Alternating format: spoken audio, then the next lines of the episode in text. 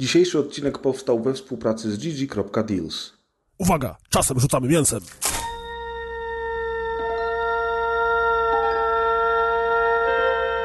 Space, a final frontier.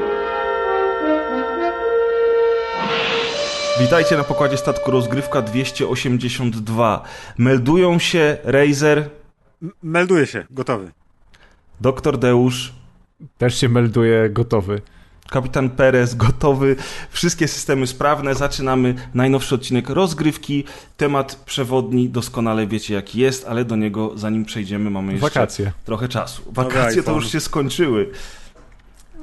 Zależy dla kogo. Jeśli ktoś jest w trakcie, w środku remontu, to cały czas ma wspaniałe polskie wakacje. A no to chyba, że takie, to polski urlop. Wakacje już się skończyły, dzieci poszły do szkoły, ale my jeszcze korzystamy z pięknej pogody i dlatego siedzimy przed komputerami i nagrywamy ten podcast zamiast wyjść gdzieś na świeże powietrze. To co? Przechodzimy do działu newsów. I w Może pierwszy- być.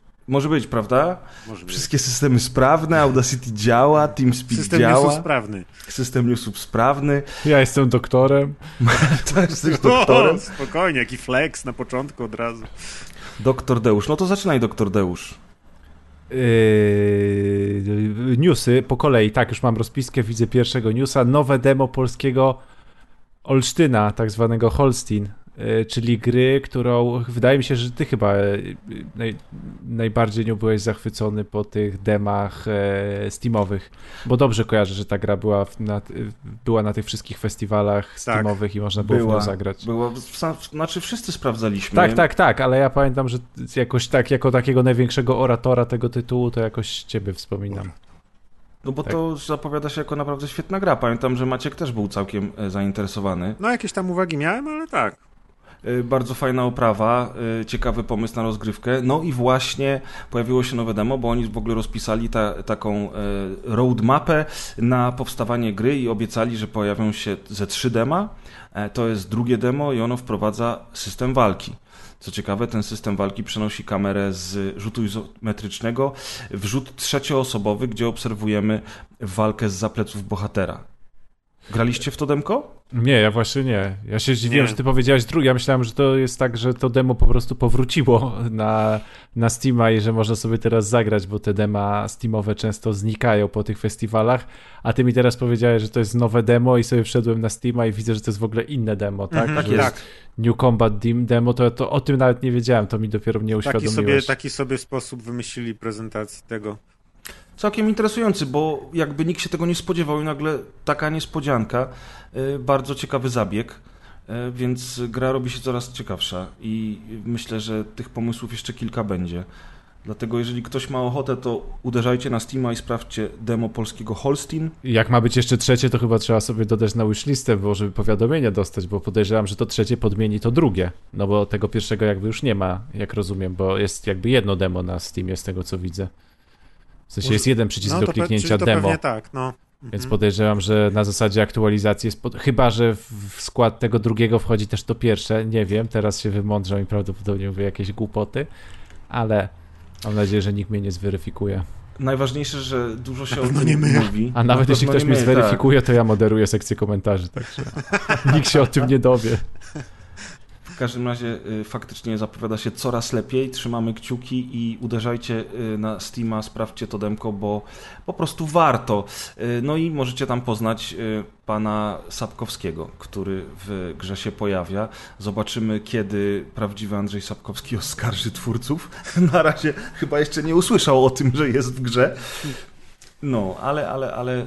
Może to jest tam, wiesz, zbieżność wyglądu nazwisk przypadkowa. Absolutnie, wcale nie jest na- To na narysowany nie tak... jest pan Andrzej. I twarzy. Wcale, wcale tak. I zbieżność twarzy również. Także, panie Andrzeju, jak już pan y, zyska swoje pieniądze po rozprawie sądowej, to chcemy te nasze 10% z góry. za obronę tutaj. Tak, tak że, żeśmy pana poinformowali. No więc to było demo polskiego Holsteina. Teraz przechodzimy do mojej najważniejszej zapowiedzi dzisiejszego odcinka. Nie wiem, czy dla was też to nie jest ważna zapowiedź. Znaczy na pewno jest, tylko nie wiem, jak się zapatrujecie na temat. Chodzi oczywiście o e, WRC od Electronic Arts i Codemasters. Tak, wydaje mi się, że w ogóle na, na zeszłym odcinku mówiłeś, że już się nie możesz doczekać, aż zapowiedzą.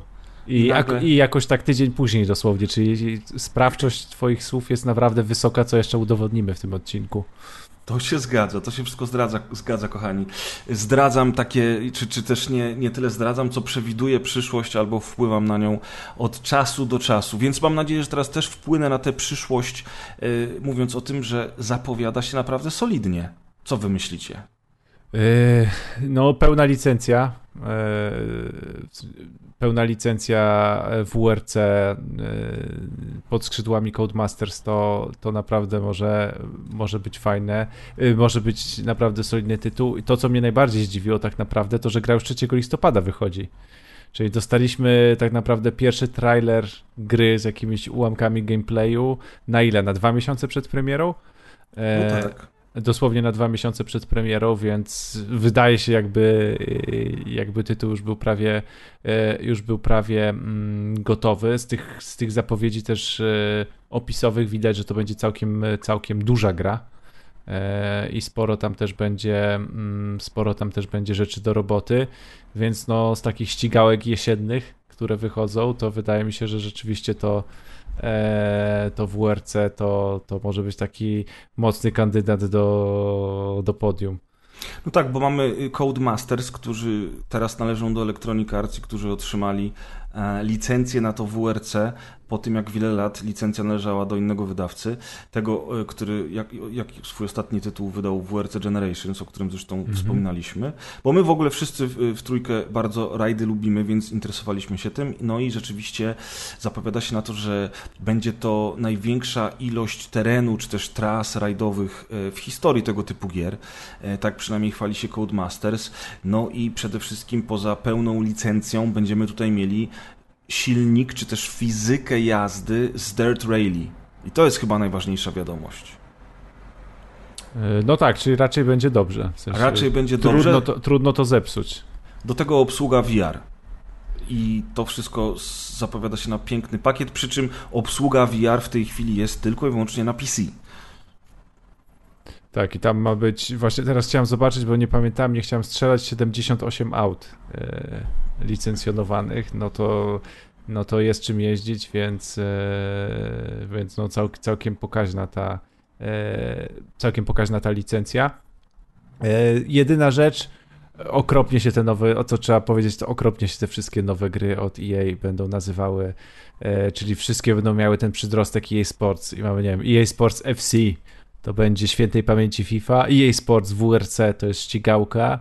E, nie wiem, tam EA Sports PGA to będzie, e, to będzie golf, tam sygnowany kiedyś Tiger Woodsem i tak dalej, i tak dalej, więc e, nie wiem, dla mnie to kompletnie dziwnie brzmi, jak, jak każda, nie wiem, jak gra typu FIFA i, i, i WRC mają praktycznie ten sam przedrostek, jakby wychodziły z tej samej serii dosłownie. Eee, tak chyba, wiem, chyba kiedyś... żeby to była seria EA Sports Big. To inna rozmowa. A nie, no to tak, tak, tak, ale wiesz, no jakby to mocno sugeruje, nie wiem, jak wchodzisz do sklepu, chociaż teraz w sumie się nie wchodzi do sklepu i się nie patrzy na półki, to może... tylko wirtualnie argument głupi, ale wiesz, no nie masz EA e Sports WRC, EA Sports FC, no to tak jakby to były w ogóle gry z jakiejś serii sportowej, tak? A tak naprawdę dwie, dwa zupełnie e, inne sporty, w ogóle dwa zupełnie mogą być innej jakości produkcyjne, studia i tak dalej, i tak dalej, no. Tak, ale jeżeli oni sobie taką markę wytworzą, jeżeli liczą na to, że to będzie ich e, koń napędowy, a wiadomo, że FIFA była zawsze koniem napędowym i zresztą ta awantura z organizacją FIFA to pokazała, prawda? Dlaczego oni mhm. zmieniają nazwę? No bo nagle FIFA poprosiła 10 razy tyle yy, niż, niż dostawali co roku, a dostawali co roku od elektroników 100 milionów dolarów, tak? Czyli kupę pieniędzy. Więc jeżeli oni teraz będą chcieli sobie tak skondensować te wszystkie sportowe marki, no rajdy też zaliczają się do sportu, więc jakby pasują do tej kategorii. Teraz, gdy, gdy oni to wszystko sobie w kupę zbiorą i powiedzmy za, nie wiem, za 5 lat od teraz ta marka będzie na tyle dobra, bo zakładam, że że taki jest plan. Nikt przecież nie chce, żeby, żeby te gry się źle kojarzyły że to EA Sports przeniknie do świadomości gracza tak jak kiedyś, prawda? Cyny game. Hmm. I, I może o ten właśnie cyny game chodzi. Może dlatego oni chcą to wszystko sygnować jednym hasłem. To tylko niech dobre gry robią. To wtedy, no, będzie, to, to wtedy zadziała. No ja jestem i tak zdziwiony, że tak szybko się dowiemy i ta, ta premiera już jest praktycznie, no już, no co to jest, dwa miesiące zostały. No i cena premierowa też nie jest taka wysoka jak zazwyczaj, ponieważ będzie to kosztowało około 230 zł E, więc patrząc na inne ceny premierowe 300-350, no to tutaj e, będzie troszkę mniej. Także tak, kochani, zamknięto studio Volition dzień po mojej ponownej recenzji Saints Row. Popis umiejętności profetycznych kolejny Nieźle. raz. Tak, E, także... Kolejny raz i twojego wpływu na giereczkowo. I trochę Co mi się więcej- głupio zrobiło, Co, jak co, zobaczyłem tego newsa. co więcej, im, e, Embracer Group, do którego Wolisz napisał, e, wydał komunikat, zresztą e, w ogóle na LinkedInie dali posta o tym, że zamykają studio i w ogóle studio zostało zamknięte z trybem natychmiastowym. Nie tak, że wiesz, zakończamy pracę i tam macie miesiąc na wyniesienie kubeczków, tylko w trybie natychmiastowym zostało to zamknięte, także no widać, że ewidentnie Embracer czekał na twoją recenzję Tak, słuchali i podjęli natychmiastową decyzję. i podjęli natychmiastową decyzję. Więc dzisiaj wasz słowa, jak będziesz recenzować gry, bo tam w Bethesdzie słuchają. Tak, Howard siedzi już tam na tym, na krawędzi kanapy. Pali papierosa i za papierosem, wiesz. To dzisiaj nagrywają, to dzisiaj? Wszystko już będzie dobrze, Todd. On już socjalnego wszystkie kubki popakował na wszelki wypadek. O jeny. No tak, y, słuchajcie, y, czy, czy szkoda? Trochę szkoda, prawda? To No, trochę- studio... no to znane super, nie? Tak, no, przecież. I, i miało to studio w swoim dorobku kilka naprawdę dobrych pozycji. Zresztą seria Saints Row była bardzo popularna. Oczywiście Embracer już zapowiedział, że ani Saints Row, ani Red Faction nigdzie nie, nie idą, że te marki nadal będą kontynuowane. Aha, Natomiast- Właśnie chciałem powiedzieć, że to niedobrze, że nigdzie nie idą, bo to znaczy, że pójdą do szuflady na najbliższe 8 lat.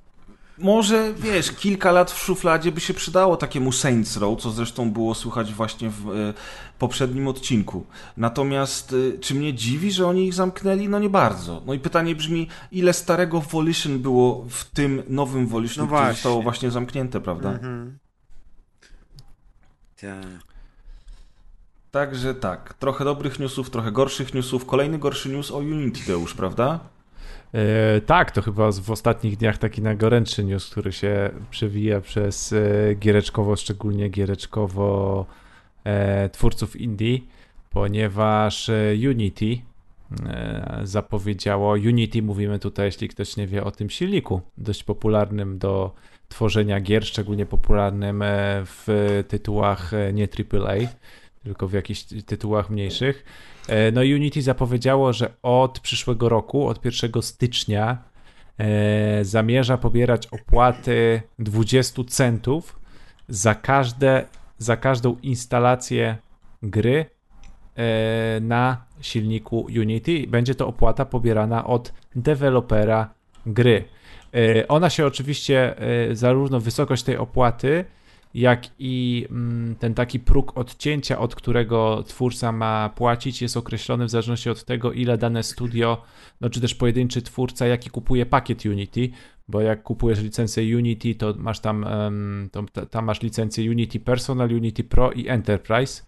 I w tym, w tym najniższym pakiecie Personal e, po instalacji, e, po dw- 200 tysiącach instalacji od 200 tysięcy pierwszej instalacji, za każdą kolejną będziesz, będzie twórca gry musiał zapłacić 20 e, centów, e, co przy naszej wspaniałej inflacji można przetłumaczyć prawdopodobnie w 2024 jako złotówkę.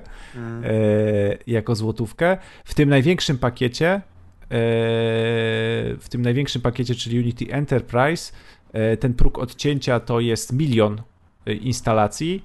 No i p- mi- pi- milion pierwsza instalacja będzie kosztowała e, już nie pamiętam, ale chyba centa z tego co pamiętam, albo 2 centy, czyli ona tam jest, nie wiem, 20 czy 10 razy tańsza. E, W każdym razie też będzie miała, też będzie, e, też ta opłata od dewelopera będzie wymagana. No, cena tego, tego Unity Enterprise jest też, e, cena licencji rocznej to jest, to jest milion dolarów, a cena tej, tej Unity Personal najtańszego to jest 200 tysięcy dolarów. Czyli tu jest też pięciokrotna różnica w, w, tym, w tej licencji, którą można płacić.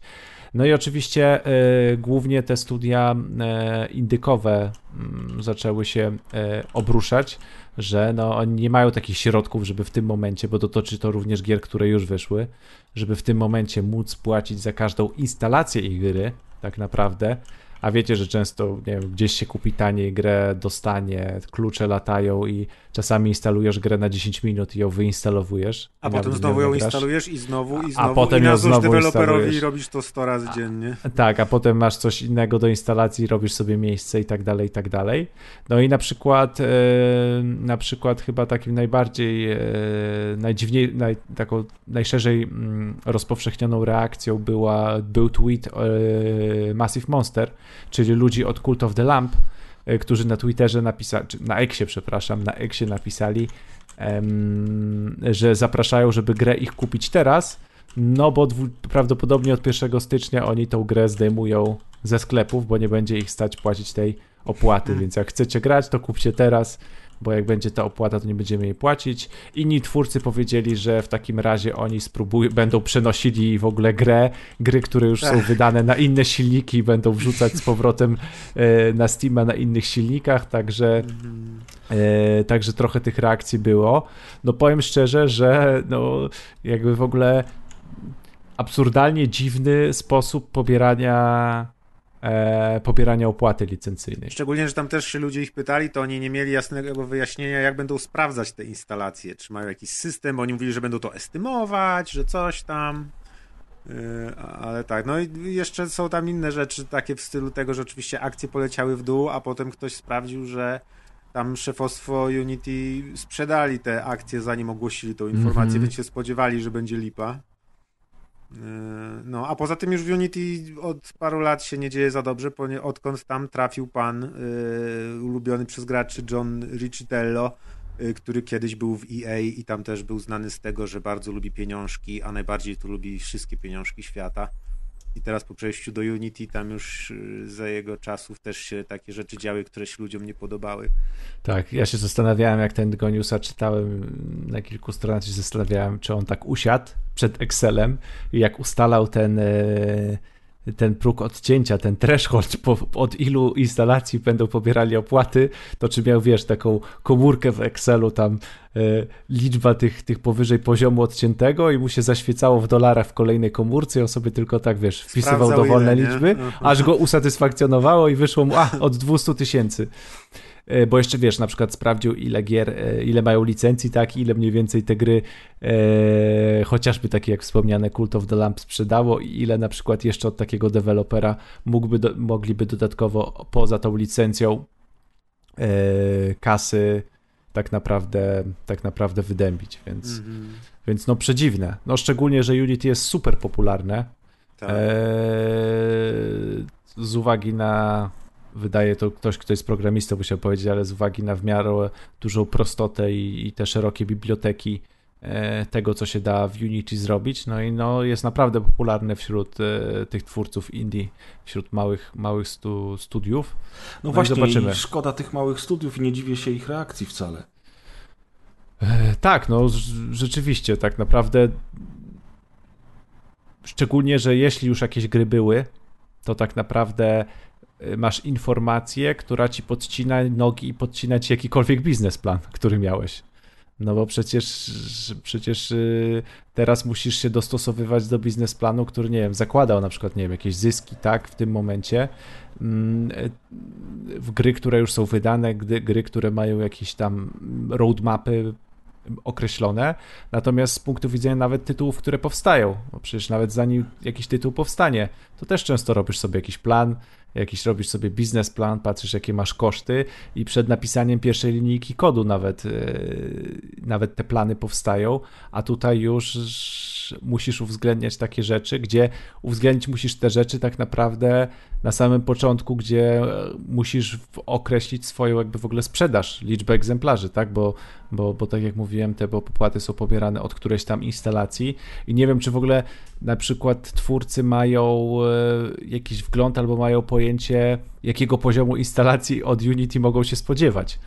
No bo wiesz, jak gra się na przykład ściągnie na Steamie w liczbie miliona egzemplarzy, to tak naprawdę się zastanawiam, czy to nie jest tak, że tam jest nie wiem, 10 milionów instalacji, bo jest na przykład średnio 10 instalacji na użytkownika. No nie mam pojęcia, jak to się tam układa względem instalacji. No przedziwne, zobaczymy. Wydaje mi się, że jakby patrząc po rumorze, który się mm, przez internet przewinął, to wydaje, to nie wiem, czy to jest taka ostateczna decyzja No, Unity i czy, czy coś tam się nie zmieni, bo naprawdę... możliwe, że się rakiem wycofają, udając, że o, nie zauważyliśmy. Bo opi- tak, bo opinie tych słuchamy. studiów rzeczywiście lawinowo popłynęły.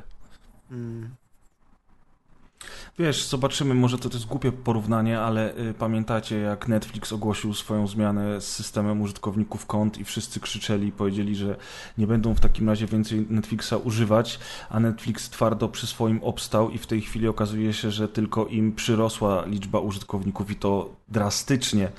Także może się okazać, że część studiów rzeczywiście nie będzie dalej kontynuować pracy na Unity, a inni, którzy stwierdzą, że nie mają odwrotu albo nie potrafią działać na innych silnikach, pozostaną przy tym. Albo ci, których stać na to, żeby trochę stracić pieniędzy, bo tu w Netflixie to wiesz, masz jeszcze inne usługi streamingowe, poza tym to nie są takie kwoty, a tutaj jak masz studio. Albo do każdej kopii gry będą doliczone 2 dolary kosztem 20 jej instalacji Tak, na na przykład zapas. na danym, No. na zapas.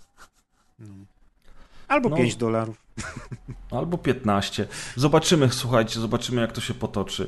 A z innych ciekawostek zobaczymy jak się potoczy to, że Apple idzie w gaming, Deusz? Tak, no zapowiedziane w tym tygodniu było, były zapowiedziane nowe iPhony i, i zegarki od Apple'a. Zegarki nas nie obchodzą jako graczy, e, ale Apple e, pokazuje, że na ich najnowszym iPhone'ie 15 e, będzie to telefon do grania, który według Apple zrewolucjonizuje granie mobilne. Zresztą wszystko rewolucjonizują rzeczy Apple'a. Natomiast no, sam fakt, że się gaming pojawił na konferencji, jest w oficjalnych e, klipach z konferencji pokazane, że te nowe iPhony, przez to, że mają te nowe procesory, które również bardzo mocno wspierają obliczenia z punktu widzenia po prostu gier mobilnych. No i możemy się już w tym roku, bo te iPhony wychodzą na jesień, już w tym roku na iPhone'ach będziemy mogli na przykład zagrać w Death Stranding. Będziemy No w, w taką, wiecie, no wersję No, nie to co jakby to będzie- mobilną, Co to, to będzie, będzie pra prawdziwy Death Stranding. To będzie pełny Death Port. Stranding, który się będzie Aha. port odpalał na iPhone'ie. Będziemy, Czyli tak mogli, jak... będziemy mogli zagrać w port Assassin's Creed Mirage. No proszę. Będziemy mogli zagrać w port Resident Evil Village oraz Resident Evil 4 Remake. I to Czyli- są na razie gry, o których wiemy z konferencji i z opisów Apple'a, więc jak rozumiem, tych gier jeszcze może, może być więcej. I to nie będzie streaming, tylko to będzie normalnie Tak. port, który instalujesz na telefon. Tak, to będzie normalnie gra, która normalnie obciąża nam procesor i będzie działała e, teoretycznie Lokalnie, bez problemu lokalnie, offline na, na iPhone'ie. A zapowiedzieli już kontrolery do tego, bo jestem Nie. przekonany, że będą specjalne kontrolery, które oczywiście będą tylko i wyłącznie działać z Apple Nie, które będą na tym, kosztować na, krocie. nie, na tym klipie widać tylko jak pan stoi na dworcu i na ekranie dotykowym zaczyna grać w e, Death Stranding właśnie, a e, i następnie no po prostu widzimy też, że po, po, po prostu po fragmentach e, z gier widzimy, że właśnie jest Resident Evil 4 i, i Village, a Assassin's Creed Mirage się znajduje na oficjalnej stronie chyba Apple'a w, w opisie e, newsa o tych iPhone'ach i o tych ich możliwościach gamingowych. No ale jako jedna z głównych rzeczy, ostatnio mówiliśmy, że ten mobilny gaming i na telefonach, i na tych platformach e, typu Asus ROG, czy teraz Lenovo ma zresztą też Lenovo wypuszcza swoją konsolę mobilną opartą na Windowsie. No to Apple też gdzieś w ten mobilny gaming wciska swoją e, nogę, no bo widać znowu to, co mówiliśmy ostatnio, że te po prostu miniaturyzacja i te podzespoły są takie, że rzeczywiście ten mobilny gaming jest coraz bardziej przypomina ten nasz gaming rzeczywisty i tak naprawdę często mobilki to już powoli są wersje po prostu z dużych konsol tych gier. No tak, jak tak było przecież z sportem e, Alien Isolation czy Grid e, Motorsport. To Tak, są po czy prostu Requesta. pełnoprawne. No, no, o właśnie, też Request. To są pełnoprawne porty przeniesione na telefon. Ja tylko się martwię właśnie o ten kontroler. Znaczy, ja się nie martwię, bo ja nie używam e, telefonów Apple, ale, ale dopiero co rozmawialiśmy w poprzednim odcinku o kilku kontrolerach, na których gramy mobilnie na telefonach. No, jestem przekonany, że to, co będzie u Apple'a, to będzie zupełnie inny, dedykowany kontroler niż to, co można w tej chwili kupić na rynku. Chociaż y, Razer y, Kishi V2 bodajże, nie wiem jak V1, jest również model przeznaczony na y, na telefony Apple, nie? Tak, tak, chyba tak. Mhm. No to zobaczymy, czy dalej będzie. No, myślę, że w ogóle więcej może być kontrolerów współpracujących, bo iPhone 15 będzie miał, moi drodzy, USB typ C. Także tutaj Apple robi Szok. duży ukłon w stronę uniwersalności swoich urządzeń, wymuszony oczywiście przez Unię Europejską, e, ale, ale no, kłania się tutaj uniwersalności swoich tych, także USB tutaj typ C zwiększa na pewno uniwersalność. Oczywiście jeszcze trzeba tutaj software'owo pozwolić e, tym sprzętom, no ale zawsze to dużo łatwiej pozwolić na pewne rzeczy software'owo, jak już jest do tego przystosowany hardware. Mm. Deusz, czy u ciebie w tle chrapie Lucek? Tak, właśnie się chciałem was I zapytać, bo na ścieżce widać delikatne y, tutaj maźnięcia. Niestety no to... pewnie zniknie pod tym bramką szumów, ale pięknie chrapie. A szkoda, bo to byłby taki nasz y, zwierzak naszego statku kosmicznego, wiesz, chrapiący w tle. Jeśli, jeśli to zostało wycięte przez odszumiacz w montażu i słuchacze się zastanawiają, jaki to jest dźwięk, to to nie jest dźwięk słodkiego, chrapiącego pieska, Nie. tylko to jest jakby dziad leżał obok ciebie. Albo taki zepsuty wentylator, wiesz. E, tak, tak, rozklekotanym śmigłem. Tak, tak, tak. Y, Także Lucek y, smacznie sobie śpi, a my przechodzimy y, do kolejnej informacji, którą ty też chyba Deusz wrzuciłeś. Tak, ja ją wrzuciłem. Ona jeszcze miała większy wydźwięk tydzień temu, tak naprawdę. Czyli Baldur's Gate 3 przez chwilę był najlepiej ocenianą grą w historii PS5, ponieważ na Metacritic, ponieważ po początkowych recenzjach tam jego średnia ocen to była 96 punktów. Metascore był, wynosił 96, 97 punktów e, i plasował, e, plasował Baldura na, e, na pierwszym miejscu. Natomiast w tym momencie e, w tym momencie ten score spadł o 1, czyli Baldur's Gate 3 na PS5 ma już średnią 96, e, co e, zrównało go z Elden, Elden Ringiem, który również ma e, 96. No niestety szkoda, bardzo chciałem, żeby najlepszą właśnie grą na PS5 nie był Elden Ring, tylko w ogóle gra pecetowa tak naprawdę, nie? Gra typowo pecetowa Baldur. Y, No tutaj stawkę zamyka oczywiście y, Wiedźmin w ogóle trzeci, także w wersji na PS5.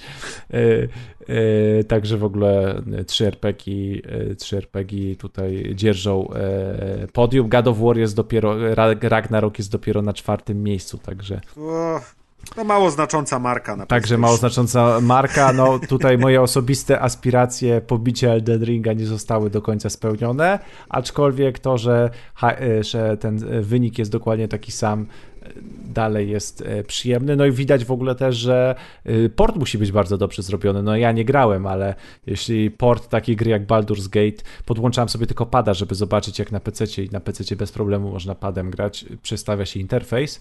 Natomiast no jeśli są takie oceny w wersji na PS5, no to jak rozumiem, ta wersja na PS5 nie sprawia e, żadnych problemów e, ani technicznych, ani jeśli chodzi o sterowanie padem. Ja słyszałem, że są czasem straszne dropy klatek, ale to tylko gdzieś mi mignęło tak od demoka.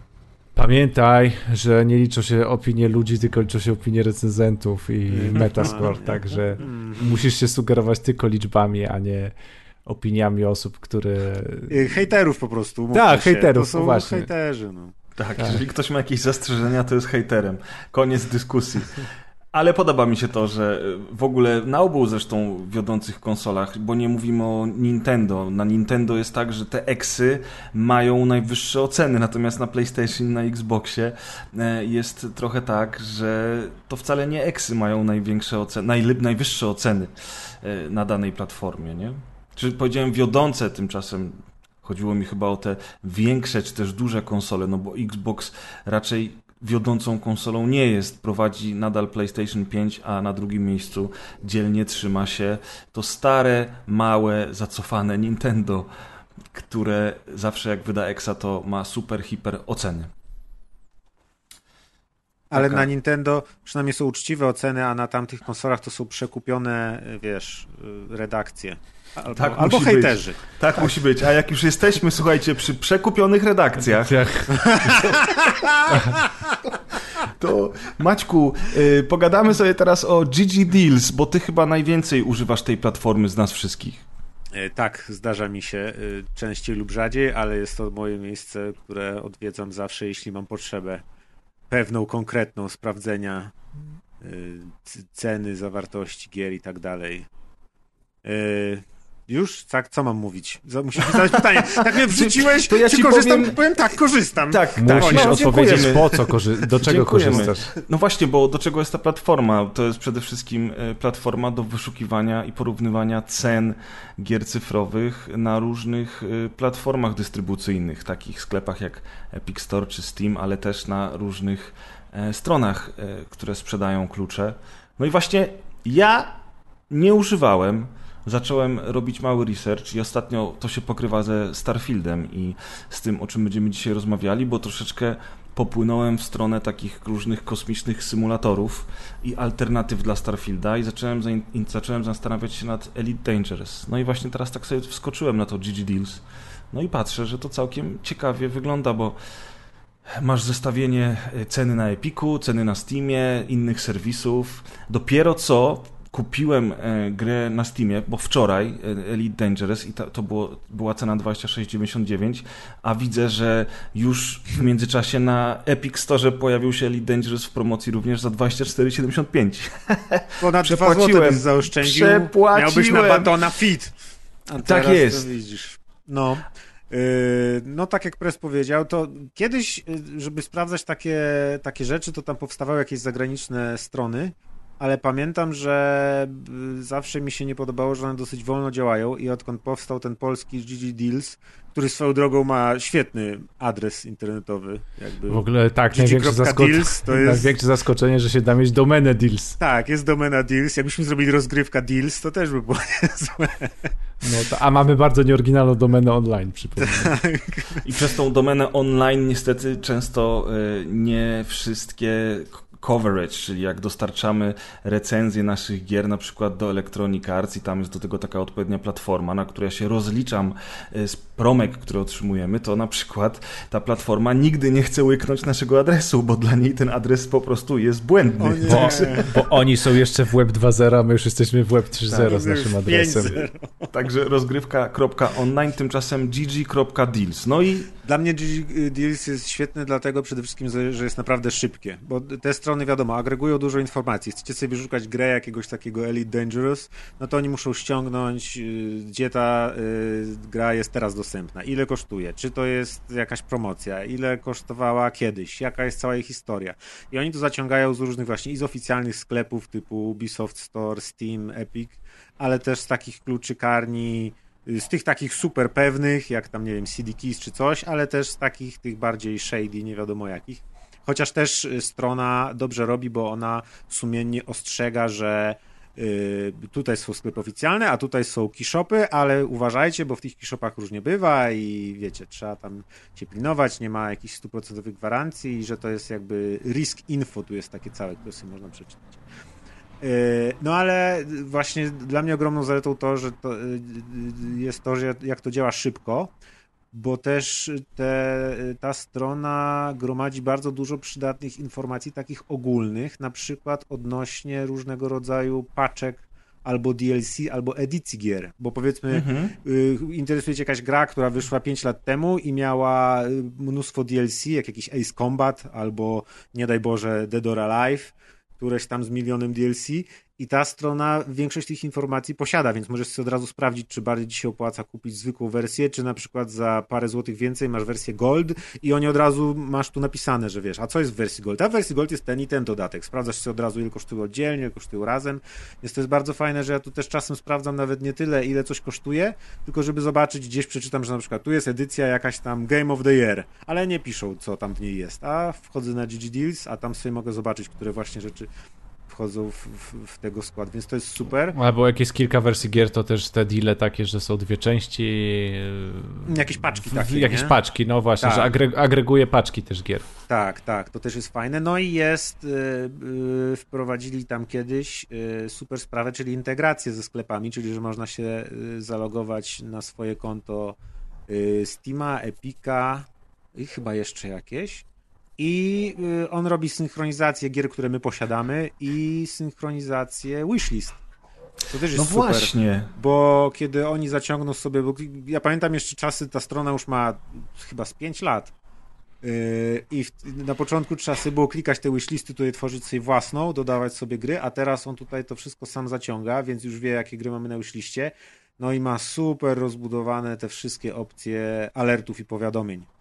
Czyli możecie sobie ustawić powiadomienia, na przykład, żeby wam wysłało maila, jak gra osiągnie taką cenę, albo jak będzie jakaś duża przecena, na przykład o 50%, albo o 75%, albo jak się zbliży do pułapu najniższej ceny, w jakiej kiedykolwiek była. Bo uwielbiam, jak wchodzę na właśnie na GG Deals, żeby zobaczyć jakąś grę i powiedzmy ona teraz kosztuje 60 zł, a patrzę, że miesiąc temu była za 2,50, bo była promocja świąteczna albo coś. Więc y, takie wszystkie rzeczy można śledzić i te po- powiadomienia są naprawdę super, no bo wiadomo, teraz żyjemy w czasach konsumpcjonizmu. Nie to co kiedyś to było lepiej, jak miałeś jedną grę, kupowałeś i grałeś pół roku i byłeś zadowolony, tylko teraz 50 rzeczy na wishliście, wszystko trzeba kupić. I nie kupowałeś rzeczy Więcej w internecie i tyle, ile kosztowało w sklepie, za tyle musiałeś kupić. Tak, tak, dokładnie. A teraz, wiesz, masz y, na GG Deals wishlistę, gdzie masz y, y, różne sklepy, przeróżne gry, tylko śledzisz te ceny, promocje.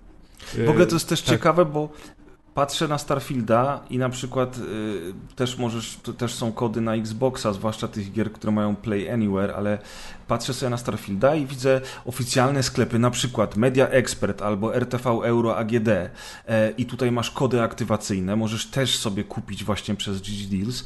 Potem sobie patrzę na, na to, że y, poniżej masz też informację o tym, że gra na przykład jest w subskrypcji, czyli w tym wypadku w Game Passie i na przykład zamiast kupować patrzysz, o, ta gra jest w subskrypcji Dokładnie. i rzeczywiście klikasz, bank y, i zamiast kupować y, pełną wersję gry, to kupujesz sobie subskrypcję. Tak samo zresztą jest z No Man's Sky, no bo oczywiście te wszystkie kosmiczne, tak jak już powiedziałem, y, tematy teraz przeglądam i rzeczywiście No Man's Sky, które jest w Game Passie, też ma tutaj informację, że ok, możesz sobie to kupić na przykład na, fana, na, na Fanaticalu albo na Greenman Gaming, ale możesz też za 39,99 zasubskrybować sobie Game Passa. No to jest bardzo przydatna informacja. Naj, to ja wam powiem o jeszcze przydatniejszej e, fun- funkcji, której ja używam, czyli e, przez to, że zdarza mi się używać e, GeForce Now, Mhm. e, o którym zawsze mówiliśmy, to e, masz filtrowanie po grach, które są w GeForce Now, więc nie musisz sobie szukać tych list na stronach NVIDIA, czy dana gra jest GeForce Now, czy nie, albo się logować i sprawdzać to w różnych serwisach, tylko sobie możesz wejść w daną grę i na, e, na GG Deals masz normalnie zawsze, jeśli gra jest w GeForce Now, to jest, e, to jest po prostu listowana i możesz sobie na przykład filtrować różne gry tylko i wyłącznie grami, na których na pewno na GeForce Now zagrasz. No, to jest mega. Czyli jak są jakieś duże tytuły, albo chcesz zobaczyć, właśnie jak ostatnio patrzyłem. E, e, nie patrzyłem, zaraz, co ja chciałem zobaczyć? Na pewno patrzyłem Baldura, ale to patrzyłem dla znajomego, bo się mnie pytał i coś jeszcze sprawdzałem i też nie wiedziałem, gdzie sprawdzić. E, tak na szybko, no i oczywiście sobie przypomniałem, że można filtrować, wiesz, datą, filtrowanie gier i możesz sobie zobaczyć bez problemu, co sobie możesz kupić i pograć nam na telefonie albo na laptopie. No właśnie tych y, opcji, tych filtrów też jest mnóstwo. Y, I to, to jest w ogóle super, że oni y, od początku prawie y, nie zmienili za bardzo tego swojego interfejsu. Znaczy to powiedzmy tak, przybierał, ta strona nabierała funkcjonalności, ale nie została tą funkcjonalnością przytłoczona. I tak jak tutaj jest super, że tych filtrów mają mnóstwo, bo można sobie właśnie filtrować po platformie, że tylko klucze na Steama, albo coś tam, albo coś tam, y, zawężać gry. Tak, albo nawet ten. mówię, takie, takie filtry, gdzie, no mówię, na przykład GeForce Now nie jest takim oczywistym filtrem, e, wiesz, No do tak, znalezienia od razu listy, bardzo albo na przykład popularnym, nie? Albo na przykład gry, które są Steam, Deck- Steam Deck Verified, czyli Mhm. że na pewno dobrze działają na Steam Decku i też masz od razu Mhm. listę i nie musisz szukać oficjalnie na stronie, nie wiem, e, e, gdzieś tam Valve'a albo wchodzić nawet na Steama i patrzeć, czy gdzieś jest napisane, czy to jest zweryfikowane, tylko na tej samej rzeczy, co sobie na tej samej stronie, na której sobie filtrujesz po innych rzeczach, to, to nawet po takiej drobnej rzeczy możesz sobie No. No, I- albo i też tym- jak wchodzisz na stronę, bo jeszcze a propos tych, tych informacji, bo to jest naprawdę ciekawe, jak wchodzisz na konkretną stronę konkretnej gry, którą chcesz y, kupić i właśnie szukasz tutaj sobie po cenach, to po prawej stronie pod screenshotami też masz Playable On i tam masz też listę, że na przykład w tym wypadku NMS jest Steam Deck Verified, że ma VR i że jest też w GeForce Now, więc nie tylko możecie patrzeć na przykład na wszystkie gry z GeForce Now, ale szukając konkretnego tytułu możecie zobaczyć na co on jest dostępny. Bardzo przydatna rzecz. I dla mnie właśnie największą zaletą jest to, że ta strona jest cały czas przejrzysta. Że ona ma mnóstwo tych funkcjonalności. To jest trochę jak jakiś Excel, tylko dla kogoś powiedzmy, kto umie Excela, bo to nie każdy umie, mnie trochę To taka Excel baza przeraża. danych. Ale tak, to jest taka wielka baza danych, która ma mnóstwo opcji, ale wciąż przy tym pozostaje czytelna i ja tu mogę sobie bardzo szybko te właśnie informacje znaleźć. Dlatego czasem szukam tu informacji nie stricte, że chcę coś kupić, tylko chcę sprawdzić właśnie zawartość gry, jakieś takie dane. To wiem, że tutaj y, właśnie mam mnóstwo tych opcji filtrowania i że to działa szybko. Nie jest tak, bo kiedyś korzystałem z innych stron, to owszem, one miały te informacje, ale wiesz, klikasz, ona musi się przeładować, coś tam i to długo trwa. Tu jest po prostu takie to snappy, że mm, właśnie dlatego często wpadam. Dobre, dobre. No słuchajcie, a propos GeForce Now, to w ogóle wczoraj e, przeglądałem z ciekawości, co nowego pojawiło się na GeForce Now i okazuje się, że już jest między innymi Starfield. E, Mhm. I, i, I teraz, jeżeli mam, ja mam Starfielda na Steamie, mogę sobie zagrać, ale jeżeli to, o czym mówiliśmy ostatnio, jeżeli posiadacie Game Passa, e, to też zagracie e, w Starfielda na GeForce Now. A ja akurat wybieram się na weekend na wieś i ostatnio jak byłem, to testowałem Wiedźmina 3, a teraz z przyjemnością przetestuję tego Starfielda. Jestem bardzo ciekaw, To już jak jest to w ogóle taka działać. struktura kanapkowa, chmury Właśnie i chciałem powiedzieć, że kiedyś Czyli- kupowałeś grę, wkładałeś płytę do CD-ROMu i grałeś, a ta płyta się jeszcze kręciła, żeby muzyka grała. A teraz masz subskrypcję na, g- na gry. gier I jeszcze tą subskrypcję odpalasz inną subskrypcją, która tak, pozwala na która zdalne s- odpalenie. Streamuje streamow- ci tylko sam strumień wideo, który ty odbierasz na swoim telefonie przenośnym, który ma dotykowy ekran. Czyli ogólnie na dwóch etapach nic nie ma, niczego nie jesteś właścicielem na, na A już- żadnym A poziomie, już a grasz. zapłaciłeś. Nie, a zapłaciłeś i grasz, a I nie grasz. jesteś niczego No tak, właścicielem. tak. Ani, ani tej gry nie jesteś Nie właścicielem, masz płytki, ani, pudełka, ani, ani tego, na nie czym to się odpala. Tak. Tak, Nie mówcie głośno, bo wszyscy pudełkowcy zaraz będą tutaj nam... A, głowy im wybuchną. Kubko, pudło, pudło, pudło! Słuchajcie, w ogóle y, w temacie premier, bo przed nagraniem Deusz wspominał o tym, że strasznie dużo gier teraz wychodzi. No i rzeczywiście, dużo. No, Y, zaczyna się już. już jest wczesny dostęp do Mortal Kombat 1. Dziś jest oficjalna premiera The Crew Motorfest. W ogóle kiedy w to wszystko grać? W przyszłym tygodniu Lies of P. P. Pi. Eee, co tam jeszcze wychodzi? No kupa gier. No mnie- masa, masa. No, no- praktycznie w tym miesiącu co dwa dni jakaś gra wychodzi, Tak. nawet nie mówiąc o jakichś w ogóle Early indykach. Access Witchfire, pod koniec miesiąca dodatek do Cyberpunka, na sam początku miesiąca kolejnego Assassin's Creed nowy. I jeszcze inne rzeczy, których nawet nie mam wpisanych, bo już nie mam się nimi siły No, a ta gierka, co opowiadaliśmy przy okazji festiwalu Steam, taka gierka, co, co wyglądała jak kreskówkowy Himen. Yy, Midforce wyszło No. właśnie w tym tygodniu. No właśnie, nie? Dla To fanów, są- dla fanów kosza wyszło w zeszłym tygodniu NBA 2K14. Yy, Payday trzeci przecież wychodzi. Yy, Też jakoś na jak dniach, ktoś no. lubi. Tak, tak, 20 tam któregoś. O! Co? Jak ktoś gra w FIFA, to przecież ten, o, o czym mówiłem, EA Sport FC wychodzi. Yy, no jest tych gier, jest tych gier. Y, Właśnie na szybko sprawdziłem, na Midforce są dobre deale na GG Deals. No proszę, to jak nie uda nam się, jak nie uda nam się zyskać trzech kopii recenzenckich, to wiemy gdzie szukać. I przecież nie zapominajmy, nie zapominajmy o premierze miesiąca, czyli Gothic na Switcha wychodzi w tym miesiącu. O panie, o panie, no masakra, ale to jest naprawdę masakra, bo im jestem starszy, tym jakby mniej mi się chce tego śledzić, mniej mi się chce to wszystko ogrywać, Nie, wiecie. ale to też prawda, że się nazbierało. To jest naprawdę, ja nie pamiętam kiedy, myślę, że ze dwa czy trzy lata nie było tak, że się aż tyle rzeczy nazbierało w jednym, w kilka miesięcy, nie? Bo to tak do lutego będzie wychodzić. Nie? Tak, ja ostatnio sprawdzałem tą listę indyków jakoś, wiecie, wyżej ocenianych, czy takich, które wychodzą. I jak e, teraz mam chyba zaraz z, przez ostatnie dwa miesiące niezagranych, mam zaraz wam powiem, bo 12 tytułów mam wypisanych od dwóch odcinków, to już nawet nie wiem, czy to ich, wiesz, listy nie skreślić i od nowa nie zacząć tego tygodnia robić. To bo... jest, to jest O pewnie, gówno, znowu my idziemy tutaj. to jest pewnie... Jezus Maria. To jest pewnie to wszystko, co oni tak przysiedli i jak była pandemia, to robili, robili i wiecie, Tak, minęły tak, dwa tak. lata, trzy lata developmentu i teraz to wszystko się wypuszcza i ma premiery. No ale Oj, rzeczywiście, no widać, że po prostu odtają ten lud. Mimo kryzysu, i mimo wszystkiego, i mimo pandemii, to naprawdę to Puściły jest tamy. to, Tak, jak w tym roku jest wypychane, są rzeczy że, e, wypychane. Zresztą wszędzie już teraz po internecie krążą te grafiki e, pokazujące, że nie wiem, tych gier, które są oceniane powyżej, nie wiem, 80, nie wiem, tam 5, to już jest w tym roku, nie wiem, 15 czy tam No. 20 multiplatformowych jakichś takich tytułów.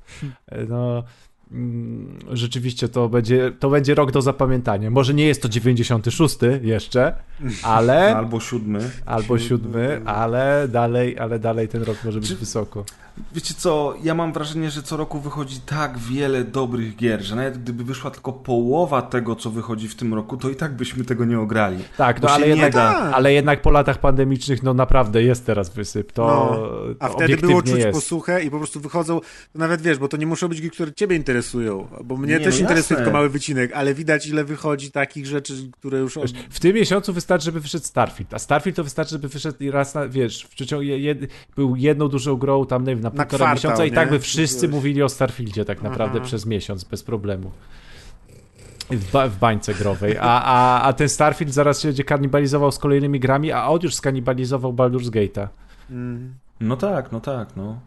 Także tę bitwę poświęcamy Odynowi. Maciek, rzucaj włócznią. Nie ma miękkiej gry w giereczkowie teraz. Przechodzimy powoli do pierwszej recenzji dzisiejszego odcinka, ale zanim to a propos zbierania na trzy kopie recenzenckie Midforce, chcieliśmy bardzo serdecznie podziękować y, wszystkim naszym patronom, e, między innymi Antkowi, Kaskowi Furiatowi, Arturowi Kangowi, Wojtkowi, Adamowi, Celestynowi i wszystkim innym, którzy wspierają nas tak pięknie na naszym patronite.pl slash rozgrywka.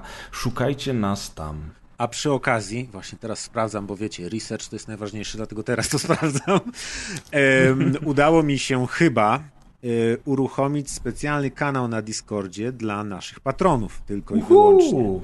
I y, już zobaczę, czy ktoś tu, bo to jest coś takiego, chciałem to zrobić, tylko nie wiedziałem jak, a później się okazało, że Patronite ma, y, jak to powiedzieć, Integracja. integrację, piękne słowo, dziękuję, y, ma integrację z Discordem, więc poustawiałem tam wszystko, co trzeba było w Patronite i... i... nie ma... na tym kanale. I nie działa. Nie ma nikogo na kanale, więc mówię wszystkim tym, którzy już są naszymi patronami lub chcieliby zostać, że jeśli zostaniecie naszymi y, patronami, to w swoim y, profilu na stronie Patronite'a musicie gdzieś tam kliknąć, że chcecie się zintegrować z Discordem. Yy, Podacie tam swoje dane logowania i wtedy na naszym kanale Discordowym pojawi się wam specjalny, tajny, niewidzialny yy, kanał dla Ach, mecenasów sztuki. ja go, ja go widzę, mi działa, także... No bo ty jesteś adminem, ale, a, No. gdzie, a zapłaciłeś pieniądze? Gdzie pieniądz? Słuchajcie, drodzy mecenasi, tam właśnie będziecie mogli spotkać się z nami od czasu do czasu na różne dyskusje, rozmowy, e, Chciałbym tutaj- zdjęcia. Tam powiemy Zdjęcia. całą prawdę. Pres, ja mam twoje takie zdjęcia, że nie wiem, czy chcesz zachęcać. Dokładnie. Mamy różne haki na siebie nawzajem. Ale to jest dla, to jest dla tych, co da, wejdą w próg 1000 złotych. Tam, będziemy, tam możemy te zdjęcia złotych i, i wysyłać. że klauzula zamknij mordę mu trzeba być podpisana, że Powiem wam nikomu tak. nie powiesz innego. Klauzula zamknij mordę, dokładnie. Powiem, powiem, powiem, wszystkim, powiem wszystkim słuchaczom tak. Mam to zdjęcie, więc wiem za co płacicie. Warto. Mam, jestem na kredycie, jestem na remoncie, a i tak bym zapłacił. Wziąłbym chwilówkę, żeby tylko to zobaczyć. Nawet nie chcę wiedzieć, co to jest za zdjęcie. Nie pamiętasz, jak stałeś na balkonie? W naszym A, apartamencie? Ach, ten apartament, nie przypominaj mi go nawet. Na dziesiątym piętrze, tak? Czy które to było? No, na Czy szczycie 16? dolarowca. Albo 16? Nieważne. Słuchajcie, nieważne, kochani. Otóż zamykamy w tej chwili y, dział newsów. Deusz zamyka mordę w sprawie jakichkolwiek moich zdjęć. Kur, kurde bele. Przechodzimy tak naprawdę do gry odcinka i też gry sezonu. Czy ta gra jest, To jest grą dekady. sezonu słusznie, czy nie? Czy jest Najlepsze otwarcie Microsoft Game Studios, także... więc, więc na pewno jest to tytuł, który jest teraz na językach wszystkich, jest to tytuł, o którym trzeba mówić.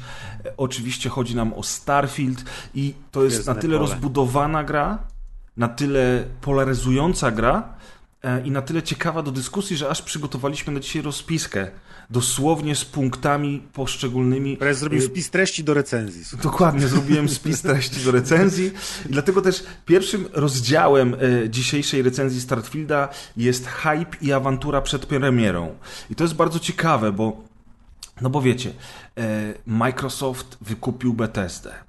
Ogłosił, że Starfield będzie ekskluzywem, w związku z czym e, w obozie niebieskich zagotowało się. E, rozpoczęły się oskarżenia. Jakim prawem wykupujecie studia? Tylko my możemy wykupować studia, wy nie możecie. Wtedy zawrzało w obozie zielonym. Tak jest. W obozie zielonych powiedzieli, skurwy syny, nareszcie my też możemy. Rozumiesz? Więc już z samego faktu, że Starfield będzie ekskluzywem, został on ukoronowany na króla Ale- Polski i świata. Rozumiesz? Kilka lat przed premierą, nie? Został podniesiony argument, ale wy macie Call of Duty. Wtedy Microsoft powiedział, tylko też wam zabierzemy. Ale to jest temat na inną historię. Wtedy zagotowało się w obozie niebieskim. Fekalia płyną do dzisiaj strumieniami, kochani. No i właśnie, to jest ciekawe, bo to jest niesamowite, jak ten deal biznesowy wpłynął na hype i niesamowite oczekiwania związane z tą grą. Jak wszyscy wiemy, gry Bethesdy od zawsze były szalenie popularne. Oblivion, Fallout Szczególnie 3, wśród y, hardkorowych graczy. W sensie takich zakorzenionych, grających od dawna. Zaangażowanych. To nie Ale- były z łatwym wejściem gry tak naprawdę. Tak, ale to też okazały się gry bardzo popularne wśród graczy konsolowych. I tu jest, wydaje mi się, clue. Gwoździem programu jest to, że od czasu Obliviona wszystkie te gry szalenie dobrze sprzedawały się na obu konsolach. Miały swoich followersów, fanów, kultystów wręcz, którzy kochali te gry, bo powiedzmy sobie szczerze, gry Bethesdy można kochać za bardzo, bardzo wiele dobrych rzeczy. I nic dziwnego, że stały się one kultowe, bo to, to nie jest kwestia jakiejś serii, prawda? To jest kwestia po prostu gier Bethesdy, dlatego To jest że kwestia to jest- podejścia do robienia gier. I tego, co gra powinna mieć w sobie i tak dalej, i tak dalej. A co masz na myśli? Y, No w sensie podejście do tego, jak wyglądają światy, jak jest jakby rozwiązany gameplay jako gameplay, w sensie Mhm. jak jest realizowana, jak jest przekładana funkcja, nie wiem, opowiadania historii na to, co robisz w grze, czyli, czyli na, na podejście po prostu do tego, jak gra powinna No wyglądać. tak, bo można Jak powiedzieć, że oni ele- stworzyli... Rozrywka elektroniczna, Tak, że tak? stworzyli taką trochę swoją własną niszę. Wiadomo, że to są jakieś takie gry RPG, ale, Ale te dalej gry to jest ich gatunek, są, tak, są no. niepodobne do wszystkiego innego. Robią rzeczy swoje i to nie jest tak, że to jest taka sama gra jak wszystkie inne roleplaye, tylko oni robią... Ale jednocześnie każda gra Bethesdy to jest taka sama gra Bethesdy, prawda? No tak, No tak, tak. Czy, no. Czyli jakby jeżeli odpalimy Skyrima i za chwilę przeskoczymy do Fallouta 4, to mimo tego, że mamy inne uniwersum, z fantazy przenosimy się do post-apo, to nadal obcujemy tak naprawdę z taką samą grą. Filozofia No tak, to gry bo- jest taka sama. Tak, Tak, no bo oni zakładają, że w taki sposób najlepiej jest opowiadać jakby wirtualną historię z padem w ręku. Tak jest. No i właśnie dlatego te gry były tak szalenie popularne i do dzisiaj mają miliony y, miłośników na całym świecie. Więc gotowało się, gotowało. E, Twórcy zapowiadali, przekładali, zapowiadali. W internecie rzucano włócznią w imię Odyna, gdzie niebiescy z zielonymi zabijali się na argumenty, komentarze i obelgi. No i naprawdę wszyscy, wszyscy czekaliśmy na tę premierę. Ja wam powiem szczerze, że tydzień przed premierą już nie byłem w stanie skupić się na żadnej innej grze. Pracowałem, oglądałem coś, czytałem książkę, ale jak miałem siadać do grania, to sobie myślałem, nie, nie chce mi się w nic grać. Tak naprawdę to już bym w tego Starfielda zagrał, no nie? No i w ogóle, oczywiście pan Todd, który nigdy nie kłamie i zawsze mówi prawdę, y, pan Todd bardzo dużo mówił prawdy oraz trochę nieprawdy na temat tego, czym ten Starfield będzie. No i skoro my myślimy sobie o nowej generacji, o ekskluzywie Microsoftu, dostępnym tylko na konsoli Xbox oraz na PC-tach, to wszyscy też troszeczkę gdzieś tam z tyłu głowy myśleliśmy, że to będzie nowa generacja w historii gier Bethesdy, prawda? Mieliśmy takie wrażenie. Tak. Cieszę się, że to rozwinąłeś tę myśl. Ale tak było, wiecie, bo, bo, bo tak, pierwszy od 25 lat y, y, tytuł jakby będący nowym uniwersum Bethesdy. Przeniesienie gry w kosmos. Wszyscy od razu mieli skojarzenia z, z No Man's Sky, który też zresztą był bardzo nahypowaną grą, która spolaryzowała graczy, która przez lata rozwinęła się do czegoś wyjątkowego i wszyscy liczyli na to, że oto, otu, otóż teraz dostaniemy sobie takiego RPGa rodem z Fallouta, ale w kosmosie z eksploracją rodem z No Man's Sky'a. Także no, oczekiwania były bardzo wysokie. No i teraz przejdźmy do drugiego rozdziału naszej recenzji, a mianowicie do świata przedstawionego i fabuły. Tak w skrócie w ogóle o czym to jest. No to opowiadaj, bo ja grałem tylko dwie godziny. Nie, nie, jasne. Właśnie chciałem powiedzieć, że ciężko jest powiedzieć, o czym to jest. Dlatego, że tam, ta gra jest o bardzo wielu rzeczach. I fabularnie ona rozdziela się na wiele różnych wątków, podwątków, mniejszych historii, większych historii, ale głównym motywem fabularnym e, jest fakt, że my jako gracz na samym początku przygody dołączamy do specjalnej organizacji, która próbuje eksplorować kosmos i e, odkrywać e, artefakty, czy też odnajdywać nowo odkryte artefakty, troszeczkę w klimatach Mass Effecta, które nie wiadomo skąd są, nie wiadomo do czego prowadzą, ale są specjalne, wyjątkowe i teraz my to właśnie chcemy położyć na nich swoje łapska. A wszystko dzieje się w ogromnym uniwersum kosmicznym, jak pan Todd mówił, składającym się z tysiąca planet, e, gdzie ludzkość już położyła łapy na wszystkim, prawie że wszystkim, ma swoje kolonie, miasta, bazy, stacje kosmiczne, no i oczywiście cały ten świat istnieje po to, żebyśmy my jako gracz mogli go eksplorować. Więc jakby perspektywa tej kosmicznej przygody jest naprawdę, naprawdę niesamowita. I jak sobie człowiek o tym wszystkim pomyśli, to otwiera się przed nami taki świat pełen możliwości. I żeby nie trzymać was w napięciu, rzeczywiście ten świat tam jest. Ten świat tam jest i czeka na nas bardzo dużo różnych rzeczy, bardzo dobrych rzeczy, ale niestety też bardzo dużo złych, czy też może średnio udanych rzeczy, które w tej grze się znalazły.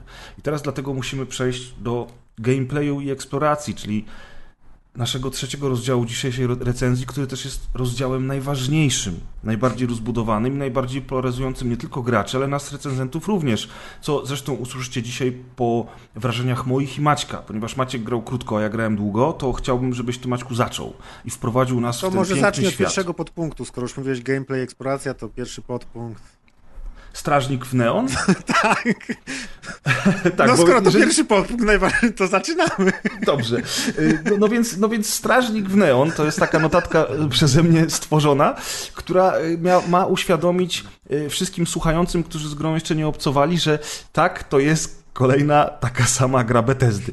Otóż w jednym z takich zadań wątku pobocznego musimy zmienić y, kilka wyświetlaczy w mieście. W ogóle fantastyczne miasto y, stworzone na platformie wiertniczej na planecie, y, na planecie składającej się z oceanów i na, tym, na tej platformie e, wiertniczej zbudowano całe miasto ze strukturą, ze sklepami, z urzędami, z policją i oczywiście z lepszymi i gorszymi dzielnicami. W tych gorszych dzielnicach, jak wiadomo, zaległy się różnego rodzaju gangi, handel narkotykami i nie tylko. Polski rap.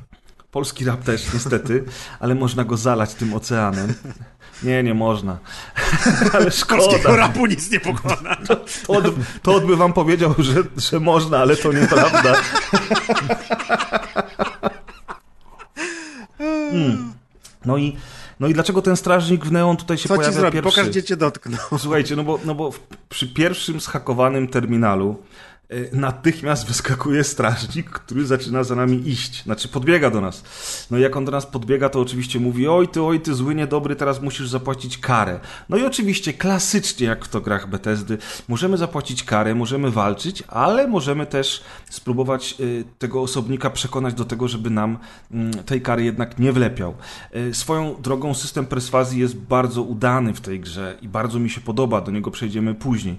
No i oczywiście w pierwszym momencie próbowałem tego strażnika przekonać do tego, żeby, żeby mnie nie karał, to się nie udało, musiałem zacząć z nim walczyć, a jak zacząłem z nim walczyć, to rzuciło się na mnie całe miasto. No jak w życiu.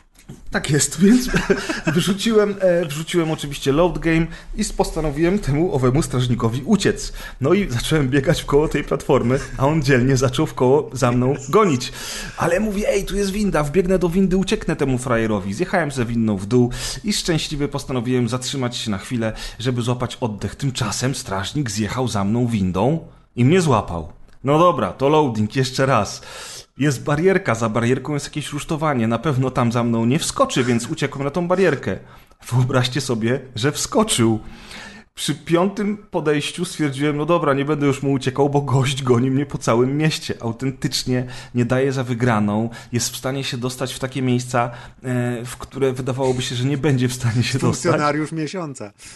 Tak, ale zabawa była przednia, naprawdę. Jak babcie kocham. Zabawa była przednia. No i ostatecznie oczywiście skończyło się na dyskusji i na przekonaniu go do moich racji. I tutaj jest ten system, który bardzo mi się e, podoba. A to dlatego, że y, y, mamy tutaj. W, po pierwsze, mamy oczywiście skilla y, tego przekonywania. Jak to Perswazji? się mówi? No, perswazji, tak? Jest takie słowo w Polsce jak perswazja, prawda? Więc mamy tego skilla perswazji, on potem może być rozbudowany, możemy też zastraszać i tak dalej. No ale w tej perswazji chodzi o to, że przy przekonaniu NPC do swoich racji e, musimy zdobyć odpowiednią ilość punktów perswazji, które zaowocują po prostu sukcesem. No i mamy na przykład na to trzy próby. Więc możemy powiedzieć do niego, e, proszę pana, no, a nie da się jakoś dogadać, ale to będzie tylko jeden punkt perswazji, który na przykład da nam tylko jeden sukces na pięć potrzebnych. Ale możemy też od razu do niego powiedzieć, wypierdalaj stąd ty gnojku, bo zaraz cię strzelę w łeb. To daje nam aż plus sześć punktów e, do tego sukcesu, ale mamy nikłe szanse na to, że to się uda. Jak do niego tak powiemy, to on może nam wtedy bardzo szybko odpowiedzieć, chyba jesteś śmieszny, zaraz cię skasuję, kim tu w ogóle jesteś wie, wieśniaku z Tatooine, i, czy z innego pola, no i wtedy ta jedna z trzech prób nam przepada. Jeżeli nie uda nam się e, w ciągu trzech prób go przekonać, no to perswazja nie dochodzi do skutku. Jak, jakbyś się nie udało użyć umiejętności perswazji, a ten y, strażnik byłby już stary i schorowany, to mógłbyś spróbować użyć umiejętności eutanazji. Mógłbym tak. Brawo Maćku, masz plus 10 do perswazji. Bo do eutanazji to masz więcej już w twoim wieku. Już threshold będzie niedługo.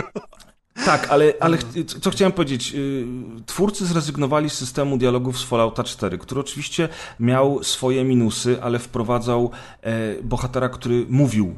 E, Tutaj cofamy się w rozwoju, dostajemy y, już pełne zdania, wypowiedzi, ale e, nie widzimy tylko części tej wypowiedzi, więc nie musimy zgadywać.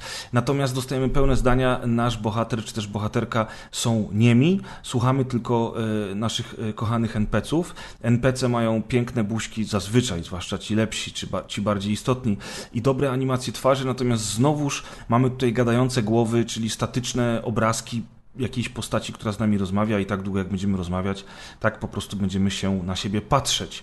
No i oczywiście, ponieważ jest to gra Bethesdy, to podczas rozmów może się zdarzyć sytuacja, w której NPC zacznie kręcić się w kółko, albo tak jak mi zdarzyło się kilkukrotnie, będzie rozmawiał ze mną, ale odwrócony do mnie plecami, bo na przykład podszedłem do niego, kiedy siedział na krześle i Stał w drugą stronę po prostu. nie, nawet się nie wstał, po na prostu, ciebie, po prostu rozma- Nie, bo on mi pokazuje, gdzie jest moje miejsce. Wiesz, on, ze- mną porozmawia. Ale, wiesz, znowu kupiłeś grę Bethesdy, nawet nie wstaje. po prostu. Zero szacunku. E, więc tak, to jakby tutaj Powinniście robić takie mody rzeczywiście, żeby tak było. Że grasz Polakiem w Starfieldzie, na przykład mod. Na początku dałeś PSL w grze, nie? I oni sprawdzają, albo... Ale da się wylądować w Polsce, co, co uczyniliśmy z Maćkiem zresztą, bo e, jest tutaj układ słoneczny, jest planeta Ziemia. Niestety planeta Ziemia jest pustą pustynią. Czy niestety? I, znaczy, no nie no, Przecież to nasze marzenie, Ale, ale co to za marzenie, jak ludzkość przeniosła się wszędzie indziej? Aha, no rozpleniła Polacy się też. karaluchy, no tak. Polacy okej, też, nie o Maćku, o chodziło, czym my rozmawiamy. W każdym razie, y, w każdym razie mm, y, da się wylądować na Ziemi, można nawet sobie zaznaczyć y, teren, na którym chce się wylądować, tak oczywiście, wiecie. No, Pi razy tak, oko na mapie Pi razy po prostu. oko, tak. Ale widać No tam i- zarysy wybrzeża. Więc lądowaliśmy z Maćkiem e, w północnej Polsce. Każdy zrobił to z własnej nieprzymuszonej powoli, jak się okazało, więc e, e, ja mam pół mózgu, Maciek ma pół mózgu, razem mamy pół mózgu. No i, no i niestety ta Polska to jest po prostu taka sama pustynia z kraterami, jak cała reszta tej planety Ziemi. tak. Zresztą pan Todd wypowiadał się ostatnio, że były bardzo duże plany, ciekawe plany. I myśmy nawet o tym rozmawiali kiedyś, że to byłby świetny pomysł. Okazuje się, że nie tylko my na niego wpadliśmy, przede wszystkim to oni na niego wpadli, żeby e, na Ziemi stworzyć całe lokacje z Waszyngtonu z Fallouta 3. Żeby można było tam wylądować i te lokacje eksplorować. Natomiast y, niestety przez pandemię nie udało się niektórych planów, y, że tak powiem, wdrożyć, w związku z czym Fallout 3 jako easter egg na planecie Ziemia w Starfieldzie się nie znalazł, Ale ale... to też by się zaraz zagotowało, bo o, stare asety używają, drugi raz to samo chcą wcisnąć graczom sprzedać. Wiesz, ale przy tysiącu planet to jednak taki smaczek byłby całkiem spoko. Zakładam, że to się pojawi później w jakimś DLC, natomiast no, był to fajny pomysł. Słuchajcie, jeżeli chodzi dalej o takie, takie, wiecie, rzeczy, bo to nie jest tak, że my teraz będziemy się skupiać tylko i wyłącznie na, na błędach czy, czy, czy na głupotach gry, no ale oczywiście tych błędów trochę jest i na to trzeba się przygotować przy tak ogromnej grze, a zauf- zaufajcie mi, ta gra jest ogromna, e, to tych błędów trochę się znajdzie. A to i tak jest najmniej zabagowana produkcja w historii Bethesdy. I tak oto na przykład ostatnio znalazłem e, taką super, hiper broń, która była zamknięta e, w szklanej szafce i żeby się do niej dostać, musiałbym mieć najwyższy poziom e, lockpicko, nie? Czyli jak to się mówi po polsku? Otwierania zamkniętych rzeczy. Jak, jak, jak powiedzieć po, po polsku lockpicking? E, nie ślusarstwo, Coś tam tylko... zamków, ale co zamków? Jezu. No pewnie otwierania zamków po prostu, wiecie, nie, nie przy użyciu klucza. Już teraz w sumie niepotrzebnie tutaj Wytrychem, bardzo- otwieranie zamka wytrychem. Tak. Nic nie podpowiada komputer głupi. Niby takie AI mamy, a nie wiedzą, No, co to jest lockpicking.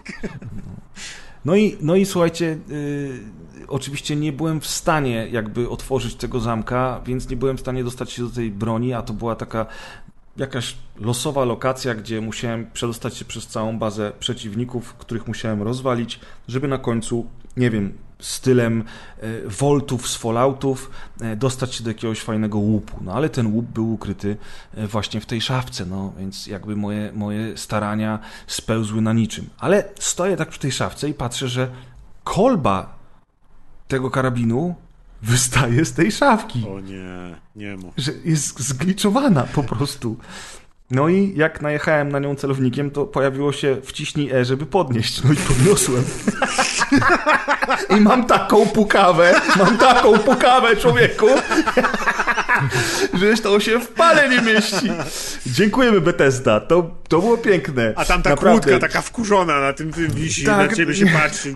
Cheater! You think I'm a joke to you? Widać, że Polak. Za darmo to biorę, leży to biorę. No, ale, ale słuchajcie, no to, to, są takie, to są takie rzeczy, które są zabawne, ale jednocześnie tego nie ma za dużo. Natomiast tego, czego jest dużo, wręcz za dużo, to jest, to jest niestety cały system eksploracji, podróży i zarządzania wszystkim ręcznie.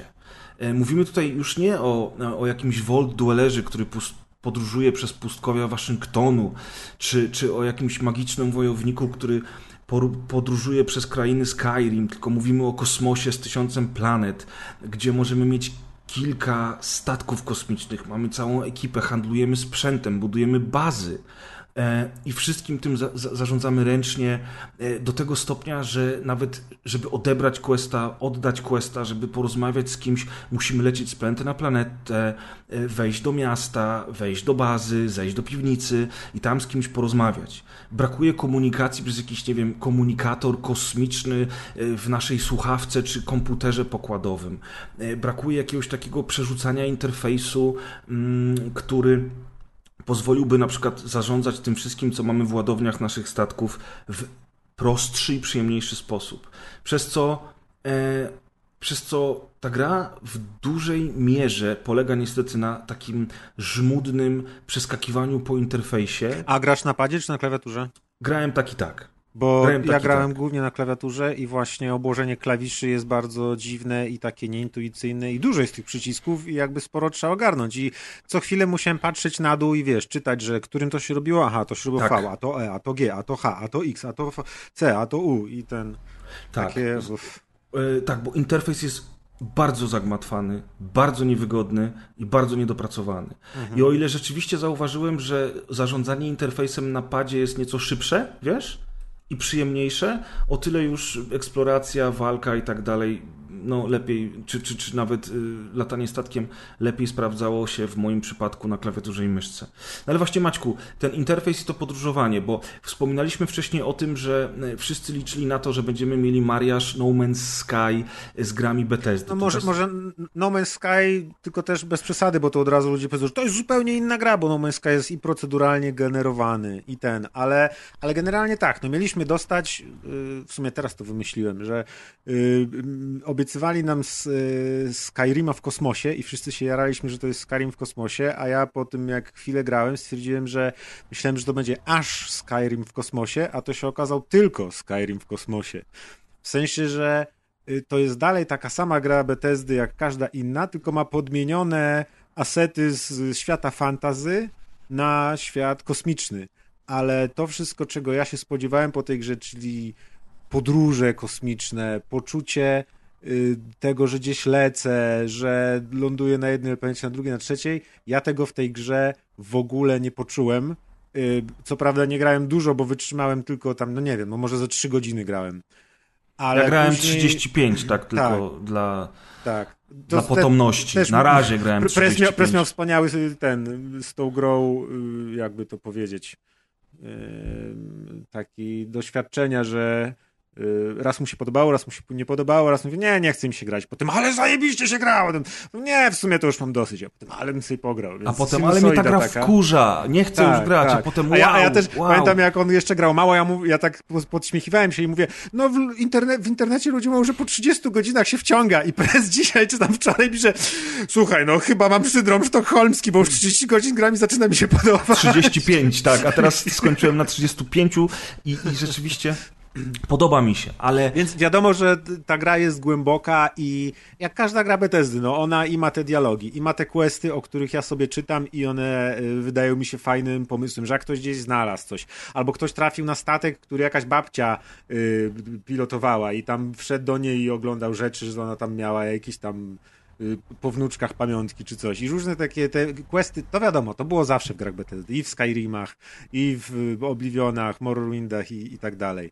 Yy, ale tutaj, a tutaj znowu jest znowu dokładnie to samo i, i tylko to samo, y, moim zdaniem, bo właśnie te wszystkie rzeczy, yy, które człowiek myśli, kiedy ma przed oczami wizję gry o kosmosie, są według mnie bardzo ograniczone, bo ilość loadingów w tej grze jest ogromna.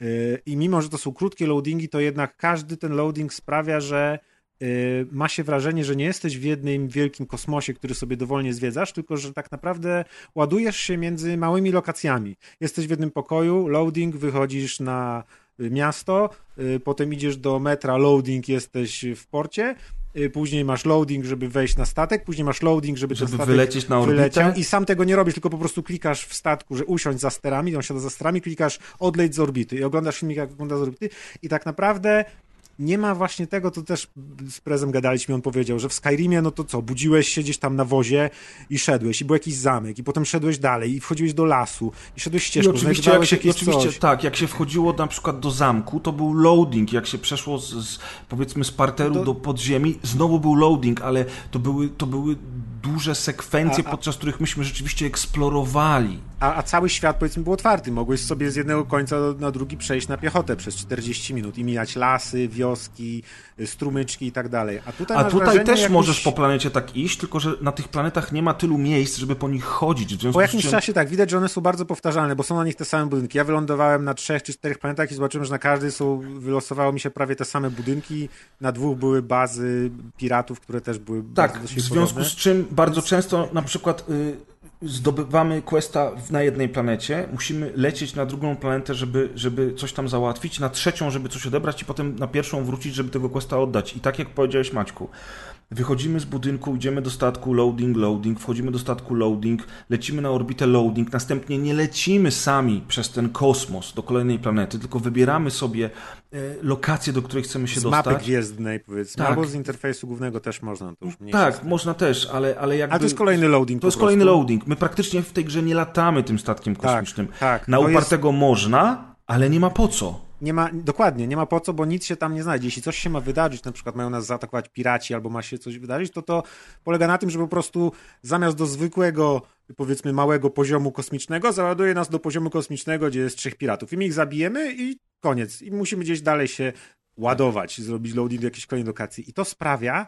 że jasne, teoretycznie oni nie kłamali mówiąc, że przemierzasz kosmos i będziesz te rzeczy wszystko wiesz, latasz od planety do planety, bo latasz. Tylko, że to polega na tym, że są trzy loadingi i nie ma nic pomiędzy. I kompletnie ja nie czułem, y, dlatego tak szybko się zniechęciłem tą grą, bo kompletnie w niej nie czułem tego, co uwielbiamy chyba wszyscy w open worldach, czyli że możemy po prostu y, się zatracić w takim snuciu się bez celu i patrzeniu, co jest za kolejnym kamieniem.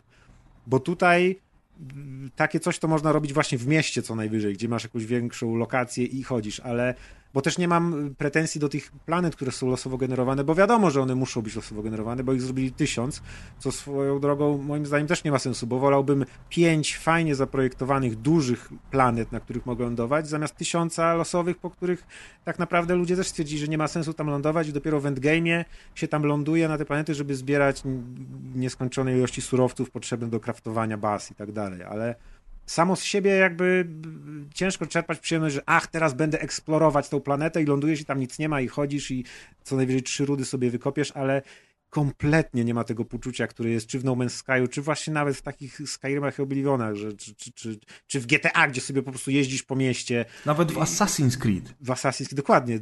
Kompletnie ta gra jest dla mnie w ogóle nie otwartym światem i, i, i to latanie też jest zupełnie jakby nie ma w nim latania według mnie kosmicznego.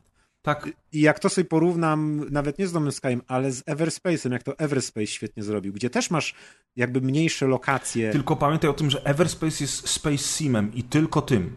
No tak, Tutaj ale, trzeba tak, jednak ale chodzi mi o poczucie... Starfieldowi to, że jest Tak. dużo bardziej rozbudowaną, głębszą Jasne, grą. jasne. Nie, mi chodzi tylko o samo poczucie latania, że w Everspace nie masz otwartego kosmosu tak jak masz w No Man's Sky, bo w No Man's Sky rzeczywiście możesz się nastawić na jakąś planetę i tam przez cztery doby zostawić komputer działający i on doleci do tej planety w końcu. W Everspace też teoretycznie ładujesz się między powiedzmy jedną y, orbitą planety a drugą, ale to nie jest tylko taki loading, że jest czarny ekran i już jesteś na drugim miejscu, tylko z jednej orbity masz fajną animację, gdzie niczym w Gwiezdnych Wojnach wskakujesz w nadświetlną przestrzeń, jest tam dwie sekundy ładowania i nagle znajdujesz się w takiej, pędzisz prędkością nadświetlną, ale wciąż jest to interaktywna część gry, gdzie ty widzisz, że się zbliżasz do tej planety, możesz zmienić kierunek, może ci się nagle na radarze pokazać, że ej, nieznany sygnał 7 lat świetlnych, możesz skręcić. I wtedy ty skręcasz sobie z tej trasy i wyskakujesz z nadświetlnej, znowu jest tam dwie sekundy ładowania, ale ale masz to poczucie, że ty gdzieś lecisz i że gdzieś się dzieją jakieś rzeczy i że to jest jakaś przestrzeń, bo widzisz, te planety się zbliżają, do siebie oddalają. Jeśli widzisz, że po drodze z jednej planety do drugiej miniesz mgławicę i tam będzie jakaś gwiazda, to ty rzeczywiście ją mijasz pędząc tą nadświetlną przez na przykład dwie czy trzy minuty taka podróż trwa, ale, ale masz to poczucie odległości, przestrzeni, jakiejś przygody. A tego w Skyrim, w, w Starfieldzie kompletnie nie ma. I to jest właśnie to, co tak naprawdę sprawiło, że ja y, nie byłem bardzo nahypowany na tą grę, ale już jak była ta dwa czy trzy dni do tej premiery, to tak myślę, no kurde, no już jestem ciekawy, bo tak te statki pokazywali, można sobie budować i wszystko, no i tak jestem ciekawy, już bym posprawdzał.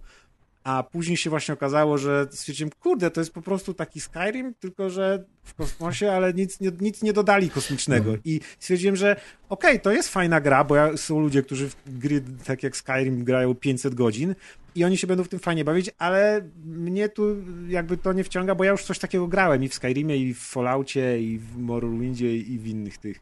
I dlatego tak. właśnie, jeśli tylko nie było tego elementu całego, którego oni nie zrobili, tego latania kosmicznego, bitew i tak dalej, to ja, dla mnie w tej grze nie ma nic ciekawego, bo ja liczyłem właśnie na to. Liczyłem, że jeśli to będzie nowość od Bethesdy, to to będzie to, co już robili, plus ten kosmos. A oni zrobili dalej to samo.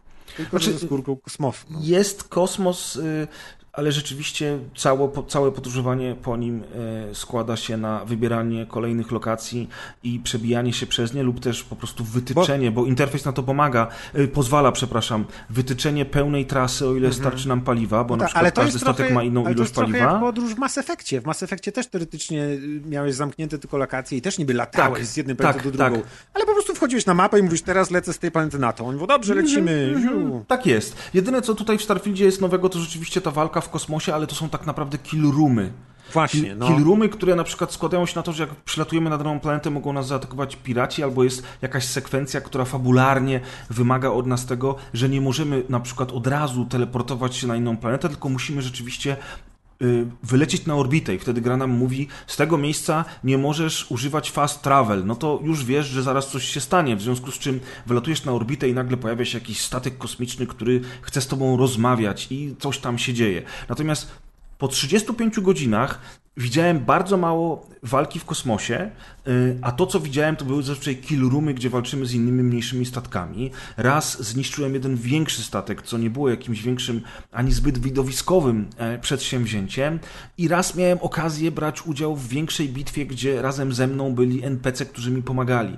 E, I, i to jako dodatek do całej gry jest bardzo przyjemne, bo to latanie statkiem, zarządzanie systemami, przełączanie energii z reaktora między shieldami, laserami, rakietami i tak dalej jest spoko. To jest spoko, bo to jest po prostu poprawnie zrobione. Do tego stopnia, że na przykład jeżeli będziemy musieli bardzo szybko uc- uciec, a jest na przykład taka jedna misja, gdzie możemy zdecydować się na ucieczkę, to musimy szybko przełączyć systemy e, z shieldów powiedzmy i rakiet na e, Gravity Engine, czyli na ten silnik, który pozwala nam skoczyć właśnie w inne miejsce i modlić się, żeby ta energia, którą przepisaliśmy, e, pozwoliła na to, żeby ten Gravity Engine szybko się uruchomił, zanim nas zastrzelą, bo jeżeli przypiszemy tej energii zbyt mało do tego Gravity Engine, to on będzie dłużej się odpalał. I to są takie elementy, które są bardzo ciekawe, ale ja to wszystko traktuję jako dodatkową ciekawostkę do samej gry. Bo sama gra nadal jest RPG-iem nastawionym na fabułę, wykonywanie misji. I tak jak powiedziałeś, Maćku, jest bardzo dużo ciekawych, różnorodnych misji, fantastycznych historii. Ale nie wiem czemu, znaczy, domyślam się czemu. Ta gra jest tak skonstruowana, że jak zaczynamy przygodę, to natychmiast trafiamy do super, hiper organizacji. E, Pierwszym naszym celem w ogóle jest. e, Jesteśmy kurczę, zwykłym kmiotem przez Tak. minutę gry. Tak, A jesteśmy górnikiem nagle, rodem z Red Faction. O, nie? wybrany. Tak, a teraz kurde stary, w ogóle b- będziemy tutaj latać po kosmosie, będziemy zbierać artefakty i w ogóle będziemy W super, ogóle jest, super jesteś już w naszej organizacji super elitarnej, nie? Tak, tu masz statek w ogóle, gościu? Tak. To jest twój robot I i, nara, teraz nie? zapierdalaj, nie?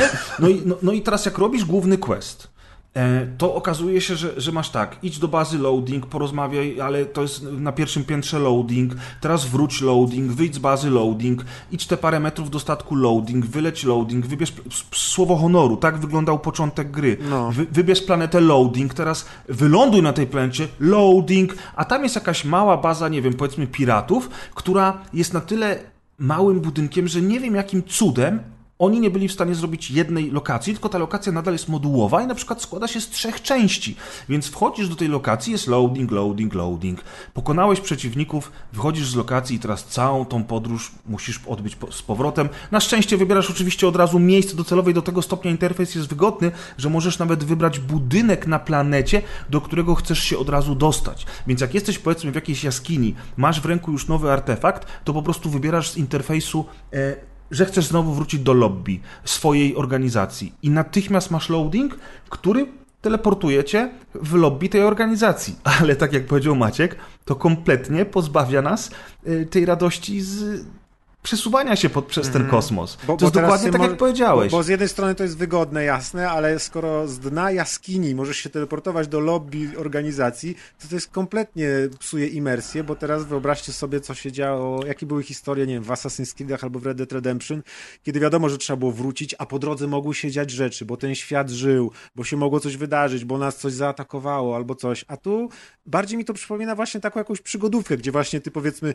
zdobywasz na dnie jaskini jakiś yy, skarb i mówisz, hurra, teraz w końcu mogę wrócić i jest, wiesz, kurtyna, akt trzeci i się otwiera i jesteś w innym miejscu i to jest, to jest jakby inny rodzaj gry.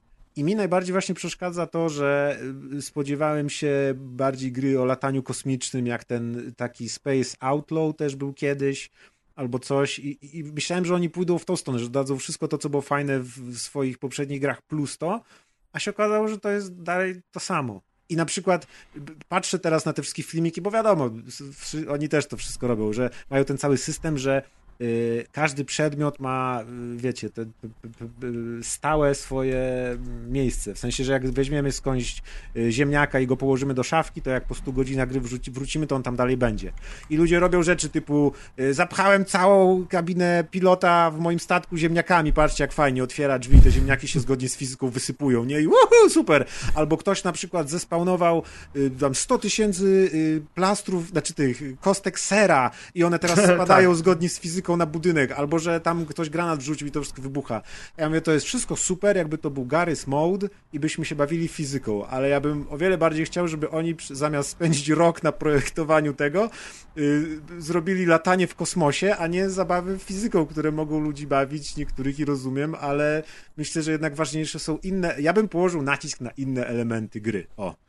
Patrząc tak. na to, to tylko z politowaniem y, patrzę na to, jak oni właśnie mówią, że a ja tutaj zebrałem milion rzeczy, ale fajnie przynoszę. Wszystkie kwiatki znoszę i mam milion kwiatków teraz, bo zawsze kradnę kwiatki. No fajnie, no szkoda, że innych fajnych rzeczy w tej grze nie można robić. No właśnie, znaczy z z jednej strony y, to jest, to jest ta grupa y, miłośników Bethesdy, która robi te, te rzeczy już od wielu, wielu lat w tych wszystkich grach. Dlatego też znowu mamy budowanie, y, surowce, kraftowanie armorów, broni, lekarstw, nawet jedzenia. I ja wiem, że przez kolejne lata będą powstawały super kosmiczne bazy na Księżycu i ktoś zrobi pałac kultury w Polsce.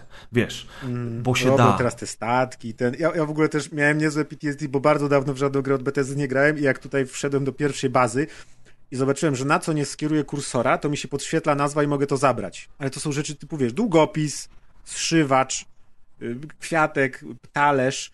I ja tak zacząłem to odruchowo zbierać, ale po chwili myślę, Boże, ja jakieś śmieci zbieram, patrzę, a tu się wszystko świeci. Można teoretycznie zebrać wszystko na tym poziomie. Myślę, super, tylko po co? Tak, znaczy im, im dłużej grasz, tym bardziej przyzwyczajasz się do tego, co zbierać, czego nie zbierać. Masz oczywiście te wszystkie systemy z Falloutów, gdzie możesz sobie zaznaczyć, że na przykład jeżeli potrzebujesz takich surowców, to te przedmioty do podniesienia będą ci się zaznaczały, że one mają sobie ten surowiec i tak dalej, nie? To jest wszystko Bethesda Things. Tego Dokładnie. niestety nie przeskoczysz.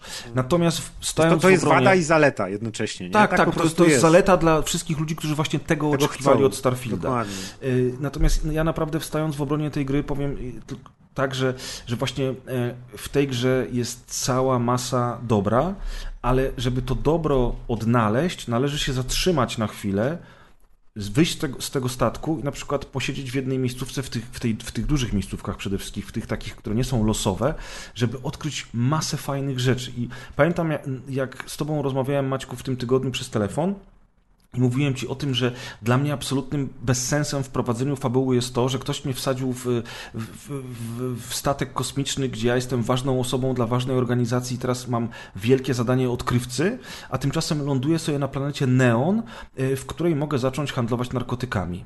Mogę y, pomóc jednemu gangowi y, załatwić inny gang i tak dalej, i tak dalej. I mówię, kto przy zdrowych zmysłach zacznie zajmować się takimi rzeczami. I gdyby od tego gra się zaczynała i na przykład wprowadzała nas z planety na planetę, a potem dawała nam te wielkie statki kosmiczne i wielką misję, to może ludzie szybciej przekonaliby się do tego tytułu. Bo ja w końcu dałem szansę tej grze, zatrzymując się na chwilę w Neonie.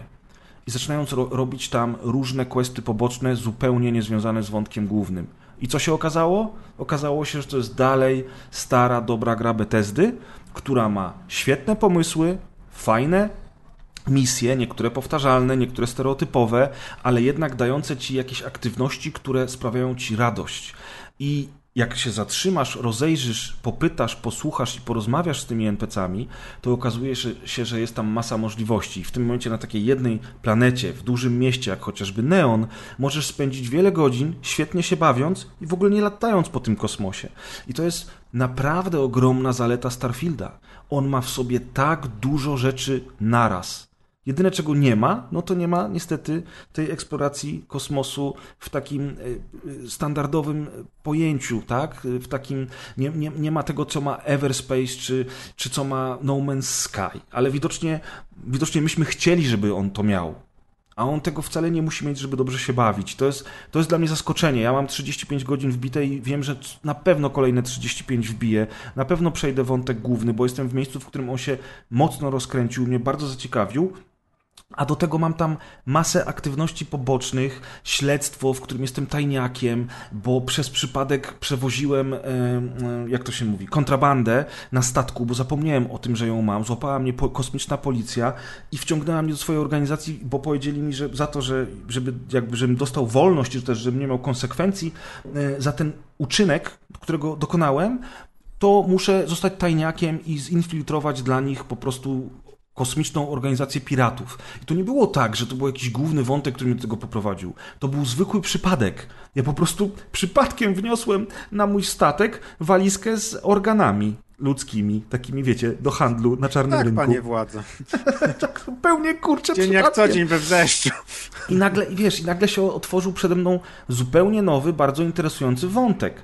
I ta gra stoi tymi, tymi wszystkimi elementami. To jest coś, co mnie do niej przyciągnęło ostatecznie i teraz ja wiem, że spędzę z nią masę czasu, bo na przykład też lądowałem na tych różnych losowych planetach, y, odkrywałem jakąś opuszczoną kopalnię, w której, w której bazę założyli y, piraci. No i tam oczywiście y, rodem z każdego dungeona w Skyrimie, czy każdego Volta w Falloutie, jak prze, przekopiesz się przez cały ten budynek, rozwalisz wszystkich, to na końcu znajdziesz jakiś lód, który będzie miał na przykład nowy kombinezon kosmiczny albo nowy karabin. Czyli takie standardowe Bethesdowe granie, co jest oczywiście spoko, bo to daje, to daje dużo satysfakcji. Ale w tak ogromnej grze, jaką jest Starfield, to można to robić bez końca do pożygu. Wiecie o co chodzi. To, to, to już przestaje być clue. To już nie jest podróż po, po Wastelandzie z Fallouta, gdzie faktycznie się szło i szło i szło i nagle wchodziło się na górkę, a za górką było puszczony kamieniołom, a tam y, gniazdo Deathclawów i na, miałeś takie wow, kurczę, co ja teraz zrobię. Tutaj tego nie ma.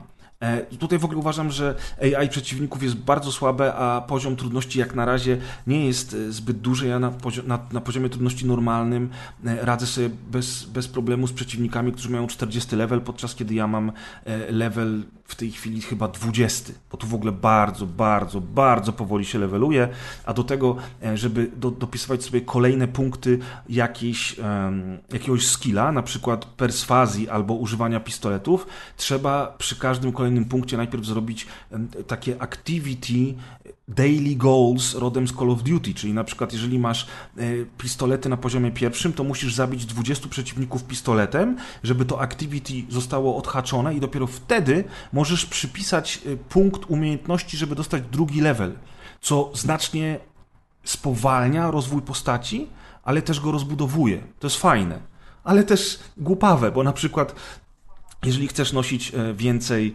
e, jeżeli chce, chc- chcesz mieć więcej miejsca w ekwipunku, musisz rozwijać siłę noszenia przedmiotów, a żeby rozwijać kolejne poziomy noszenia przedmiotów, musisz e, przebiec ileś tam metrów z ekwipunkiem zapełnionym co najmniej w 75%. W związku z czym, ma kochani, mała podpowiedź, macie te 3 czwarte ekwipunku w plecaku zapełnione, wciskacie numlock, który odpowiada za autobieganie, następnie biegacie w kółko rampy i wciskacie shift, żeby on bie- biegał sprintem. I w ten sposób levelujecie sobie skilla. No niestety, to, to jest Hardkorowy taki system. Tak, dokładnie, hardcore roleplaying. No ale wiesz, jak to mówił Arnold, wiesz, bez pracy nie ma kołaczy. No i, no i tak to wygląda, ale, ale widać po tym wszystkim, że, że, że to, co ja zobaczyłem do tej pory, to jest nic.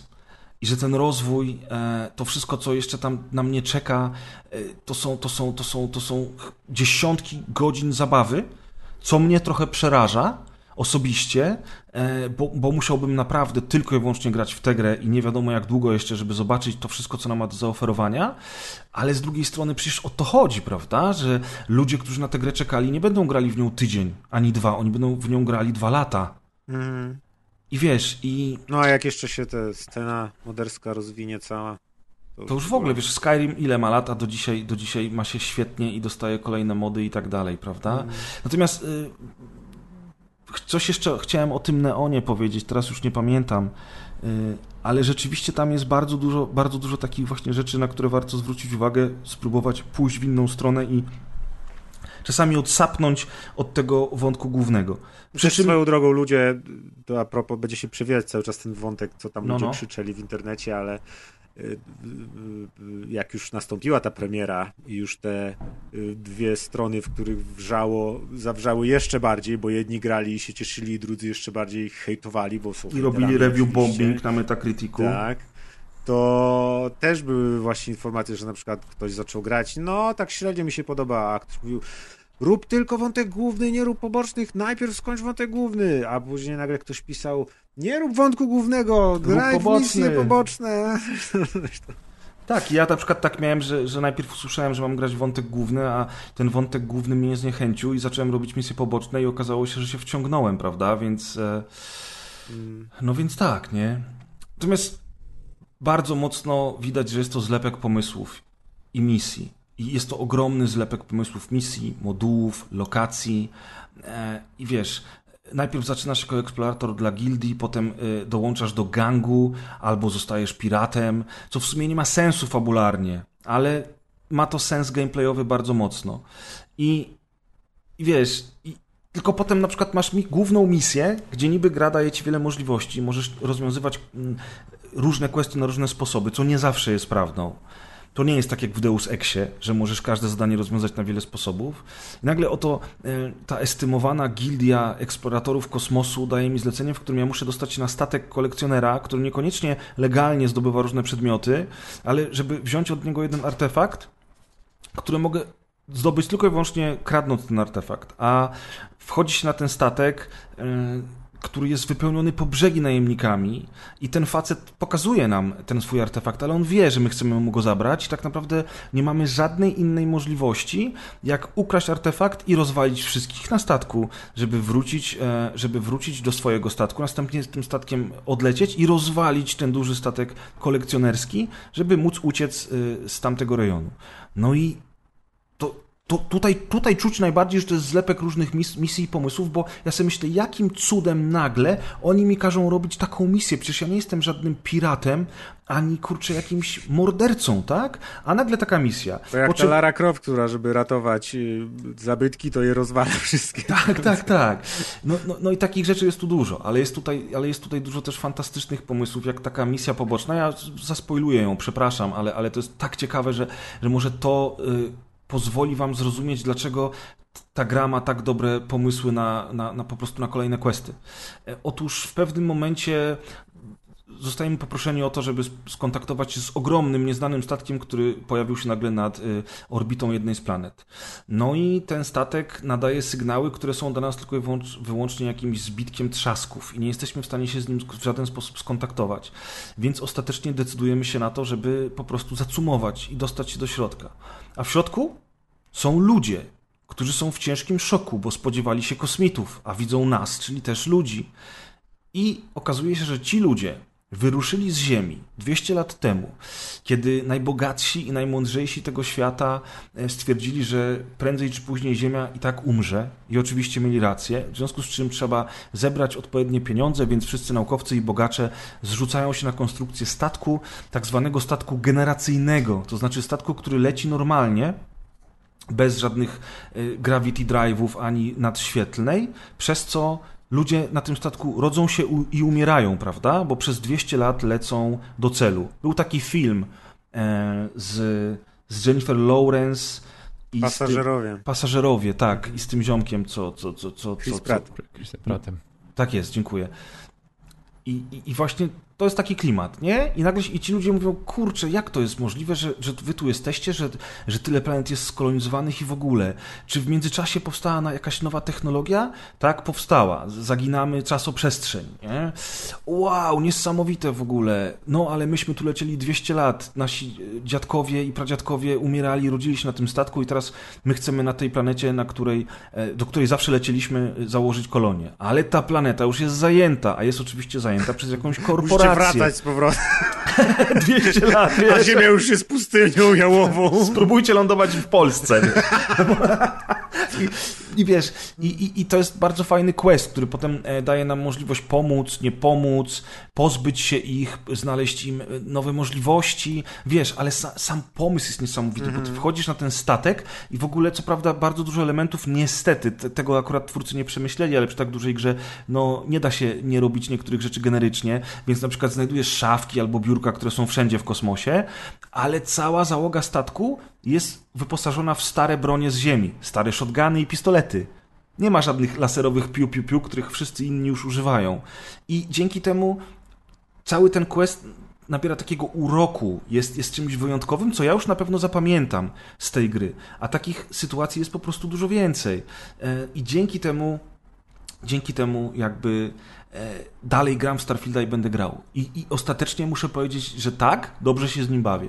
Ale nie, absolutnie nie będę dar szat, mówił, że to jest 10 na 10 e, i, i tak dalej, i tak dalej, bo te wszystkie wady, o których wspominamy, są naprawdę kulą u nogi tej gry. Swoją drogą też y, ilość y, wychwalania tej gry jako nie tylko najlepszej gry obecnie, nie tylko najlepszej gry na Xboxa i nie tylko najlepszej gry roku, ale ilość tego, jak się nasłuchałem, że to jest gra generacji, to też mnie bardzo rozbawiło. No właśnie... to jest histeria, to jest to, od czego zaczęliśmy. Tak, ta, ta historia jest coś, coś wspaniałego. A, y, a propos tej nierówności, jeszcze o grafice chciałem wspomnieć, króciutko, że też jest strasznie nierówna. I podczas tych moich trzech pierwszych godzin y, mogłem się z jednej strony zachwycać pięknymi na przykład kombinezonami kosmicznymi, pełnymi detalów, y, detali, y, jakichś tekstur takich super szczegółowych i tak dalej, lokacje, w środku wnętrza jakieś też właśnie pełne tych wszystkich długopisów i strzywaczy, których można zbierać i super to wygląda.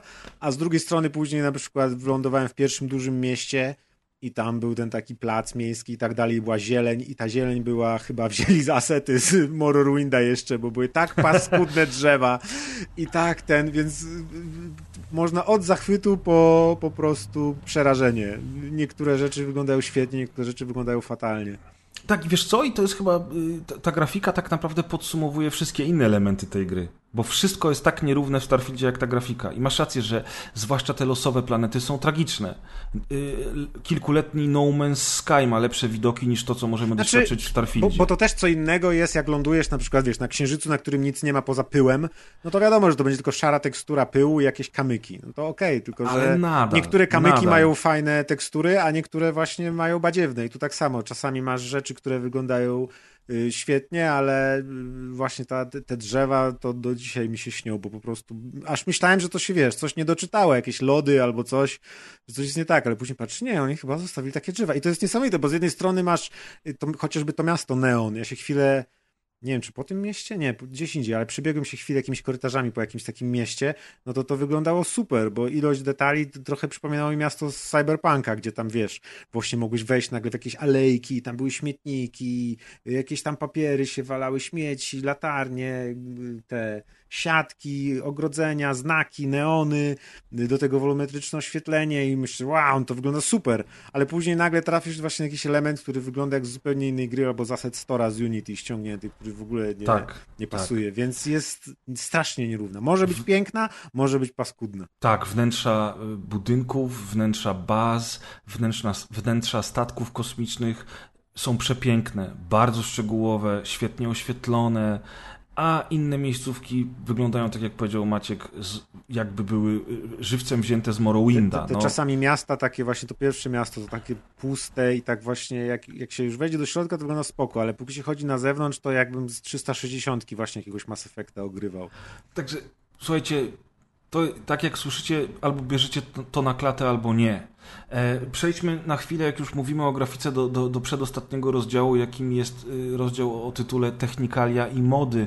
No i właśnie te technikalia, ta grafika, mm, te zachowania NPC-ów też bardzo często słabe, y, AI, które jest, które jest y, bardzo przeciętne, mm, no ale przede wszystkim optymalizacja, która jest fatalna. I tutaj należy o tym głośno i wyraźnie mówić. Ja już się nie dziwię, że na Xboxie jest tylko 30 klatek w tej chwili, bo, bo optymalizacja woła o pomstę do nieba. I jeżeli poczytacie sobie o różnych konfigach ludzi w necie i o tym, jak im ta gra działa, a zazwyczaj grała, działa, y, w, wiecie, w 30, 40, może 50 klatkach i to nie zawsze, no to jednak y, człowiek zastanawia się, z czego to wynika. Czy to jest ogrom świata, czy to jest... Czy to Ty jest... grałeś na PC, prawda? Tylko sobie- Tak, tak, tak. Maciek zresztą też. E, I, I ja powiem tak, ja mam e, w, w, normalnej wersji z FSR 2, ostatnio była dyskusja w komentarzach, że nie powinniśmy mówić, czy to miało FSR-a, czy to miało DLSS-a, bo przecież to nie jest optymalizacja, to są sztuczki gówno, prawda, to jest optymalizacja. Nie mówimy teraz o frame generation nawet. E, I ta optymalizacja już pozostanie z nami, bo niestety to jest implementowane już prawie w każdej grze. Znaczy to tak samo jak powiedzieć, że znaczy, no to jest jak rozdzielczość, nie? No tak, no Też i, i można ta, zmniejszyć rozdzielczość i będzie płynniej. Jest to jak każde inne ustawienie. z FSR-em 2 i z, z Resolution Scaling ta gra y, chodzi w 40, 50, 60 klatkach, w zamkniętych pomieszczeniach, w kosmosie i tak dalej, a spada do 30 klatek y, w otwartych pomieszczeniach, przede wszystkim w miastach, no bo jak są puste planety, to tam jest spoko, ale w miastach dzieje się źle. No i mm, wczoraj wyszedł patch, który tam załadował parę pierwszych poprawek, no i podniósł jakiś tam wydajność o 5 klatek rzeczywiście. Natomiast na szczęście bardzo szybko pojawił się mod, który podmienia FSR 2 na DLSS-a e, z możliwością e, frame generation. No i po implementacji tego moda, mm, po uruchomieniu DLSS-a i frame generation, to ta gra chodziła mi nawet w 100 klatkach, ale potrafiła mocno dropić. W związku z czym wszedłem sobie w pliczek tekstowy klawiaturstwo mm, i zmieniłem sobie lock na 60 klatek i tak przez większość czasu grałem w 60 klatkach, gdzie nie było żadnych skoków, żadnych spadków, wszystko chodziło płynnie, no i gra wyglądała przede wszystkim, i to trzeba powiedzieć, dużo wyraźniej i ostrzej niż wygląda z FSR 2. E, bardzo byłem zadowolony z tego moda. Niestety on powodował, że e, raz na jakiś czas przy, po kilku loadingach, a w tej, w tej grze kilka loadingów może być po 15 minutach, albo po 5, albo po godzinie, ale zazwyczaj po godzinie y, gra mi się sypała do pulpitu, musiałem uruchamiać ją od nowa i grać dalej. Nie było to dla mnie bardzo problematyczne, miałem świadomość tego, że to jest wina moda, a nie samej gry. Wczoraj wyszedł ten patch, Okazało się, że savey mi się w ogóle nie chcą ładować, że po tym patchu mod gryzie się z grą, w związku z czym usunąłem cały mod, zacząłem grać normalnie y, w wersję vanilla z FSR-em dwójką y, i już nie ma żadnych crashy.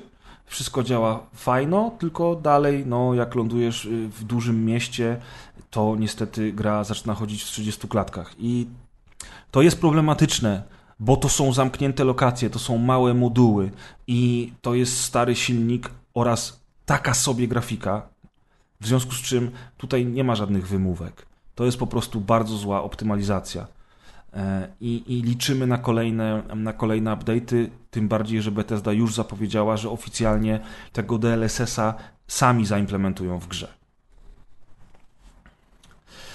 No i przechodząc do rozdziału ostatniego, bardzo krótkiego, jakim jest podsumowanie, kochani, ja napisałem tak, tutaj w naszych notatkach, profesjonalnych jak zawsze, że Starfield to jest bardzo rozbudowana gra, która kuleje przez silnik, interfejs i bolączki poprzedników, ale która ukrywa równie dużo dobrego jak i złego, przez co na pewno polaryzuje, ale znajdzie chętnych do zabawy w rozbudowywanie statków i zakładanie baz, a fabularnie potrafi zaskoczyć ciekawymi misjami i zdarzeniami. I w moim wypadku właśnie te ciekawe misje i zdarzenia, e, ta fabuła i niektóre fragmenty eksploracji tego świata to jest coś, co mnie przy tej grze przez kolejne 35 godzin na pewno zatrzyma, a może i dłużej, kto wie.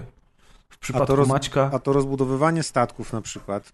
Nie Mhm. masz wrażenia, że to jest jakby zmarnowany potencjał i to specjalnie niczemu nie służy? Czy bo to, to służy Przez na to, że tych możli- bi, bi, no. bitew kosmicznych było niewiele, że nie ma swobodnego latania, więc ja rozumiem, że na przykład jeśli ktoś chce, nie wiem, zgromadzić dużo surowców i je gdzieś przewieźć, no to potrzebuje sobie zbudować statek, który tam ma większy ten magazyn i tak dalej. Ale z tego co widziałem, no to jasne, ludzie teraz skupiają się na tym, że o, odwzorowałem Enterprise, odwzorowałem X-Winga, odwzorowałem coś tam, odwzorowują No te i po to to statki. jest. Tak No samo jak ser w kosmosie. Ale właśnie mm, tak się niby jaraliśmy, albo przynajmniej to wyglądało na taką super część, że wiesz, masz grę w kosmosie i masz jeszcze tak rozbudowany edytor statków, a później się okazuje tak, jakbyś mógł budować statki pływające, ale gameplayu by było tyle, że możesz, wiesz, tylko po porcie sobie pływać, nie? A nie, że wypływasz na morze niczym w Black Flagu czy coś.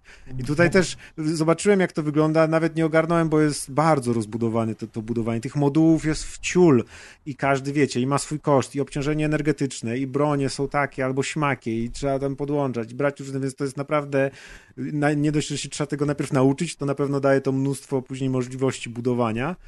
Tylko, że ja sobie tak myślę, po co, po co to wszystko, skoro i tak głównie ten statek to na cutscenkach widzimy, kiedy on ląduje albo startuje z planety i tyle, nie? No właśnie. Więcej tego budowania jest jakby niż gameplayu w kosmosie później samego. Tak, bo, bo widzisz, bo teraz znowuż ultrafani Bethesdy, ci, którzy uwielbiają to budowanie oraz ludzie, którzy grają w tego typu gry właśnie, gdzie będą sobie handlować, sprzedawać surowce, rozbudować te statki, e, to jest dla nich wszystko. To nie jest dla mnie. Ja nie muszę tego robić. Żeby przejść fabułę na przykład. Tak. Nie? Mogę uzbierać pieniądze, żeby kupić nowy statek. Ja znalazłem statek na misji, na którą trafiłem przypadkiem. To jest znowu kolejna fajna rzecz, głęboki rozwój fabuły i różnych wydarzeń. Przypadkiem, godząc się na pomoc, na pomoc pewnym osadnikom, pozbywając się piratów, którzy ich prześladowali, trafiłem na informację o tajnej bazie, do której piraci chcą się dostać. Poleciałem tam z nudów i odkryłem jaskinię Batmana Dostałem nowy strój, dostałem nowy zajebisty statek i ja już statku nie muszę kupować, nie muszę też go ukraść, bo można, ale to jest trochę niemoralne i nie miałem jaj, żeby wytłuc całą załogę tylko po to, żeby mieć nowy statek, w związku z czym trafiłem na jaskinię Batmana i wyleciałem z niej nowym, zajebistym statkiem. I podejrzewam, że ten statek będzie mi już wystarczył do końca gry, bo ja też inwestuję w skille związane właśnie z lataniem w kosmosie, dzięki czemu mam większe shieldy, większą, e, większą manewrowość, a ten statek jeden mogę sobie dalej rozbudowywać. E, ale jeżeli będziesz chciał mieć flotę 10 statków handlowych, nie wiem po co, może nie masz życia, ale będziesz chciał ją mieć, to możesz to mieć. I, i dlatego, okej, okay, z naszej perspektywy to jest zmarnowany potencjał, ale wydaje mi się, że z perspektywy milionów ludzi to nie jest zmarnowany potencjał. Po prostu, nie?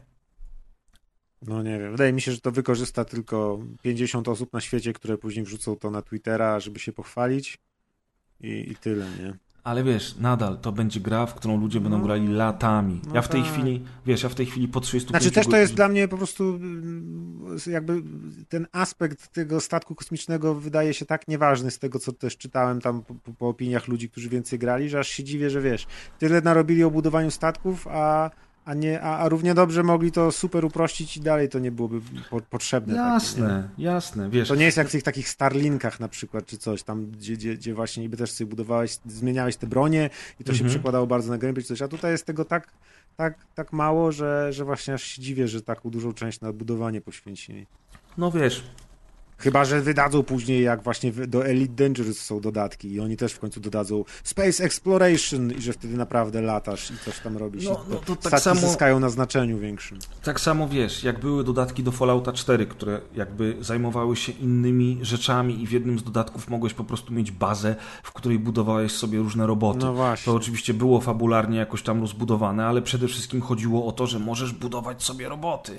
No i tutaj pewnie tak będzie ze statkami. No ja, ja mówię, ja po 35 godzinach gry dotarłem, i robiąc różne poboczne rzeczy, nie tylko główny wątek, dotarłem, więc zakładam, że gdybym robił ten główny wątek tylko i wyłącznie, dotarłbym do niego dużo szybciej, do misji fabularnej, która dała mi osiągnięcie, że przeszedłem tę misję fabularną i przeszło ją tylko 20% graczy. Tylko albo aż. Wszyscy wiemy, jak gracze kończą gry. Nie kończą, e, ale w, w, w przypadku gry od Bethesdy to po prostu jest tak, że każdy gracz będzie zajmował się tam czymś innym. Ktoś będzie, wiesz, handlował, ktoś będzie budował bazy, ktoś będzie rozbudowywał statki, jak ktoś jeszcze inny wyśle 4 tony sera w kosmos. I, I, to jest tam, wiesz, to jest moc tej gry, no nie? To jest moim zdaniem akurat jakby to, co ludzi do tej gry przyciąga. Zresztą jeżeli chodzi o przyciąganie, no to 5 dni przed premierą, czyli w tej wersji e, tam najdroższej Digital Deluxe, czy jakby ona się zwała, e, na Steamie grę kupiło milion osób, a na Xboxie grę kupiło milion osób. To znaczy, że 2 miliony ludzi a, kupiło grę jeszcze przed premierą, Żeby mimo tego, że wcześniej dostęp. tak, mimo tego, że jest ona w Game Passie, a po premierze okazało się, że w pierwszego dnia było 6 milionów ludzi. Tutaj oczywiście już e, liczony był też Game Pass. Także no wiesz, No to też jest dowód ciągnie, na to, jaki nie? był hype, bo to właśnie też to wszystko, co się działo, ja stwierdziłem, że bardzo dawno nie było już takiej wojny y, fa fanatyków jednej i drugiej strony, fanatyków gier wideo o, o coś. Bitwy hejterów z fanatykami i wyzywania się od sprzedawczyków, y, nienawistników, kupionych recenzji, sprzedanych, że ci to nigdy, im się nigdy nie podoba, a ci to są zawsze za X-botami, a ci są przekupieni i tak dalej. Po prostu takiego szamba już tak dawno nie widziałem, więc widać jak ten tytuł był właśnie polaryzujący i jakie było ciśnienie, niezależnie od tego, czy chciałeś zagrać, czy nie chciałeś, czy ten to... Uff. Presja była ogromna, więc nawet w sumie się cieszę, że teraz już będzie tylko przycichać powoli ten temat. A jeszcze patrząc na to, ile gier wychodzi, to właśnie szybko sobie zaraz znajdziemy coś, coś innego do, do gadania. No jasne, wiesz, to, to właśnie na tym polega ca, całe piękno gier, że nie ma co o nich gadać, tylko, mo, tylko można i trzeba w nie grać, niech wszyscy grają. A nie, przepraszam, nie wszyscy mogą. I tym oto akcentem, kochani, W ogóle kończymy, kończymy nasze omówienie Starfielda. Ja za jakiś czas na pewno do tematu wrócę, może ktoś jeszcze zagra. Y, A tymczasem do tematu gry Baldur's Gate 3 powraca Deusz. Yy, tak, bo między innymi dlatego, oprócz braku czasu na granie, między innymi dlatego jeszcze nie przysiadłem do Starfielda, bo wiem, że jak zac zacząłbym grać w Starfielda, to skończyłbym moją przygodę z Baldur's Gate 3, a jestem e, już jakiś czas temu rozpocząłem ostatni akt, trzeci. E, I moja pierwsza recenzja, jeśli ktoś nie pamiętał, to kończyła się na praktycznie no, pod końcówkę pierwszego aktu, bo nie wiedziałem, czy zaczynam drugi. Zrobiłem bardzo dużo rzeczy w, w tym drugim akcie, już teraz jestem kilka godzin w trzecim akcie. I do tego wszystkiego, co ostatnio powiedziałem, to dodałbym tylko tyle, że jest jeszcze wszystkiego więcej niż się spodziewałem. W sensie jeszcze więcej ochów i achów dałbym, dodałbym do tamtej recenzji. I jak wtedy jeszcze trochę błądziłem po omacku, tak już teraz, no jednak po tych, nie wiem, tam pod 70 godzin gry mam spędzone, e, dorzuciłbym e, już te wszystkie bolączki dotyczące słabego wytłumaczenia pewnych elementów, interfejsu, tego jak działa świat, czary klasy postaci. To wszystko związane z tym systemem D&D. To wszystko już jestem, już mam w miarę po tylu godzinach ogarnięte, więc teraz praktycznie e, tylko chłonę e, fabułę i, e, i to, jak różnorodny jest to w ogóle świat i na przestrzeni tych aktów, e, jak się rozwija, to jak się rozwija główna fabuła, e, jaka jest ciekawa i się chce e, robić tą główną fabułę, jakie są e, czasami bardzo rozbudowane, bardzo dziwne i totalnie odklejone od głównej gry questy poboczne, bo tu mimo takiej reżyserii powiedzmy średniej tych questów, jeśli chodzi o, o, o scenki, o dialogi, tak, bo tu zawsze mamy dialog na, y, na planie amerykańskim i dwie postacie ze sobą rozmawiają i to zawsze jest wszystkie takie trochę dręt, drętwawe, to mimo to dalej y, dalej sam koncept na te questy i to, co się w nich dzieje jest, no, jest świetny. Każde kolejne, każda kolejna nowe miejsce, nowy świat, nowy teren jest inny niż poprzedni i ma inną kolorystykę, e, inną charakterystykę, jeśli chodzi o swoją wertykalność, o to, co na nim możemy zrobić. Liczba wrogu, wrogów, którą się spotyka i ich różnorodność, no naprawdę to, jak się zawiązały relacje pomiędzy bohaterami w drużynie, to jest, e, to są czapki z głów. W sensie tamtą recenzję bym tylko podbił e, pozytywnymi rzeczami. E, I naprawdę, no nie chcę już, teraz jestem naprawdę pod koniec, więc już nie chcę tego Baldura porzucić. E, I powiem szczerze, że no jestem przekonany, że to do Baldura bym kiedyś wrócił. W sensie już bym chciał spróbować zagrać niektóre rzeczy inaczej, inną postacią. E, Już na początku gry wiedzieć te rzeczy, o których wiem teraz, żeby zupełnie inaczej grać. To jest e, gra dla mnie w ogóle kompletna, jeśli chodzi o to, co, co dostarcza e, będąc po prostu grą. Cze- Czego ja bym oczekiwał od, od e, takiej wirtualnej rozgrywki, od tego jak siadam e, i chcę się te kilka godzin zrelaksować, coś robiąc, grając, e, przeżywając historię, ale też zmagając się z jakimś gameplayem, to bez wątpienia ten Baldur mi, e, mi to zapewnia. E, No i naprawdę się nie, nie spodziewałem się tego i chciałem w sumie tylko tutaj e, dodać to, że, e, że właśnie im dalej w las, tym jest jeszcze lepiej i w ogóle nie jestem tą grą znudzony, także jeśli ktoś się zastanawiał, to, to zdecydowanie nie, nie porzuciłem, gram dalej i jest tylko lepiej. Czyli słusznie jest to druga najlepiej oceniana gra na PlayStation 5. Tak, Jednym słowem.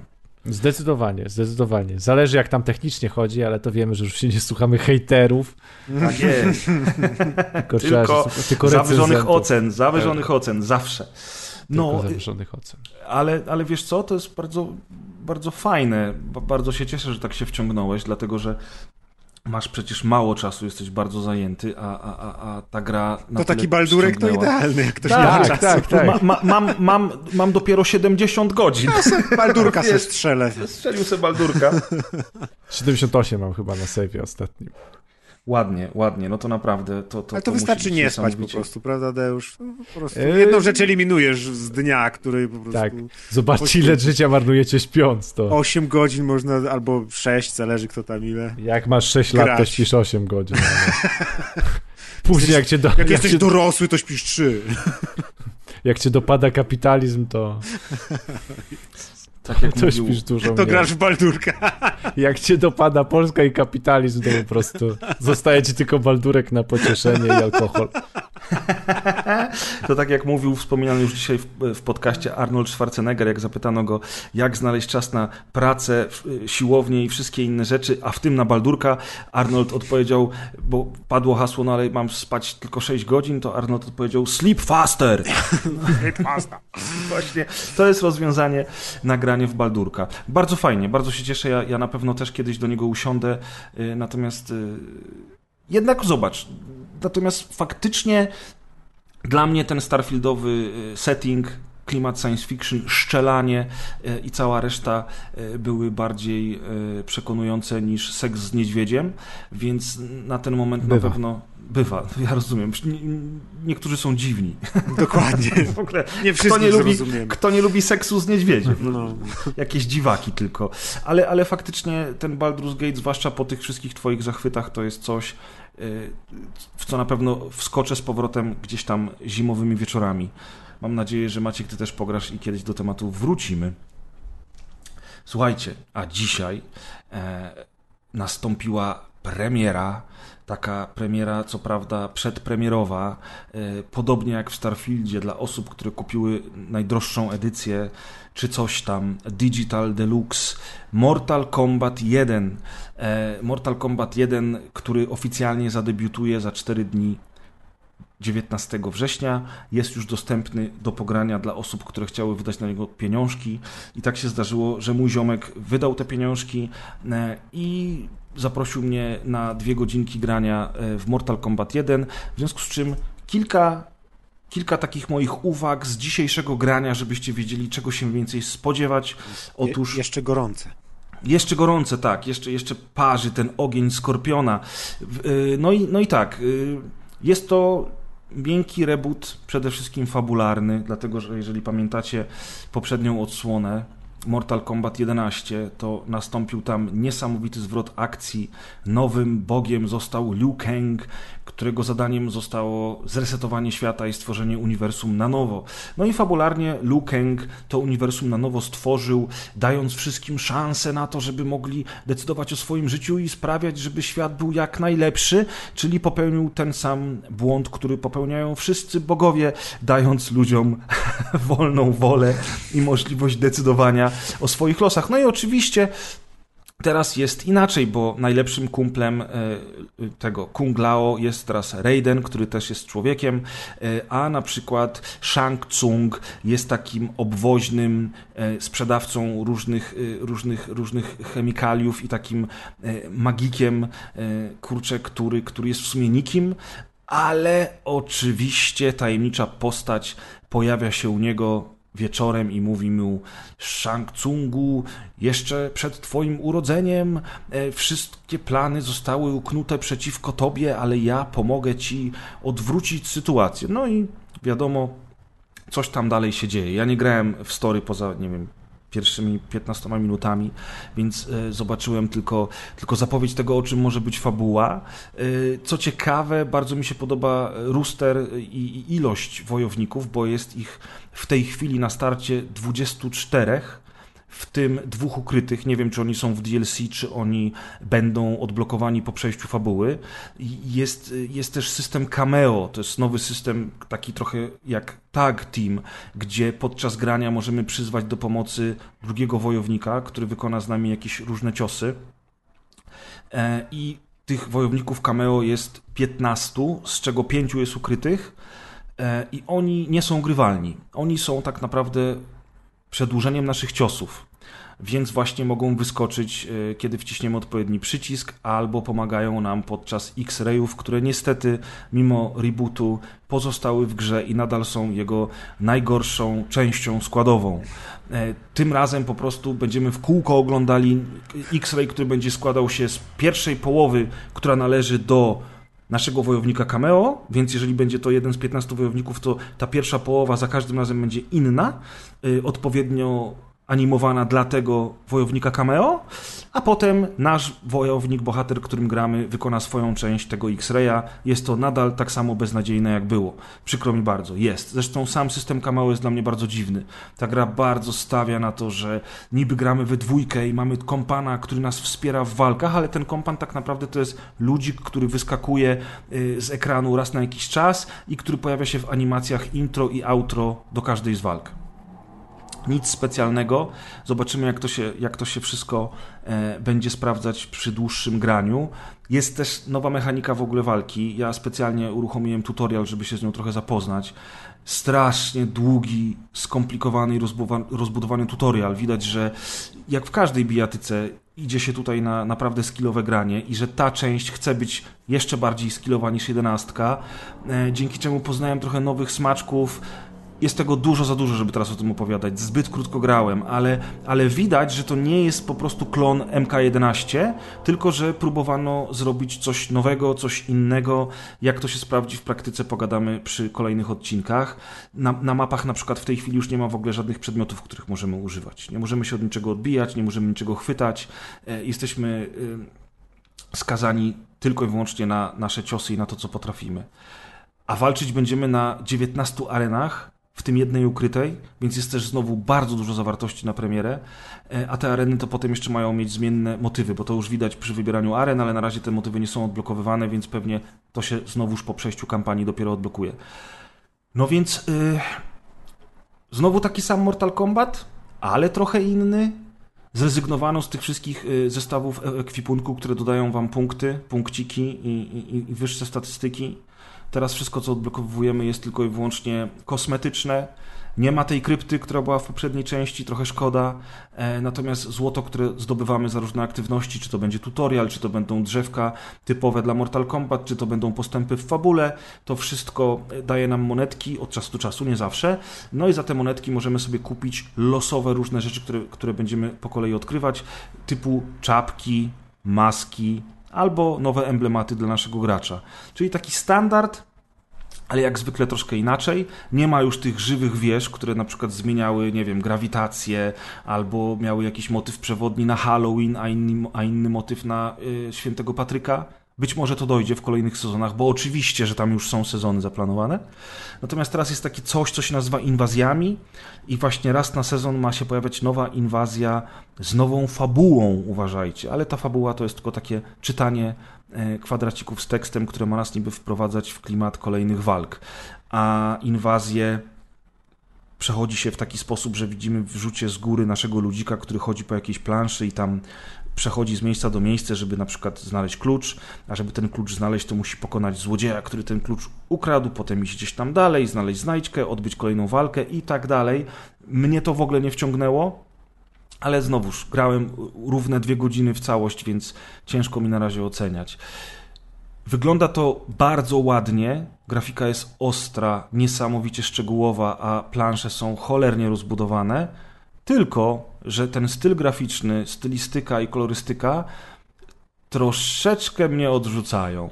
I myślę, Maćku, że jak ty zagrasz, to też nie będziesz szczególnie za zachwycony. Mnie to w ogóle jakby cały czas odrzuca ten system ich animacji, który jest taki sztywny i to są jakby kukiełki, które mają takie ciosy i w ogóle nie poruszają się płynnie, nie mają ludzkich ruchów i to cały czas mi się to nie podoba i nie mogę się przekonać, żeby, żeby jakby się, wiesz, żeby Czyli się przełamać to zagrać, więc nawet nie, nawet nie próbuję.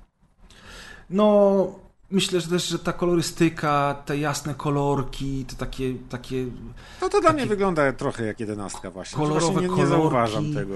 A właśnie mi się wydaje, ja po, ja po dziesiątce, jak zobaczyłem jedenastkę, to nie byłem zbyt przekonany, ale jedenastka miała naprawdę, naprawdę dobrą grafikę. MK1 ma jeszcze lepszą grafikę, minimalnie, ale ma, ale już ta stylistyka i te kolorki i i Znaczy ta tak, oni decyzja tak, tak, takie, artystyczna. takie, tak, takie idyl, idylliczne ujęcie jakby, jak z jakiejś Tak. tej y, telenoweli trochę takiej. Nawet Tak. takie miękkie światło jest jak Tak, troszkę tak, w tych wszystkich jest to takie- materiałach. No. Bo to, jest, bo to jest ten nowy, piękny świat stworzony przez Lukenga, który dopiero teraz zacznie się psuć, bo no bo znowu Mortal Kombat, prawda? Może taki był zamysł, ale dla mnie to też nie jest wizualnie atrakcyjne, bo to nie jest ten taki brudny Mortal Kombat, który ja znam, chociaż oczywiście dalej jest brutalnie, są niektóre bardzo ciekawe plansze i one, one faktycznie dobrze wyglądają, a inne są takie, że hmm, co to jest Street Fighter? Tak, wiecie. No ale zobaczymy, no. Zobaczymy, zobaczymy jak, to, jak to wyjdzie w praniu. Także pierwsze wrażenia mogliście usłyszeć właśnie u nas, ekskluzywnie, na rozgrywce. Na pewno jeszcze nikt inny o tej grze nie mówił ani nie pisał. Mortal Kombat. Mortal Kombat. Ciekawe jak będzie wyglądać dwójka albo Mortal Kombat 3, wow, ale A będzie. potem Mortal Kombat Trilogy. I co, O! w okolicach dwudziestki będą resetować znowu? Czy Oni nie umieją liczyć. musielibyśmy. Tomka Pieniaka zapytać, on to ogarnia od powstania do końca świata Mortal Kombat. Tak jest. On już nawet wie właśnie, co będzie później. Także... A przecież jeszcze drugą część tego filmu robią i to już chyba robią, Tak. robią, tak w sensie, że kręcą sceny i ten, więc Tak, będzie. tak, tak. I tam Karl Urban, czyli, czyli, czyli sędzia Dredd, Eomer z Lord of the Rings, czy przede wszystkim ostatnio Billy Butcher z The Boys, wciela się w Johnego Cage'a. A jeżeli wzięliście Mortal Kombat 1 w preorderze, czy tam w Digital Edition, czy chuj wie w czym, to... Moje, I tylko w tym, Mortal Kombat 1 w chuj wie w czym. tak jest, to mm, dostaniecie też y, alternatywną skórkę dla Johnego Cage'a, skórkę Jeana-Claude'a Van Damme, który nie tylko użyczył y, swojego wyglądu, ale również użycza dla tej skórki swojego głosu. No, Także nawet nie- Maciek, Nawet fa- widziałem filmik, fajnie to wygląda, a później nawet widziałem, że ktoś już zmodował jego model na jeszcze bardziej podobny do prawdziwego Jean-Claude Van Damme. już ktoś zmodował ten model? Tak, Ta gra wyszła kilka godzin temu. no to nie wiem. A nie, To to, jest- pewnie były te takie Photoshop, chociaż nie, bo no, ten, no ale gdzieś widziałem takie porównanie i rzeczywiście, to może tylko taki, wiesz, fo- Photoshopkę ktoś zrobił. Ale, ale ktoś tam go poprawiał na jeszcze bardziej podobnego do siebie. No to elegancko, słuchajcie. To co teraz? Co mamy kolejne w rozpisce? Mm. W rozpisce jest teraz y, Under the Waves. Czyli A, gra, ja. w którą grał. To moje. Maciek grał. Szukam tego Jean-Claude Van Damme, ale to później go znajdę. Under the Waves, tak jest. Grałem, przeszedłem, mogę opowiedzieć. Ym, Przeszedłeś jakąś grę? Człowieniu, to już drugą w tym roku, albo trzecią, albo nie wiem. Ach, to w ostatnim odcinku o nie mówiliśmy, prawda? Yy, nie. w ostatnim odcinku to przeszedłem ten. Y, Ja wiem, Fort ale. Solis. Tak, ale a nie wspominaliśmy? Dobra, może mi się coś myli. Może wspomnieliśmy, że zaraz wychodzi, bo to No, akurat tak, chyba ona właśnie. wyszła tuż po, tuż po nagraniu. Wydaje mi się, że ty wspominałeś, że ty na to czekasz i ja to tak, sprawdzałem, tak, czemu na to tak, czekasz. Tak. No na to czekam, bo to wyglądało na fajną grę o pływaniu. To jest ta gra, którą pamiętamy z letnich zapowiedzi, jak te wszystkie nie E3 się działy, gdzie pokazywali właśnie pana nurka, który gdzieś tam nurkuje w głębinach i pływa żółtym batyskafem i coś się dzieje i jakiś symulator chodzenia i nie wiadomo o co chodzi. Bo to w I- ogóle Quantic Dream wydaje, także. Tak, wydawcy Nie robi, Dream, bo, nie robi, ale tak, wydaje. Oni gdzieś tam wydają jakieś takie małe gry i to jest właśnie od nich mm, gra i y, ja w nią wszedłem za bardzo nawet nie czytając i nie dowiadując się niczego więcej, bo po prostu po tym jak wyglądała i po tym co widziałem na filmikach, to, to stwierdziłem, że i tak chcę w to zagrać. Y, I okazało się, że jest to y, przede wszystkim y, bardzo gra proekologiczna, która ma bardzo wyraźny przekaz i w dodatku jest również sponsorowana przez fundację o nazwie Surfrider Foundation, która zajmuje się dbaniem właśnie o oceany, o plaże, o życie podmorskie i tak dalej w wielu krajach. Y, I ta fundacja występuje z y, nazwy y, w grze, pojawiają się tam informacje na jej temat, plakaty zachęcające do wstąpienia i tak dalej. I ogólnie cała gra ma właśnie taki bardzo proekologiczny przekaz, ponieważ opowiada historię Stana, który pracuje dla korporacji, która wydobywa ropę z, z podmorza, z dna morskiego.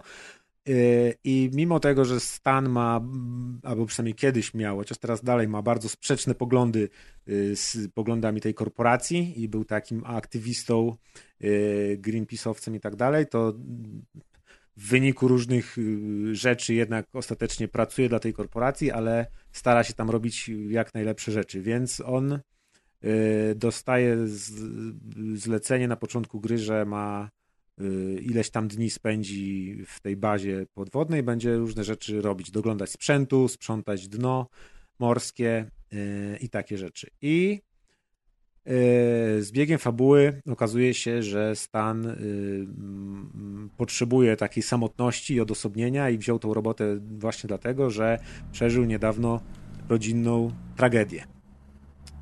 Yy, Więc y, już widać na początku gry, że mamy bohatera, który ma jakieś problemy emocjonalne, plus okazuje się, że ta gra ma, czego się nie spodziewałem, dosyć y, przybijający klimat.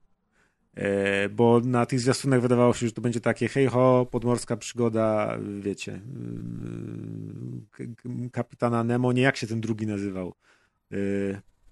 Co ten film Steve Zissou był na podstawie jego życia zrobiony? O Jezus, nie przypomnę sobie teraz. No w każdym Cousteau. razie, Cousteau, o, Jacques Cousteau właśnie, że tam hej, pływamy, oglądamy sobie i wszystko jest fajnie, a okazuje się, że ta gra jest dosyć przybijająca, ma melancholijną muzykę indie, y, czyli wiecie, kiedy płyniemy sobie po tych głębinach, to tam jakieś takie brzdękania na gitarze, czy coś. Czasami mi się to dosłownie kojarzyło z muzyką jakąś z Silent Hilla. Y, Czyli wiecie, właśnie te takie indie rockowe smuty grane na gitarze tuż przed tym, jak sobie strzelisz w głowę. To dokładnie coś takiego. Y, Plus to, co, się, co wykonujemy w tej grze, czyli zwiedzamy ten ocean, który jest faktycznie w fatalnym stanie. Ludzie go niszczą. Nasz bohater, główny Stan, to komentuje swoim dobijającym głosem, ponieważ wszystkie dialogi są udźwiękowione i Stan bardzo dużo komentuje rzeczy, które się dzieją na ekranie, bo jest to symulator chodzenia, więc nie, robimy, nie ma tu za dużo mechanik gameplayowych, więc głównie chodzimy i podróżujemy i w tym czasie słuchamy, co Stan opowiada, a Stan mm, nie dość, że ma, sam jest po tragedii i ma, jest zdołowany, to jeszcze widzi to wszystko i jak on nam opowiada, że Boże, co my tu zrobiliśmy, niszczymy ludzie, to wszystko, ten tu znajduje jakieś beczki z jakąś ropą wyciekającą, mówi, że tu umierają gatunki i tak dalej. Czyli to jest taka lewacka propaganda po prostu. Bardzo. Jeśli chcesz to tak nazwać, to tak. A nazwać to po imieniu przede wszystkim. No, ale naprawdę ten klimat się udziela, bo jest to wszystko dobrze zrobione, fajny jest voice acting i y, można się jakby wczuć w emocje tego Stana, więc dzieją się smutne rzeczy, on ma depresyjne, osobiste wizje i, i można złapać taki klimat dosyć bez nadziei, czego się w ogóle nie spodziewałem i to było dla mnie zaskakujące. Musiałem się trochę do tego przyzwyczaić, ale od razu mówię, że to nie jest super wesoła gra, tylko raczej taka właśnie melancholijna, na- to najlżejsze, co można o niej powiedzieć. E, Jeśli chodzi o gameplay, to jest to głównie zwiedzanie lokacji. E, To jest jeden duży, otwarty świat, w którym praktycznie nie ma loadingów. E, Całe dno morskie sobie zwiedzamy. Oh, bez- bez- snap. Oh snap. Całe dno mor- cały ocean sobie zwiedzamy bez loadingów. Dopiero jak gdzieś tam wpływamy do jakichś takich naprawdę zamkniętych y, instalacji czy coś, jakichś tam wydobywczych, no to wtedy jakieś tam drobne loadingi. Ale tak to sobie pływamy po dnie morskim. Możemy sobie pływać y, poza batyskafem lub sobie do batyskafu wchodzić. Y, I y, wykonujemy proste interakcje. Y, y, Jest tu prosty system craftingu. Materiałów do tego craftingu jest aż nadto, w sensie, że ja tam zbierałem wszystkie glony i wszystkie butelki, jakie tylko były na mojej drodze, a na koniec się okazało, że wiecie, miałem tego 100 razy za dużo i mo mogłem się tym w ogóle nie przejmować, więc to jest tak specjalnie pewnie zrobione, żeby właśnie się nie skupiać na tej mechanice i zbieraniu rzeczy, tylko a no tu sobie pozbierasz trochę rzeczy, a potem akurat z nich zrobisz tam potrzebne jakieś przedmioty i to, i to ci wystarczy, ale to jest nie, nie po to, żebyś sobie głowę zajmował tym zbieraniem kropek na mapie.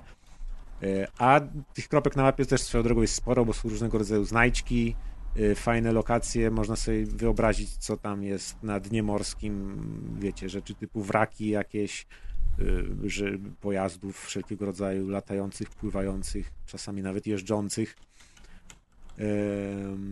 No i co, każdego dnia gra, gra się dzieli na dni, przy czym czasami są takie przeskoki czasowe, typu wiecie, cztery dni później i coś tam innego się dzieje, ale generalnie ym, każdego dnia dostajemy od naszej centrali jakąś misję jedną główną i to jest nasza misja fabularna, która jest y, no, fabularyzowana i tam się zazwyczaj rzeczy dzieją jakieś bardziej zaskryptowane, odwiedzimy jakąś bardziej konkretną lokację, plus dostajemy takie zadania niefabularyzowane, poboczne, tam gdzieś ze dwa dziennie i to są zazwyczaj takie rzeczy typu coś tam gdzieś popłynąć, naprawić, coś tam posprzątać z dna morskiego i to raczej fabuły do przodu nie popycha, ale możemy właśnie zwiedzić dzięki temu jakieś nowe lokacje albo zebrać trochę rzeczy do craftingu surowców. E, samo pływanie jest fajne, na pewno sprawia frajdę, jest fajnie zanimowane i jak ten nasz nurek sam pływa i jak się pływa tym batyskafem, on się buja na boki, lecą z niego bąbelki i tak dalej, więc y, więc to sprawia przyjemność. Gra jest cała wizualnie całkiem ładna, czasem nawet bardzo ładna.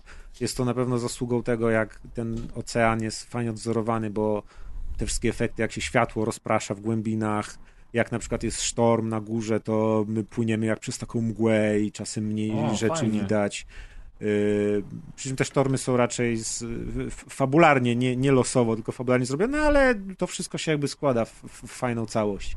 Tam, wiecie, pływają jakieś rybki dookoła, możemy tam te rzeczy chyba bodajże nawet y, skanować taką naszą lornetką i tam się wtedy jakieś informacje pojawiają o nich. Yy, tylko też muszę zwrócić na to uwagę, że yy, ludzie, którzy mają klaustrofobię lub talasofobię. To ten termin chyba sprawdzaliśmy przy Somie, bo tam też coś takiego było. Talasofobia to jest lęk przed głębią morską ogólnie, czyli wiecie, przed tą czernią, która leci w dół mhm. i się nie kończy to w tej grze takie osoby mogą nie dać rady, ponieważ odwzorowanie tego wszystkiego jest naprawdę niesamowite. Ja, ja takich lęków nie mam, ani klaustrofobii, ani tarasofobii, ale są tam momenty, gdzie rzeczywiście płyniesz sobie i jest fajna rafa kolorowa, ale potem widzisz, że nagle jest uskok i tam jest ciemno i musisz popłynąć na dół ileś tam 10 metrów i lecisz w taką głębinę i nic za bardzo nie widzisz albo z drugiej strony y, musisz się przeciskać w jakieś powiedzmy instalacje takie powiedzmy podwodne, fabryki i tam na przykład jakaś pompa nie działa i zalało tunele i musisz się tam przedostać i płyniesz naprawdę ciasnymi tunelami zalanymi wodą, gdzie jest ciemno, te wszystkie efekty wolumetryczne są takie, że naprawdę niewiele widać i słyszysz w uszach z jednej strony te bąbelki powietrza, ten dźwięk y, oddychania przez ten aparat tlenowy i naprawdę jest takie uczucie, że jest ciasno, że jest, wiesz, w tej grze na szczęście nie ma żadnych, nic się nam nie stanie, nic nam nie grozi ale mimo wszystko właśnie są takie momenty, kiedy o, trochę włosy na karku stają dęba, bo jest taki lekki niepokój i te miejsca nie są takie przyjemne. No a poza tym nasz bohater też jeszcze, jego dosyć słaby stan psychiczny i to jak on komentuje, że, że coś tam jest niebezpiecznie i że wcale mu się to nie podoba i że on nie chce tam wpływać albo coś, to, to wcale w ogóle po co grasz tę grę? tak, tak. Więc... Y nie jest to horror, ale czasem bywa troszkę strasznie, tak lekko przerażająco. Eee, no i, no, i, no i cóż, typowy symulator chodzenia, wiecie, ckliwa historia na końcu się rozwiązuje. Nie chcę tu za bardzo opowiadać o co chodzi, jakie tragedie, ale jest to dosyć takie kliszowate. Znaczy, gry indie lubią poruszać takie tematy, nie jest to specjalnie nic odkrywczego. Yy, ale no, jest jaka jest taka historia, trochę chwytająca za, yy, za serce. Liczyłem po tych pierwszych zastunach, że to będzie bardziej pogodna gra, że to będzie, wiecie, robienie jakichś rzeczy, pływamy coś tam, a tutaj dostajemy właśnie takie dwie płaszczyzny historii, z jednej strony osobistej tragedii, z drugiej strony to takie mocne, naprawdę ekologiczne przesłanie. Widać, że, że to jest taka gra z misją. Yy, No i że ge, sam gameplay to jest tylko służy jakby po- popychaniu kolejnych wydarzeń, czyli jak w, w, w każdym symulatorze chodzenia, no jest tylko pretekstem. E, widziałem speedruny tej gry, jeśli to można nazwać speedrunem, pięciogodzinne. Ja trochę lizałem ściany, zwiedzałem te jaskinie, pływałem w tej nazad, więc mi całość zajęła 9 godzin. A Mhm. gra jest w cenie, jak wtedy sprawdzałem, 140 zł. Nie wiem już jaka to jest półka, czy to jest średnia półka, czy niższa półka. Nie, nie najwyższa jakaś. I myślę, że jako taki typowy yy, właśnie symulator chodzenia jest całkiem niezła. Nie, nie, nie jest to jakaś nowość, tak jak nie wiem, Firewatch wyszedł i oferował coś, czego wcześniej nie było. To tutaj może ona nie, nie, nie robi niczego rewolucyjnego, ale jest naprawdę takim solidnym, fajnym przeżyciem, chociaż właśnie dosyć y, ponurym. Nie polecam tej gry ludziom, którzy są, nie wiem, w złym stanie psychicznym i myślą, że o, popływam sobie w oceanie, na pewno będzie fajnie. To nie, to tylko się zdołują jeszcze bardziej tym, jak uśmiercamy planetę i jest, ludzie są najgorsi. A polecam wszystkim słuchaczom rozgrywki, bo właśnie, bo, bo w tej grze można, tak, hasło, że ludzie są najgorsi, jak najbardziej się zgadza. Hmm. Więc może, może nie polecam za pełną cenę, ale jak gdzieś będą jakieś przeceny, to na pewno warto, bo, bo jest całkiem, całkiem fajna. No ja mam nadzieję, że mm, zwłaszcza po twojej recenzji, że ta gra się jednak e, dobrze sprzeda. e, bo- Albo trafi do Game Passa. Nie wiem, wiesz co, no bo widać, że, że to jest dobra gra i nawet No ona jak jest taka- sobie gameplaye z niej, Jest to... zrobiona z sercem, nie? Widać, że nie mieli super wielkich funduszy. Na pewno im pomógł ten deal z, z tym Sir Friday Foundation. Mhm. Yy, ale, ale jest ewidentnie zrobiona z, z sercem i jest taka bardzo fajna, spójna historia. Bo, bo, bo widzę, że na Steamie ona ma co prawda większość y, mostly positive, ale tylko 299 recenzji, no. No mało o nich, mało. mało. o nich słyszałem. Te zwiastuny właśnie się pojawiły, a później w internecie jakby nie trafiłem gdzieś na jakieś... To w ogóle jest Quantic Dream, a nie, Ale wydawcą- publisher, wydawcą jest. tak. Parallel Studio jest, jest, jest deweloperem, Mhm. rzeczywiście. No, no, wygląda to y, na gameplayach i, i na trailerach naprawdę, naprawdę interesująco, a po twojej recenzji to już totalnie jestem kupiony. Wiadomo. Ale jeżeli ktoś by nie chciał takiego smutnego tematu, to pamiętam, że kiedyś dawno temu recenzowałem taką grę też o nurkowaniu, która była bardzo kolorowa, przyjemna, można było robić zdjęcia y, tym morskim zwierzątkom. Już pamiętam, Beyond Blue. E, To jest gierka, słuchajcie, z roku 2020 e, i ona pamiętam, że była bardzo przyjemna, ja ją, ja ją chwaliłem e, i jeżeli macie ochotę, to możecie się nią zainteresować nie wiem, na GG Deals sobie zobaczyć ceny, jakie w tej chwili są, pewnie są żadne. I see what you did there. A... I jeszcze, jeszcze Abzu była też taka kojarzona. I Abzu. Abzu było tak. super. Ja wciąż w Abzu nie grałem, muszę zagrać. Kurde, balans. Też A to Abzu to jest Abzu. jeden wieczór do zagrania, także O. No widzisz. Także tak, także, także no kurczę, jestem bardzo, bardzo zainteresowany tym Under the Waves. Superancko. Deusz, a ty się wyprowadzasz po raz drugi.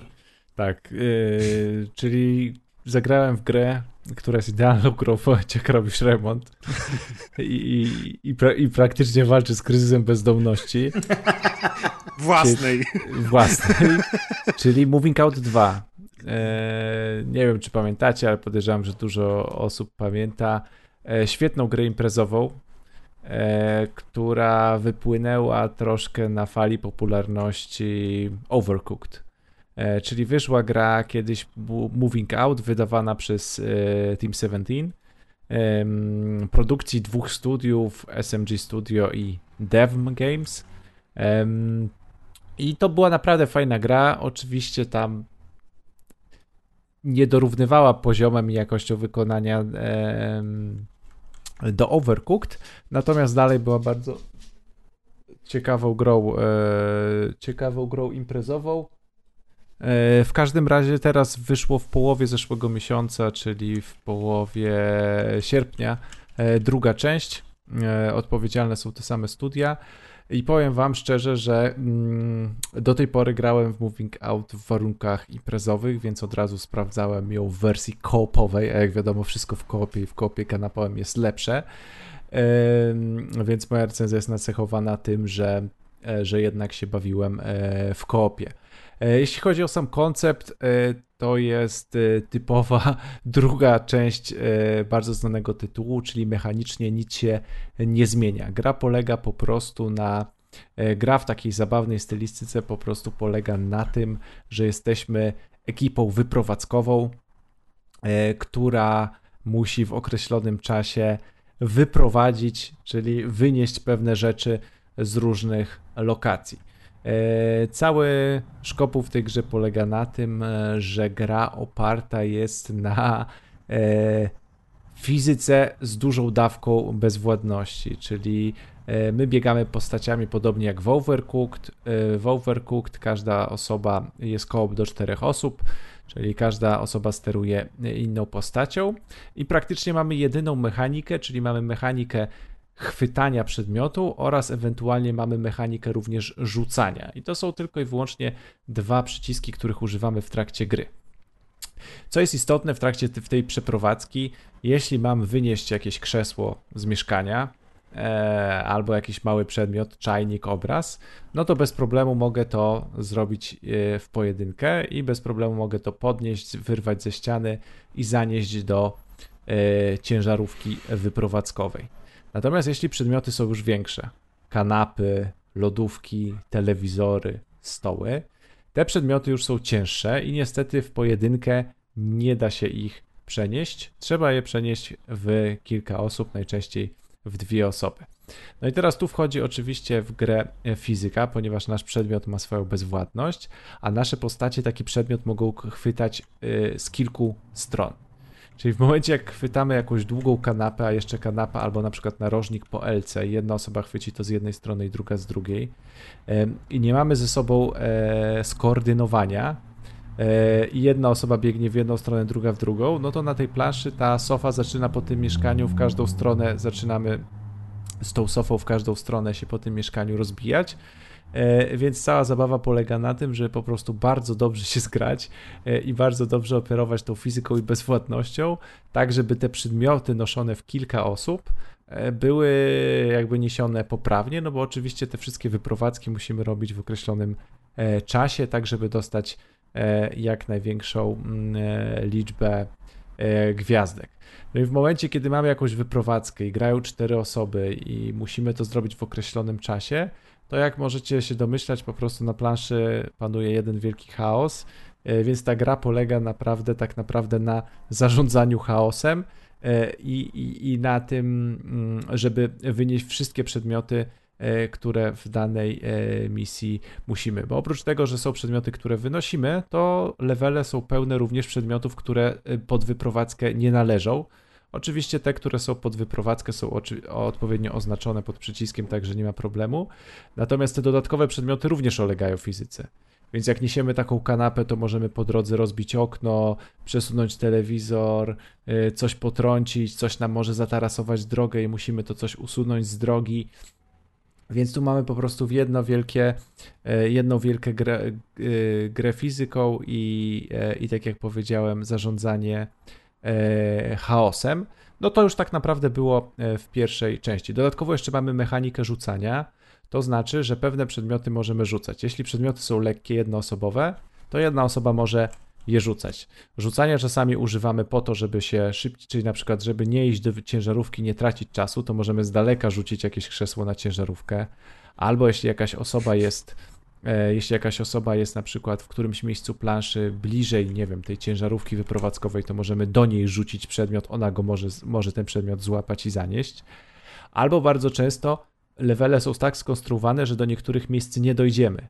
I na przykład musimy wziąć w dwie osoby kanapę, tej kanapy się na przykład nie zniesie schodami i trzeba w dwie osoby tą kanapę przez balkon wyrzucić, odpowiednio synchronizując rzut, tak żeby ta kanapa spadła w odpowiednim miejscu. E, To już też było e, w pierwszej części bardzo często jest tak, że ilość przedmiotów, które mamy do wyniesienia, jest zbyt duża do wielkości naszej ciężarówki. Więc bardzo często w tej ciężarówce musimy pewne rzeczy ustawiać na sobie. Tak, czyli zarządzanie jest w ogóle tą naszą ciężarówką wyprowadzkową, bo te wszystkie rzeczy w pewnym momencie zaczynają się z fizyką wysypywać z naszej ciężarówki, więc w pewnym momencie wszystko polega na tym, że wszystkie rzeczy, które się wysypały, bierzemy i rzucamy na górę, tak żeby w naszej ciężarówce była jedna wielka kupa przedmiotów, która się już nie ześlizguje, tak żeby zaliczyć dany level. Oczywiście oprócz tego, że robimy to na czas, te levele mają również swoje specjalne zadania na zasadzie wynieść wszystko, ale nie używaj do tego drzwi, czyli nie przechodź przez drzwi. Albo y, jest y, level, w którym mamy pełno okien i szklanych drzwi i na przykład musimy się wyprowadzić, nie tłukąc żadnego okna, co jest dość sporym wyzwaniem, patrząc na to, jaki jest chaos na planszy. Więc mamy takie, jest taki duży, duża podatność do powtórnego grania w dane levele, żeby po prostu wykonać dany level, spełniając określony, dodatkowy, specyficzny cel. To, co jest jakby nowe w tym Moving Out 2 w porównaniu do poprzedniej części, to w poprzedniej części po prostu jeździliśmy od domu do domu i wykonywaliśmy przeprowadzki w różnego typu domach, takich, które istnieją, nie wiem, jakieś y, mini biurowce, domy jednorodzinne, domy z basenami i tak dalej, i tak dalej, takie typowe nieruchomości. W Moving Out 2 y, naszą planszę z tradycyjnymi dom, domami nagle portalem między czasowo-przestrzennym atakują gnomy, co sprawia, że przenosimy się do innych różnych światów. Mm. I przenoszenie się do innych różnych światów sprawia to, że twórcy mogli popuścić wodze fantazji, jeśli chodzi o projekty leveli i o to, co znajdujemy w, na tych światach. Czyli nagle mamy jakieś miasto przyszłości i przeprowadzamy się, coś, robimy przeprowadzkę w mieście przyszłości, gdzie nasza przeprowadzka przebiega na przykład na pięciu panelach, które są zawieszone w przestrzeni. Między tymi panelami możemy tylko i wyłącznie przejść dwoma mostkami, a te dwa mostki są ustawione pod kątem 90 stopni, więc musimy obracać te mostki pod kątem 90 stopni, żeby przechodzić pomiędzy poszczególnymi panelami. Ale żeby przejść pomiędzy tymi panelami i obrócić te mostki, to musimy kręcić korbą. Ale jedna osoba nie może kręcić korbą, bo jest za ciężka, potrzebne są dwie. No ale jak dwie osoby chwytają za, ko- za korbę, to jeszcze się trzeba synchronizować, w którą stronę kręcimy. Więc na tych levelach się chaos powiększa. E, e, Mamy dodatkowo jakieś takie levele, gdzie mamy pewne rzeczy musimy, nie wiem, rozbijać kulami, czyli te, tą mechanikę rzucania musimy używać, żeby e, robić destrukcję na pewnych levelach. Są levele, gdzie mamy pewne labirynty z jednostronnymi drzwiami, więc po prostu to, że nagle pozbywamy się takiej tradycyjnej architektury kosztem y, leveli totalnie zwariowanych z różnych światów, gdzie się elementy ruszają, przechodzą, znikają, mamy jakieś portale czasowe, y, pół levelu y, się zmienia, drugie pół levelu jeździ, trzecie pół levelu się obraca, powoduje, że ten chaos mamy podniesiony do podniesiony do kwadratu i jeszcze bardziej to zarządzanie chaosem jest utrudnione i jeszcze bardziej się trzeba e, skoordynować. E, no, gra się w to w koopie imprezowo fantastycznie. To jest absolutnie jeden z najlepszych tytułów do, do, do grania w kopie. To jest taka typowa druga część gry, zrobiona, e, czyli bierzemy oryginał, bierzemy wszystko, co w nim było najlepsze i rozszerzamy koncepcję tej gry, ale nie na zasadzie nowych leveli i tak jakby to było jakieś premium DLC, tylko że totalnie widać, że to jest druga część gry, która bardzo mocno bazuje na, na, na, na sukcesie e, jedynki i wnosi dużo nowości do jedynki, jednocześnie nie zatracając tego najfajniejszego elementu e, fizyki, e, jeśli chodzi o część pierwszą. Jak ktoś grał w Moving Out 1, to jest absolutnie absolutny must have e, do, do zagrania. Jeśli ktoś szuka gry imprezowej, a ostatnio dużo gier imprezowych nie wychodzi, e, minęło już dużo czasu i ma ogranego Overcookta i Overcookta drugiego, to, to bez problemu może sięgać od razu po Moving Out 2 z pominięciem jedynki, bo tu jest dużo więcej, dużo lepiej, jeśli chodzi o poziom jakby skomplikowania i tego, i tego chaosu, więc spokojnie może sięgać od razu po drugą część. Genialna, genialna imprezówka, która e, się naprawdę e, sprawdza świetnie. Powiem szczerze, że nawet wśród e, niegraczy.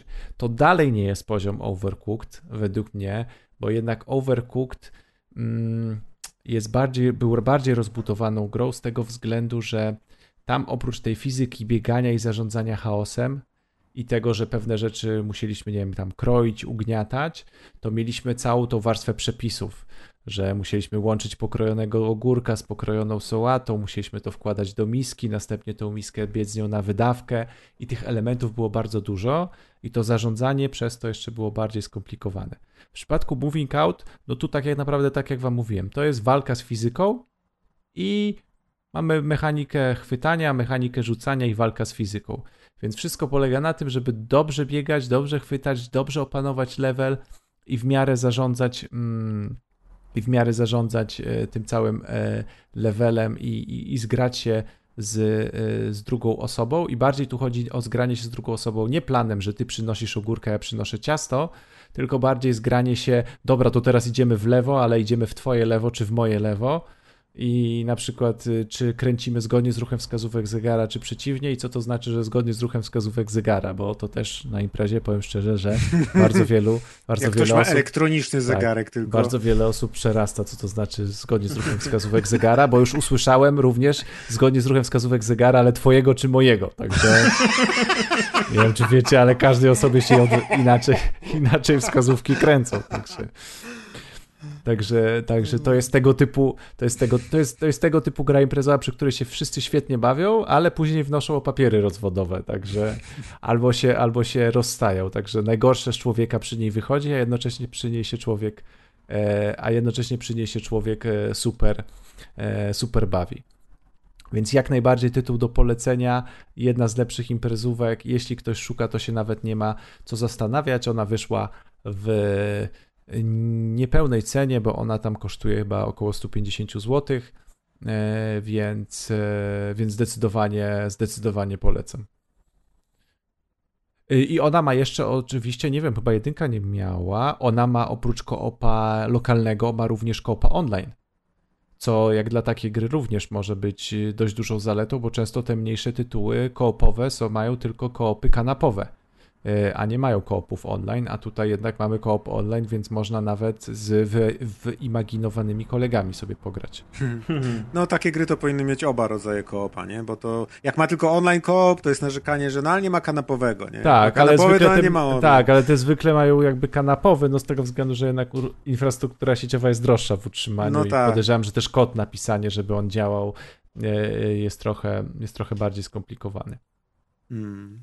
I co jeszcze ciekawe, y, grałem w tę grę mm, przez to, że jestem w sytuacji przeprowadzkowo nierozpakowaniowej, czyli mam dużo rzeczy w kartonach i jestem nieprzeprowadzony, to grałem w tą grę przy wykorzystaniu Steam Linka na jakimś gównianym Android Boxie. Wyrzuciłem sobie po Wi-Fi tą grę na Android Boxa. Podłączyłem do Android Boxa chyba, nie wiem, trzy pady Xboxowe, jednego pada z PS4 i w ogóle bez problemu sobie grałem. Em, Nie, nikt nie czuł lagów, nikt się nie denerwował, ani razu się gra nie wywaliła do pulpitu. E, Spokojnie, dwa wieczory, po kilka godzin udało się bez problemu e, pograć i aż się zdziwiłem, że to wszystko tak bezproblemowo działa.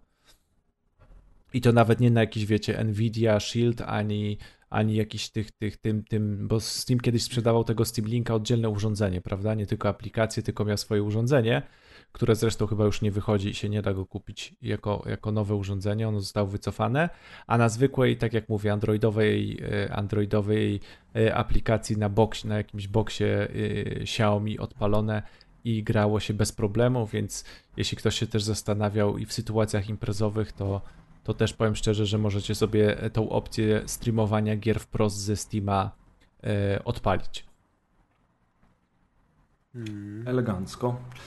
Słuchajcie, jak już jesteśmy przy grach y, kooperacyjnych do dobrej zabawy i które mają nie tylko lokalny koop, ale również y, koop online, to w czerwcu 22 wyszło Teenage Mutant Ninja Turtles Shredder's Revenge. Myśmy tę grę recenzowali, ja ją przechodziłem e, wtedy z tak zwanym randomem z internetu, czyli Yoho Karu, którego serdecznie pozdrawiamy i ponad rok z kawałkiem wyszło e, do tych żółwi DLC, które nazywa się Dimension Shellshock, więc teraz pełna nazwa z tym DLC to już jest bardzo krótki tytuł. Teenage Mutant Ninja Turtles Shredder's Revenge Dimension Shellshock.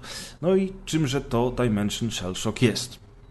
Jest to takie DLC, ono kosztuje, e, słuchajcie, żebym wam nie skłamał, 37 zł e, i wprowadza ono dwie nowe grywalne postaci.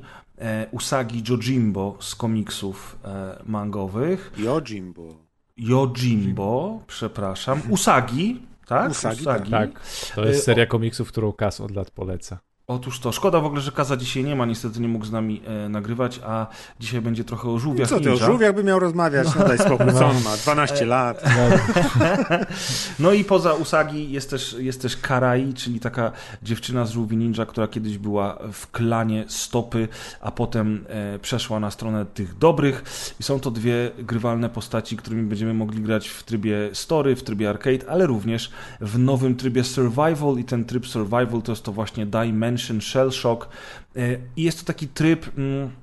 Rankingowy, bo mamy tutaj ranking ludzi z całego świata, gdzie możemy rywalizować na punkty, w którym będziemy przeskakiwać przez różne tematyczne plansze związane z historią e, żółwi ninja, komiksów i nie tylko. I na tych planszach po prostu będziemy się tłuc tak długo, jak, jak długo wytrzymamy, przechodząc przez kolejne fale coraz trudniejszych e, przeciwników i zbierając tam kryształy. No i te kryształy będą służyły temu, żeby odblokowywać między innymi nowe e, kolorki, bo to jest też nowość w tym dodatku, kolorki dla naszych postaci. Teraz możemy te, te kolorki i style wyglądu naszych bohaterów zmieniać, więc możemy mieć na przykład e, mniej jaskrawych e, turtelsów. Mm, Do tego doszedł tryb VHS, bo chyba CRT był zawsze, ale teraz też jest tryb VHS, który jest całkiem ciekawy, fajnie się i klimatycznie w nim gra. No i to tyle, jeżeli chodzi o suchą teorię, Mm, a jeżeli chodzi o praktykę, to to jest nadal najlepszy chodzony beat'em up, y, jeżeli nie, nie tylko ostatnich lat, ale w ogóle. E, zagrałem z moimi kuzynami, graliśmy w trzy osoby w kooperacji kanapowej. E, zaczęliśmy grać e, story od początku. Mm, No i to jest po prostu fenomenalna gra. Już abstrahując od tego dodatku, to jeżeli, jeżeli jeszcze nie graliście w, w, w Shredder's Revenge, to, to warto się grą zainteresować, bo, bo ona dostarcza masę, masę frajdy, są różne poziomy trudności i zwłaszcza jak gra się z innymi ludźmi, to zabawa jest przednia, chociaż czasami nie wiadomo, co się dzieje na ekranie. No a dla hardkorowców jest ten tryb survival, tam się osobno leveluje wszystkie postaci, odblokowuje się dla nich, y, tak jak w kampanii odblokowywało się mm, kolejne rodzaje ciosów, tym, tym razem jednak robi się to dzięki temu trybowi survival, co jest, co jest nieco trudniejsze i trwa dłużej. E, No i też odblokowuje się te wszystkie kolorki różne, różniste dla naszych bohaterów. I szczerze mówiąc, y, powrót do tej gry sprawił mi nie tylko masę frajdy, ale też zachęcił mnie do tego, żeby troszeczkę więcej poobcować z żółwiami ninja. E, i, kurczę przyjrzeć się innym rzeczom, o których będziemy zresztą dzisiaj rozmawiali. Dla mnie taki taki, kurczę, taki był jakiś zastrzyk, stwierdziłem, no pogram, zobaczę ten nowy dodatek, a tymczasem miałem takie, wow, ja już zapomniałem, jakie to było fajne, w ogóle wow, jak ja lubię żółwie ninja. Mm, i z przyjemnością dlatego też... Co, ty masz 12 lat? No właśnie, dziwny człowiek, ale, ale tak, no kurczę, ja bym chętnie zagrał w ogóle kiedyś z wami wszystkimi, tym bardziej, że ta gra ma kooperację aż do sześciu graczy. To, to jest aż niesamowite, że, że aż w sześć osób można grać, przynajmniej na, przynajmniej na, na Steamie, bo ja teraz mam wersję na Steam. Pamiętam, że wtedy z Yohokaru y, ogrywaliśmy wersję na PlayStation 5, tam ten limit graczy był mniejszy, na Xboxie też jest jakiś inny, no a na PC jest sześć osób i to jest po prostu mega frajda. Wy w ogóle graliście w ten tytuł? Ja chwilę grałem na... Tak, ja grałem, ja przyszedłem. Ja w ogóle grałem i na tym, i na, na telefonie też sprawdzałem. Na telefonie jest? na telefonie. Mhm, oczywiście. No proszę. Ale znaczy wersja, czy że streamowałeś sobie jakoś na telefon? Nie, wersja, Wersja normalna telefonowa, wersja. aha. Tak, wersja telefonowa. Możecie sobie offline, bez żadnych dwójka streamów odpalić. O proszę, to nawet nie wiedziałem, że Także bez problemu na działeczce sobie możesz grać. Ło, panie. Jestem ciekaw, ile kosztuje wersja na telefon.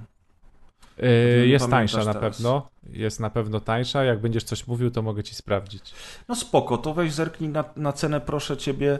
W każdym razie, jak słyszycie, wszystkim nam się podoba. Deusz grał na PC i na mobilce. Ja grałem na PlayStation 5 i na Steamie, czyli na PC. Generalnie rzecz biorąc, zabawa jest przednia, gra ma przepiękną oprawę, mm, do tego dobry soundtrack.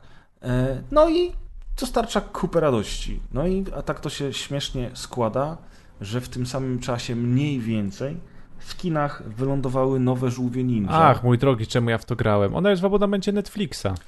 Co ty dajesz? Tak jest, A, czyli możesz widzisz. sobie, mając Netflixa, możecie sprawdzić na dajesz? telefonach. Bardzo fajnie. No to jest dobra gra na telefonie, zwłaszcza jak ma się jakiś tam mobilny kontroler, czy też podłączy się pada od Xboxa przez Bluetooth do, do, do telefonu. Zresztą pada od PlayStation 5 chyba też można przez Bluetooth do telefonu podłączyć, nie? Tak, tak, tak. Tylko, No. że tego pada. A, od PS5 tak. I od PS4 też, tylko tego nowszego, który ma to światełko. E, bo tam są dwie wersje padów do PS4 i jeden z Bluetoothem nie działa z urządzeniami Bluetooth, a ten ze światełkiem z przodu działa. Okej, okej. No, anyways, słuchajcie, dzisiaj troszkę więcej o Turtlesach, czy też Turtlesach, czy jak tam zwał, tak zwał. Pamiętam, że zawsze u nas się mówiło, e, że Turtlesy, nie? Oglądałeś Turtlesy, czytałeś Turtlesy, no więc my z Maćkiem oglądaliśmy najnowsze Turtlesy, które, e, które niedawno leciały u nas w kinach. E, jest to film animowany w technologii poklatkowej, dobrze mówię Maćku, nie? Nie, to jest. Znaczy, teraz poklatkowo to już nikt nie animuje, tak naprawdę. No to jest y, coś bardzo zbliżonego do tych Spider-Manów, Spider-Versowych najnowszych. y, Przy czym wydaje mi się, że jest bardziej y, czuć z tego taką animację 3D niż to było w Spider-Manie widać. Okej, czyli nie ma nazwy na tę animację. Ja myślałem, Znaczy że to jest komputerowa animacja, ale no bo wiesz, poklatkowa to jest, że wiesz, tak jak, Rysujesz każdą tak klatkę. jak na flipbooku albo jak Stickmana się No kiedyś tak, macie rację, nie? macie rację. Chodziło mi o to, że tak jak ten Spider-Man jest tak w taki śmieszny sposób animowany, No to nie? jest- że on ma to odświeżanie Tak naprawdę takie... to, to dalej jest animacja 3D. Ja nawet Tak. się zastanawiałem wtedy przy tym Spider-Manie, czy to nie jest 2D, ale tak naprawdę później oglądałem trochę materiałów i to dalej jest animacja 3D, tylko oni już po prostu, mamy już taką technologię, że artyści potrafią takie oszustwa robić. Robią takie wygląda- oszustwa w tak. 3D animacji, żeby udać, że to nie 3D animacja takie. No, To jest no. tak jak niewidoczny makijaż. Jest też. to, znaczy y, y, nawet po, po zwiastunie czy coś wystarczy rzut okiem stwierdzić, że rzeczywiście to jest naj, najbliższe to jest tym nowym Spider-Manom, bo jest takie zadziorne i bardzo szkicowy, szkicowy rodzaj animacji, można tak powiedzieć. Nie, nie jest to coś Tak. takiego jak Shrek i te wszystkie To że, tak czasami, dalej. to, że czasami udajemy, że na przykład tła są statyczne przez chwilę i się nie przesuwają na Mhm. przykład i tak dalej, bo tam jest parę tych takich zabiegów, które e, udają tą animację e, jakby tą starodawną, dwuwymiarową na przykład, nie? Gdzie, gdzie, gdzie, gdzie, gdzie tło jest statyczne. Tak. No, ale ogólnie zaczniemy chyba od wizualiów, bo jest to bardzo ciekawa animacja z ciekawą stylistyką. Z jednej strony taka, taka kolorowa i dowcipna, ale z drugiej strony bardzo mroczna, co w sumie oddaje trochę klimat żółwi ninja, Mhm. Nie? No, to właśnie pasowało. Kojarzyło mi się z filmami tymi aktorskimi pierwszymi z początku lat 90. One też były takie dosyć mroczne. Z czym, z czym jeszcze raz? Te takie aktorskie filmy z lat 90. Ale bo przecież żółwie ninja w ogóle były mroczne tak naprawdę, nie? W sensie... No tak, znaczy Komiks tych mrocznych to, to my nie znamy, nie? Bo zanim, ten, zanim my się dowiedzieliśmy, że żółwie są mroczne i że komiks pierwszy był czarno-biały i w ogóle, to, to już byliśmy stare byki. Ale tak, no, to na pewno. Ten, ten styl właśnie, mm, y, jak już, jak już ten film oglądałem, bo na zwiastunach to tak, wiecie, szybko wszystko przelatuje, to myślałem, że to będzie rzeczywiście jak Spider-Verse, a tutaj y, jednak no nie jest to aż taka, że tak powiem, ekstrawaganca, I bardziej widać, że to jest klasyczna animacja 3D, widać, że to są modele 3D animowane, ale są ubrane właśnie takie, tu sobie zanotowałem do, do mojej prywatnej recenzji, że to są takie grunge'owe, szkicowe tekstury. I jest tam bardzo dużo takich ujęć, gdzie rzeczywiście widać, że ktoś jakby wziął dosłownie markera albo kredki i takimi szybkimi maźnięciami robił jakieś efekty, czy to y, tekstury na, na postaciach, czy efekty na przykład dymu czy wybuchów. Dym czy wybuchy to wyglądają właśnie tak jak mówisz poklatkowo. Tak jakby ktoś wziął i wiesz, masz pięć klatek animacji i narysujesz, że to jest wybuch. No to takie kreski czerwone rysujesz czy coś.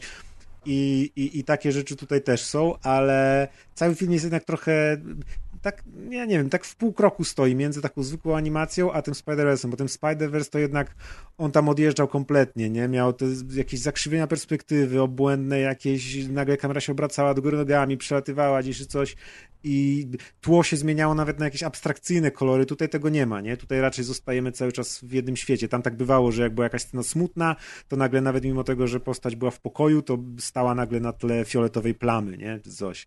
Bardzo taki był arcy-farcy ten, ten Spider-Verse. A tutaj jest bardziej klasycznie, ale jednak widać, że jest to ta nowa szkoła animacji właśnie taka, gdzie wrzucamy właśnie fajne ręczne elementy i że czasami nie wiadomo, czy to jest kartka z komiksu, czy, czy animacja, ale jest też bardzo dużo ujęć kamery takich fajnych. Jednak znowu widać, że to robili ludzie tacy no nie wiem, będę się do tego Shreka biednego odwoływał, ale Shrek był takim super typowym, powiedzmy, filmem 3D renderowanym jak Toy Story, nie? On technicznie od Toy Story się w ogóle nie różnił, można powiedzieć. Zwykłe ujęcie kadry, a tutaj jednak y, jest sporo takich fajnych ujęć, szczególnie kiedy zaczyna się jakaś akcja, wchodzi muzyka i nasze żółwie, powiedzmy, biegną, y, biegną właśnie na akcję, komuś spuścić solidny łomot to wtedy jest już taka teledyskowa stylistyka, kamera naprawdę szaleje, potrafi robić świetne jakieś zoomy, pany, y, obroty, w bardzo dziwne miejsca się wciskać, szczególnie już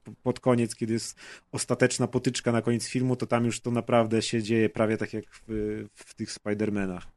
Więc wizualnie, a, jest więcej klatek animacji. Znaczy to, co mi trochę przeszkadzało na początku w Spider-Manach, że to jest film, który potrafi mieć tam, wiecie, 15 klatek na sekundę. Mhm. Tak, tutaj w ogóle tego nie ma. Tu jest cały czas płynnie, nie, nie razi w oczy, nie trzeba się przyzwyczajać jakby do, do tego czy coś. Ale wygląda moim zdaniem świetnie. Ja byłem zachwycony, nie? Tak, bardzo dobrze wygląda. I, i dzi, trochę dziwnie na początku, ale, ale ogólnie, ogólnie ten klimat jest, jest, jest y, wyjątkowy i on, on pasuje. Nie miałeś wrażenia, że te ludzkie mordy są straszne, że jakby y, okej, okay, jest fajny design żółwi, fajny design innych mutantów, natomiast tak. ci wszyscy ludzie chyba specjalnie byli tacy odrzucający. Możliwe, możliwe bo jest to też element fabularny, Fabuły, który prawda? się przewija i możliwe, tak. że dlatego no y, jeszcze tamte postacie z tła to okej, okay, ale nawet taka y, April O'Neil tutaj jakoś nie bardzo mi pasowała. Jakby tak jak żółwie były spoko, Splinter czy te resztę mutantów, które są świetne i czy tak, których się w ogóle tak. nie spodziewałem, y, co tam się wyprawia, y, to, to ta, do April cały czas się nie mogłem przyzwyczaić. No a te postacie, ale Wolisz one też... Megan Fox. A, to wiadomo. Do tego, do tego jeszcze przyjdziemy, do Megan Fox. April O'Neil tylko dobrze, z lat że 90. Ma, dobrze, że nie ma Kaza z nami, bo April... Kazy ładnie by o paniach się otóż, powiedział. Otóż, otóż April O'Neil e, w tym filmie jest czarnoskóra, ale to nie jest nowość, bo w animowanym filmie z roku 22 również była, natomiast do tego stopnia jest właśnie tak mało atrakcyjna, trochę grubiutka, nie? Taka przysadzista, no... Mm, Ła, czekam na komentarze jakby spoko. A mi się a... nawet jakoś tak z charakteru czy z jej postaci tak, nie, jej postać, nie podpasowała. Jej postać, znaczy inaczej, jej postać jest, jest nawet okej, okay, ma dużo śmiesznych momentów, ale niestety ja wiem, że ja zazwyczaj to mam takie liberalne, że podglądy i ogólnie, chociaż oczywiście tak, tak, wiemy wszyscy, nietolerancyjny prez. Natomiast... Ale dzisiaj mi się zmieniło, ale... słuchajcie tego. No nie pasuje mi ta April w tym filmie, trochę mnie to drażni. Znaczy właśnie yy, też mam takie wrażenie, że wiesz, jest jakby, nie wiem, niedopasowana tonem do tych żółwi, te żółwie są tak szalone, te mutanty są tak szalone. Splinter jest, y, Splinter jest tro, troszkę też taki nijaki, y, tak, on też jest nijaki, no. Ale, ale jakoś, jakoś pasuje do nich, a ona jest taka też trochę nijaka, ale jakoś mi nie pasuje. Nie wiem, no jakoś tak, tak wyszło, nie? No, no tak. Akurat tu się nie przywalam, bo w ogóle jak, jakbyśmy się mieli przywalać, to pierwsze przywalenie by było, że April O'Neil to baba. I zawsze była babą i że to jest źle i nie powinna być babą. To już byśmy się od zawsze o to kłócili, nie? Nie, no, no jak? No, no zawsze była babą, nie rozumiem. No ale no chodzi mi o to, że gdyby nasze teraz uwagi, że ona nam nie pasuje, Aha, miały podłoże babą. takie mm -hmm, ten, to byśmy mm -hmm. od zawsze na to narzekali. O no. fuj, baba. Nie, nie, oczywiście, ale to nawet nie, nie o to chodzi, że ona jest, że ona nie jest seks bombą, ale jakoś tak, jakoś tak ona, ja nie wiem, okay, też możliwe, że to, zmianami... że, znaczy, no, no, no nie wiem. Nie wiem, mi też ta April w ogóle nie pasowała i nie podoba mi się ta jej zmiana. To, to jest znowu takie. Ka, Kaz by odpowiednich słów użył. Ja, ja, ja po prostu, Ale ja znowu po prostu, mówimy, na szczęście go nie ma. ja po prostu zostanę przy tym, że April O'Neil w ogóle mi się w tym filmie nie podoba. Z charakteru to jeszcze jak cię mogę, ona ma kilka śmiesznych scen, ale ten pomysł na nią i ten jej wygląd no po prostu totalnie mi nie pasują. Natomiast design żółwi mi pasuje, jest, e, jest ciekawy. Co, co w ogóle interesujące, po tym filmie sięgnąłem po Żółwie Ninja z 2014 roku w reżyserii Jonatha Lipsmana. Bo Megan Fox. Do, do tego przejdziemy. Właściwie nie, bo, bo Megan Fox, ale okazuje się, wyobraź sobie, że ten nowe Żółwie Ninja bardzo mocno zgapiają z tamtych. No właśnie jestem ciekawy, Zgapiają co zgapiają. pomysł y, z grubsza trochę na fabułę, zgapiają w dużej mierze y, wygląd tych żółwi, jakby mm, robią kilka rzeczy, które robił ten film wcześniej. Natomiast jeszcze przejdźmy do tego najnowszego y, Mutant Mayhem z roku 23. Y, Ja mam wrażenie, że troszkę, znaczy z jednej strony super, pomysł na fabułę fajny, ci inni mutanci zajebiści, ale troszkę znowu tu są jakieś takie zmiany, już nie mówię o April, które nie wiem, jakby w tych żółwiach ninja, mimo tego, że film mi się podobał, miał dużo fajnych momentów, były świetne sceny, w tych żółwiach było trochę za mało żółwi. Michelangelo nie był taki szalony, jak powinien być. Nie było deskorolki w ogóle jego. Na, Y- na koniec chyba na chwilę była. Znaczy wiesz, Tak, ja to też wiesz, kupuję, bo nie jest to było ewident... kałabanga, kałabanga mówi zupełnie ktoś inny i to raz, rozumiesz, takie jakby Ale, znaczy, no może tak, ale oni tu ewidentnie zaznaczają i nawet podczas swojej pierwszej akcji mówią, że jeszcze nigdy czegoś takiego nie robili. Oni są pod kloszem chowani i oni jeszcze nie są tymi żółwiami, które ale to zawsze tak jest, co nie? Z, z reszty. No, Przecież ten pierwszy film z lat 90. też się od tego zaczynał. Nie, no oni tam już jakby działali, nie? To nie jest tak. A tutaj oni jakby powiedzmy, to są ich pierwsze akty, to jest ich year zero taki, nie? I oni są No w ogóle może. naprawdę dzieciakami, naprawdę są tymi te- teenage'ami, nie? Nastolatkami. W, w teorii w każdym z tych filmów są, nie? I w No, tym, niby tak, w niby tym, tak. w tym z 2014 A- ale tutaj- też.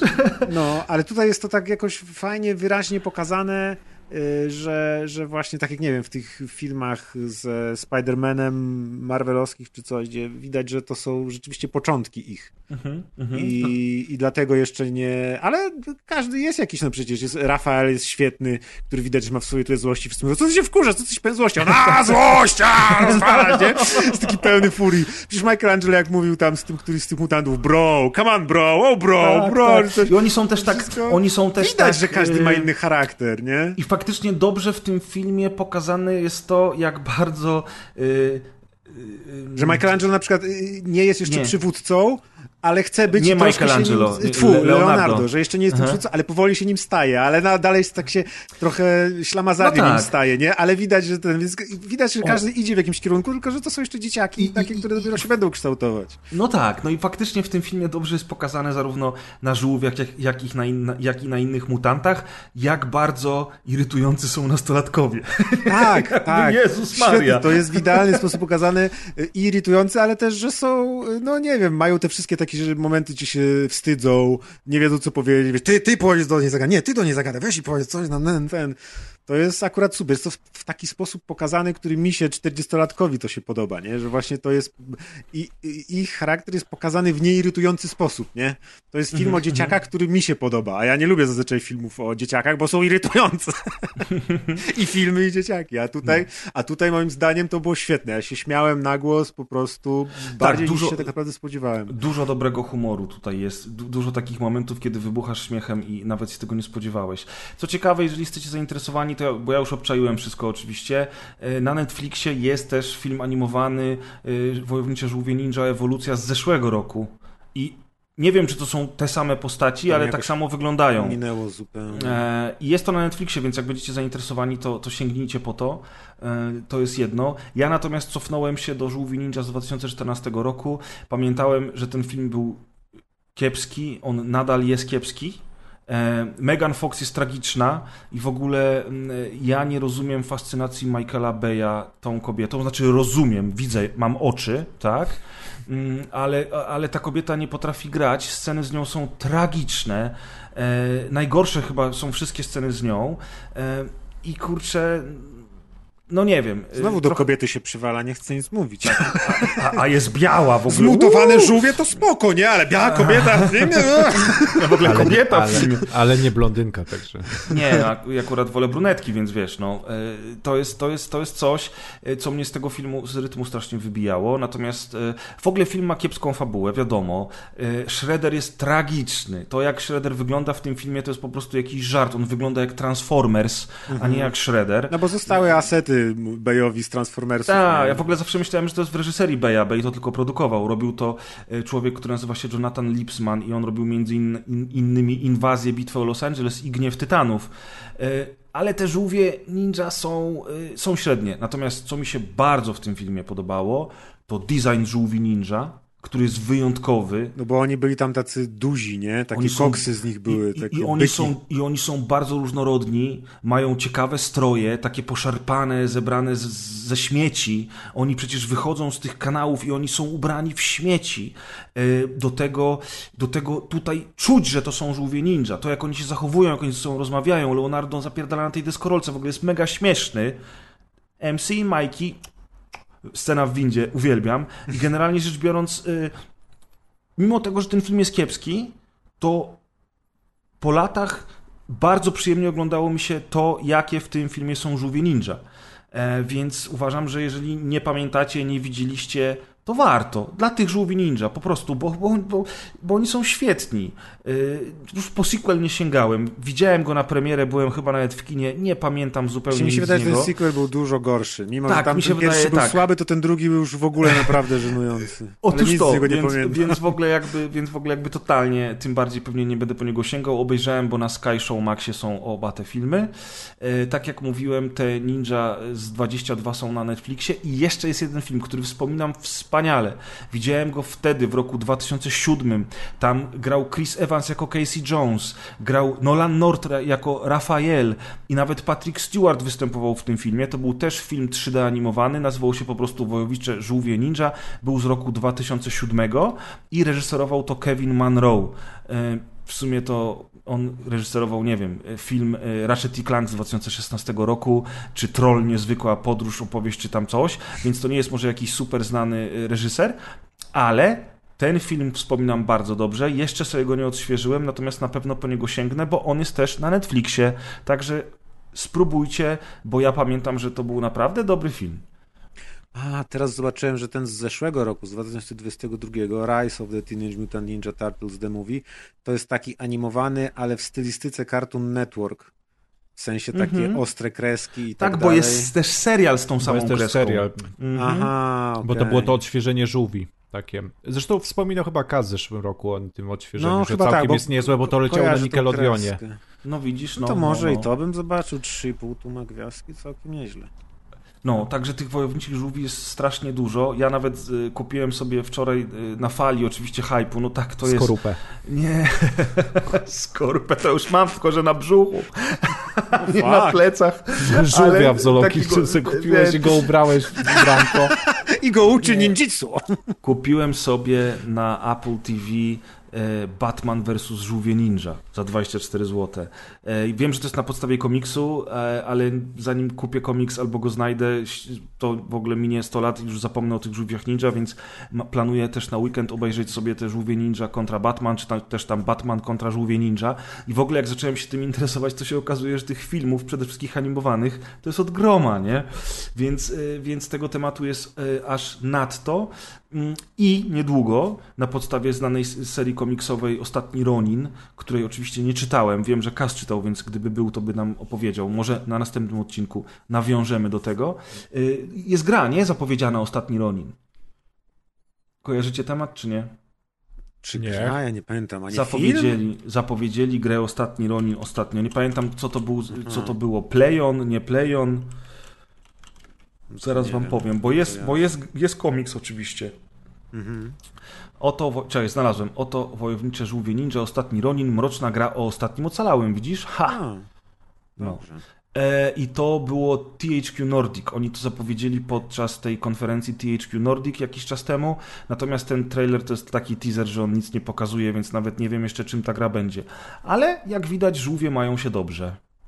Jeszcze nie wspomnieliśmy o muzyce w tych najnowszych żółwiach. A, dajesz, no. To twój konik, to ty opowiadaj. Czy... No tak, no bo to jest Nowy Jork oczywiście, więc wiadomo, y, kolebka hip-hopu, y, ale na szczęście nie ma takiego jakiegoś nowego hip-hopu z tych nowych Spider-Manów, chociaż tam te kawałki były Bo całkiem niezłe. To Reznor i Atticus Ross robili, nie? Muzykę do tych żółwi. Do tych nowych. Mhm. Tak, ale tam jest dużo kawałków hip-hopowych. Licencjonowanych, w- Bo tam Ice Cube Tak. gra, nie? Też. Tak, Tak, tak, też, ale tam, tam jest na przykład De La Soul, e, jest... y, bu, bu, bu, Maciek, szybko. no to jest to co? Anti-up. No jak oni się nazywają? MOP.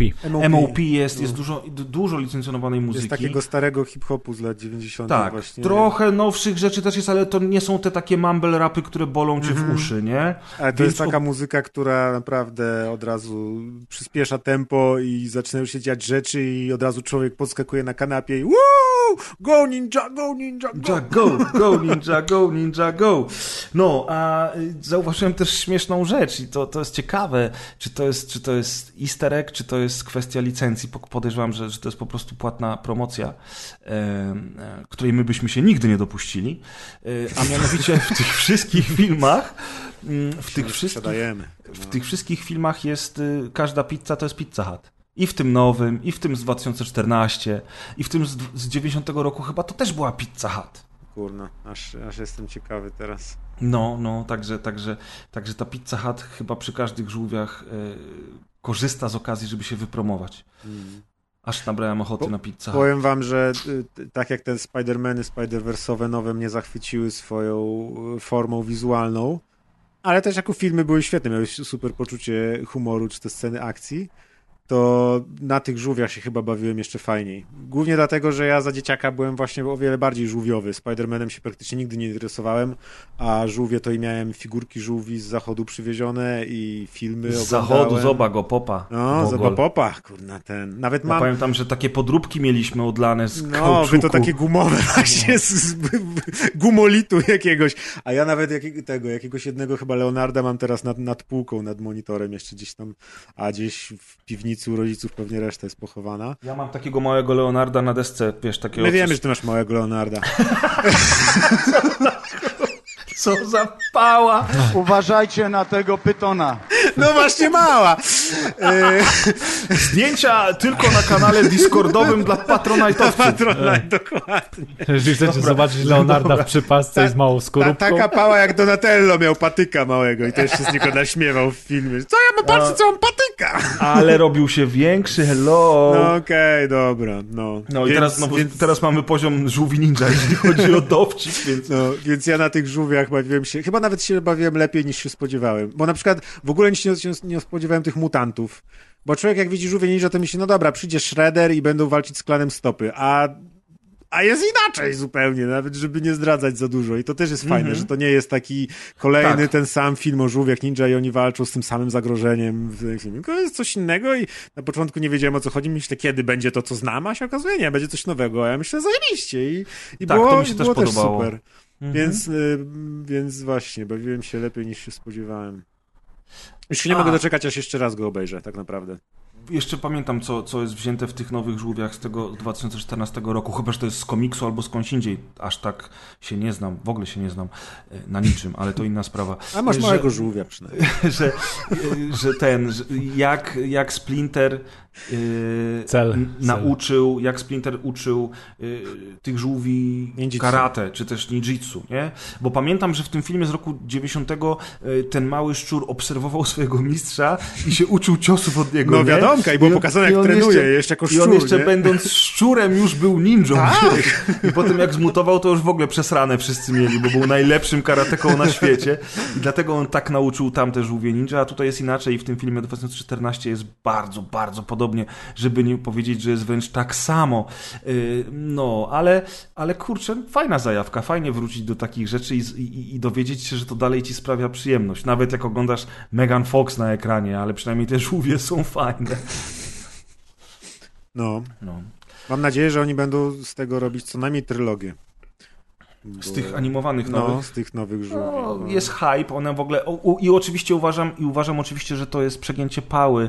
I tutaj trochę będę kazem i się przypierdolę znowu do tej April O'Neil, do tych niektórych zmian, które są. Nie, ten film ma na Rotten Tomatoes 100%. Kurwa, Jakim cudem?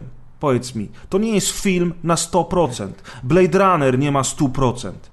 No bo I- to nudny film, I długi. wiesz, i,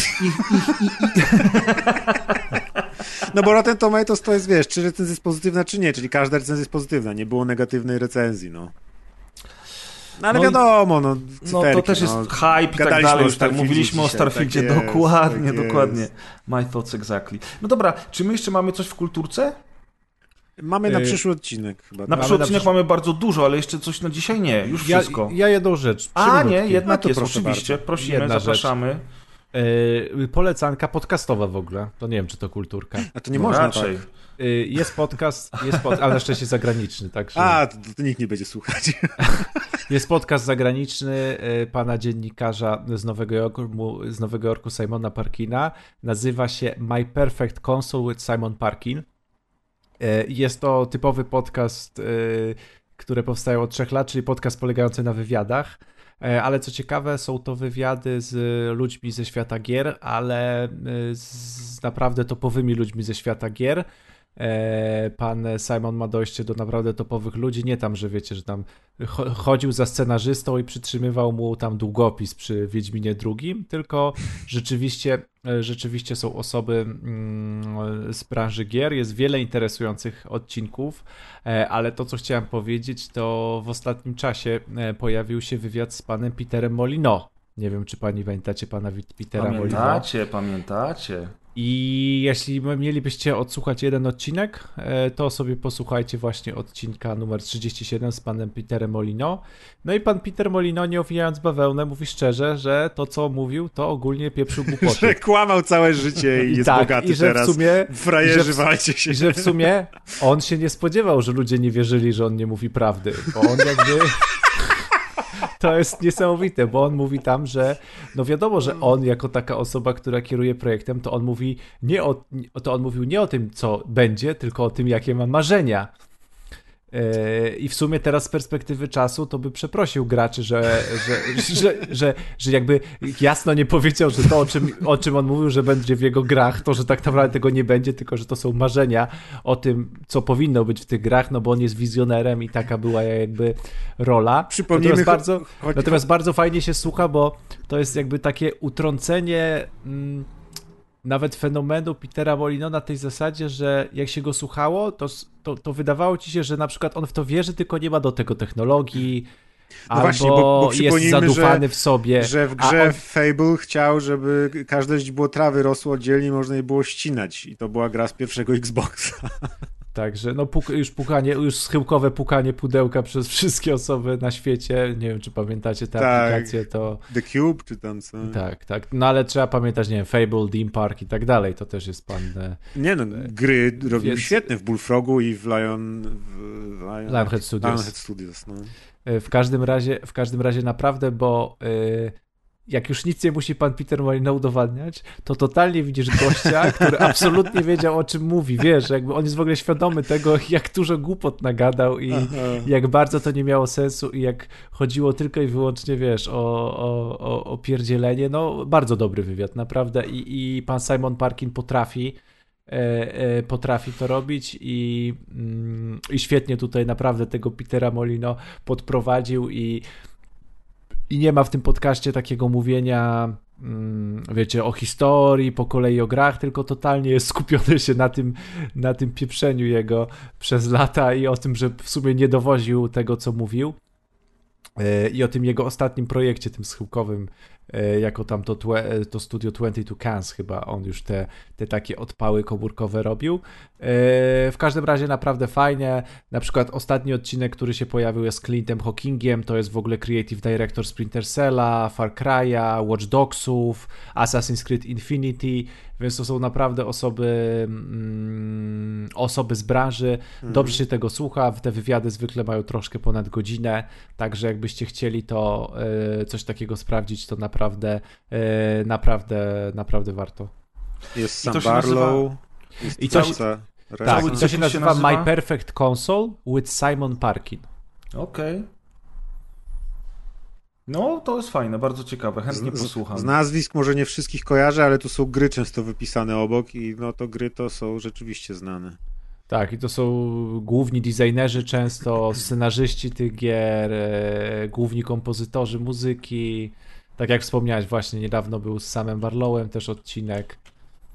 Póki co 38 epizodów jest. Tak, więc. Sam więc... Barlow to jest ten wokalista z Take That, nie?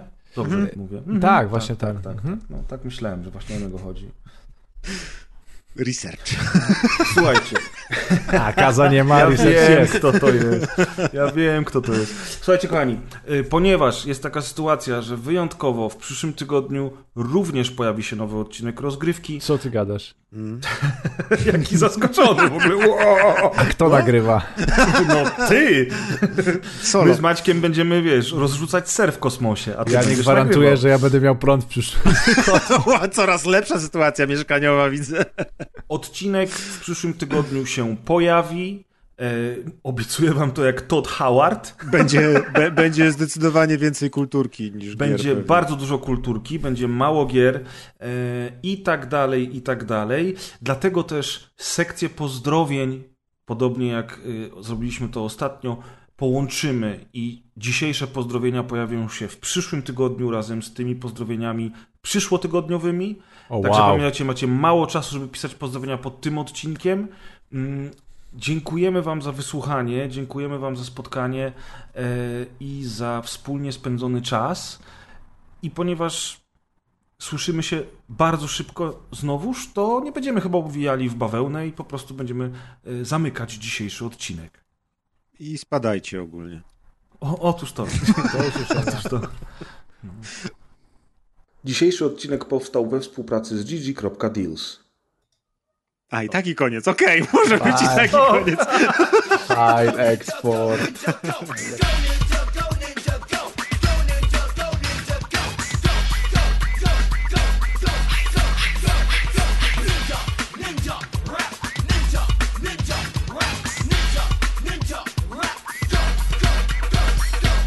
Dobra, to zaczynajmy w takim razie. Ale tylko nie róbcie, znaczy...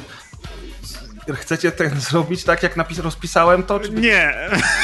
będziecie kręcić bekę, kurwa, z tego? No nie, no to ja nie co ty chcę. napisałeś? Dobrze, dobrze, ja Nie, jest. dobrze, to będziemy czytać, dobrze. Akurat, Ja mam- akurat, nie wiecie. Czekaj, ja muszę przetrenować. Teraz to ja Melduję nie się. Me, Nie, to ja nie melduję się. Ja mam na mniej kwestii. Teraz to ja nie chcę, bo już... Ale musi, to masz trudne wyrazy z systemy łączności. 100% sprawne. Dobra, okej.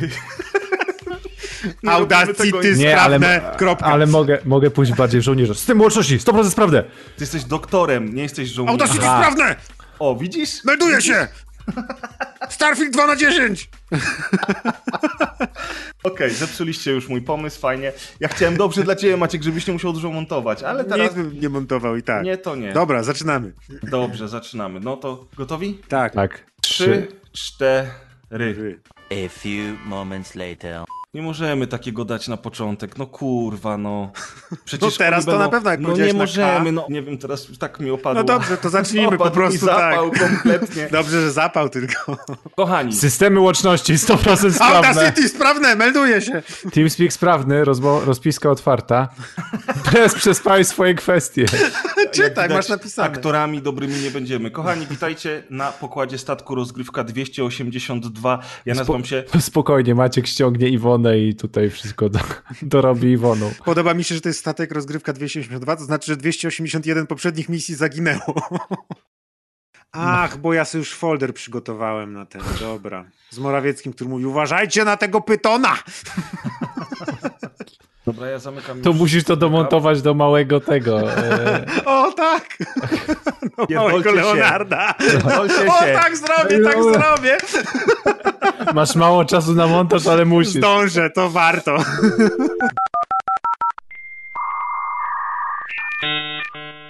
Śliczna chłopki z starków, łatwo kręć do sieci.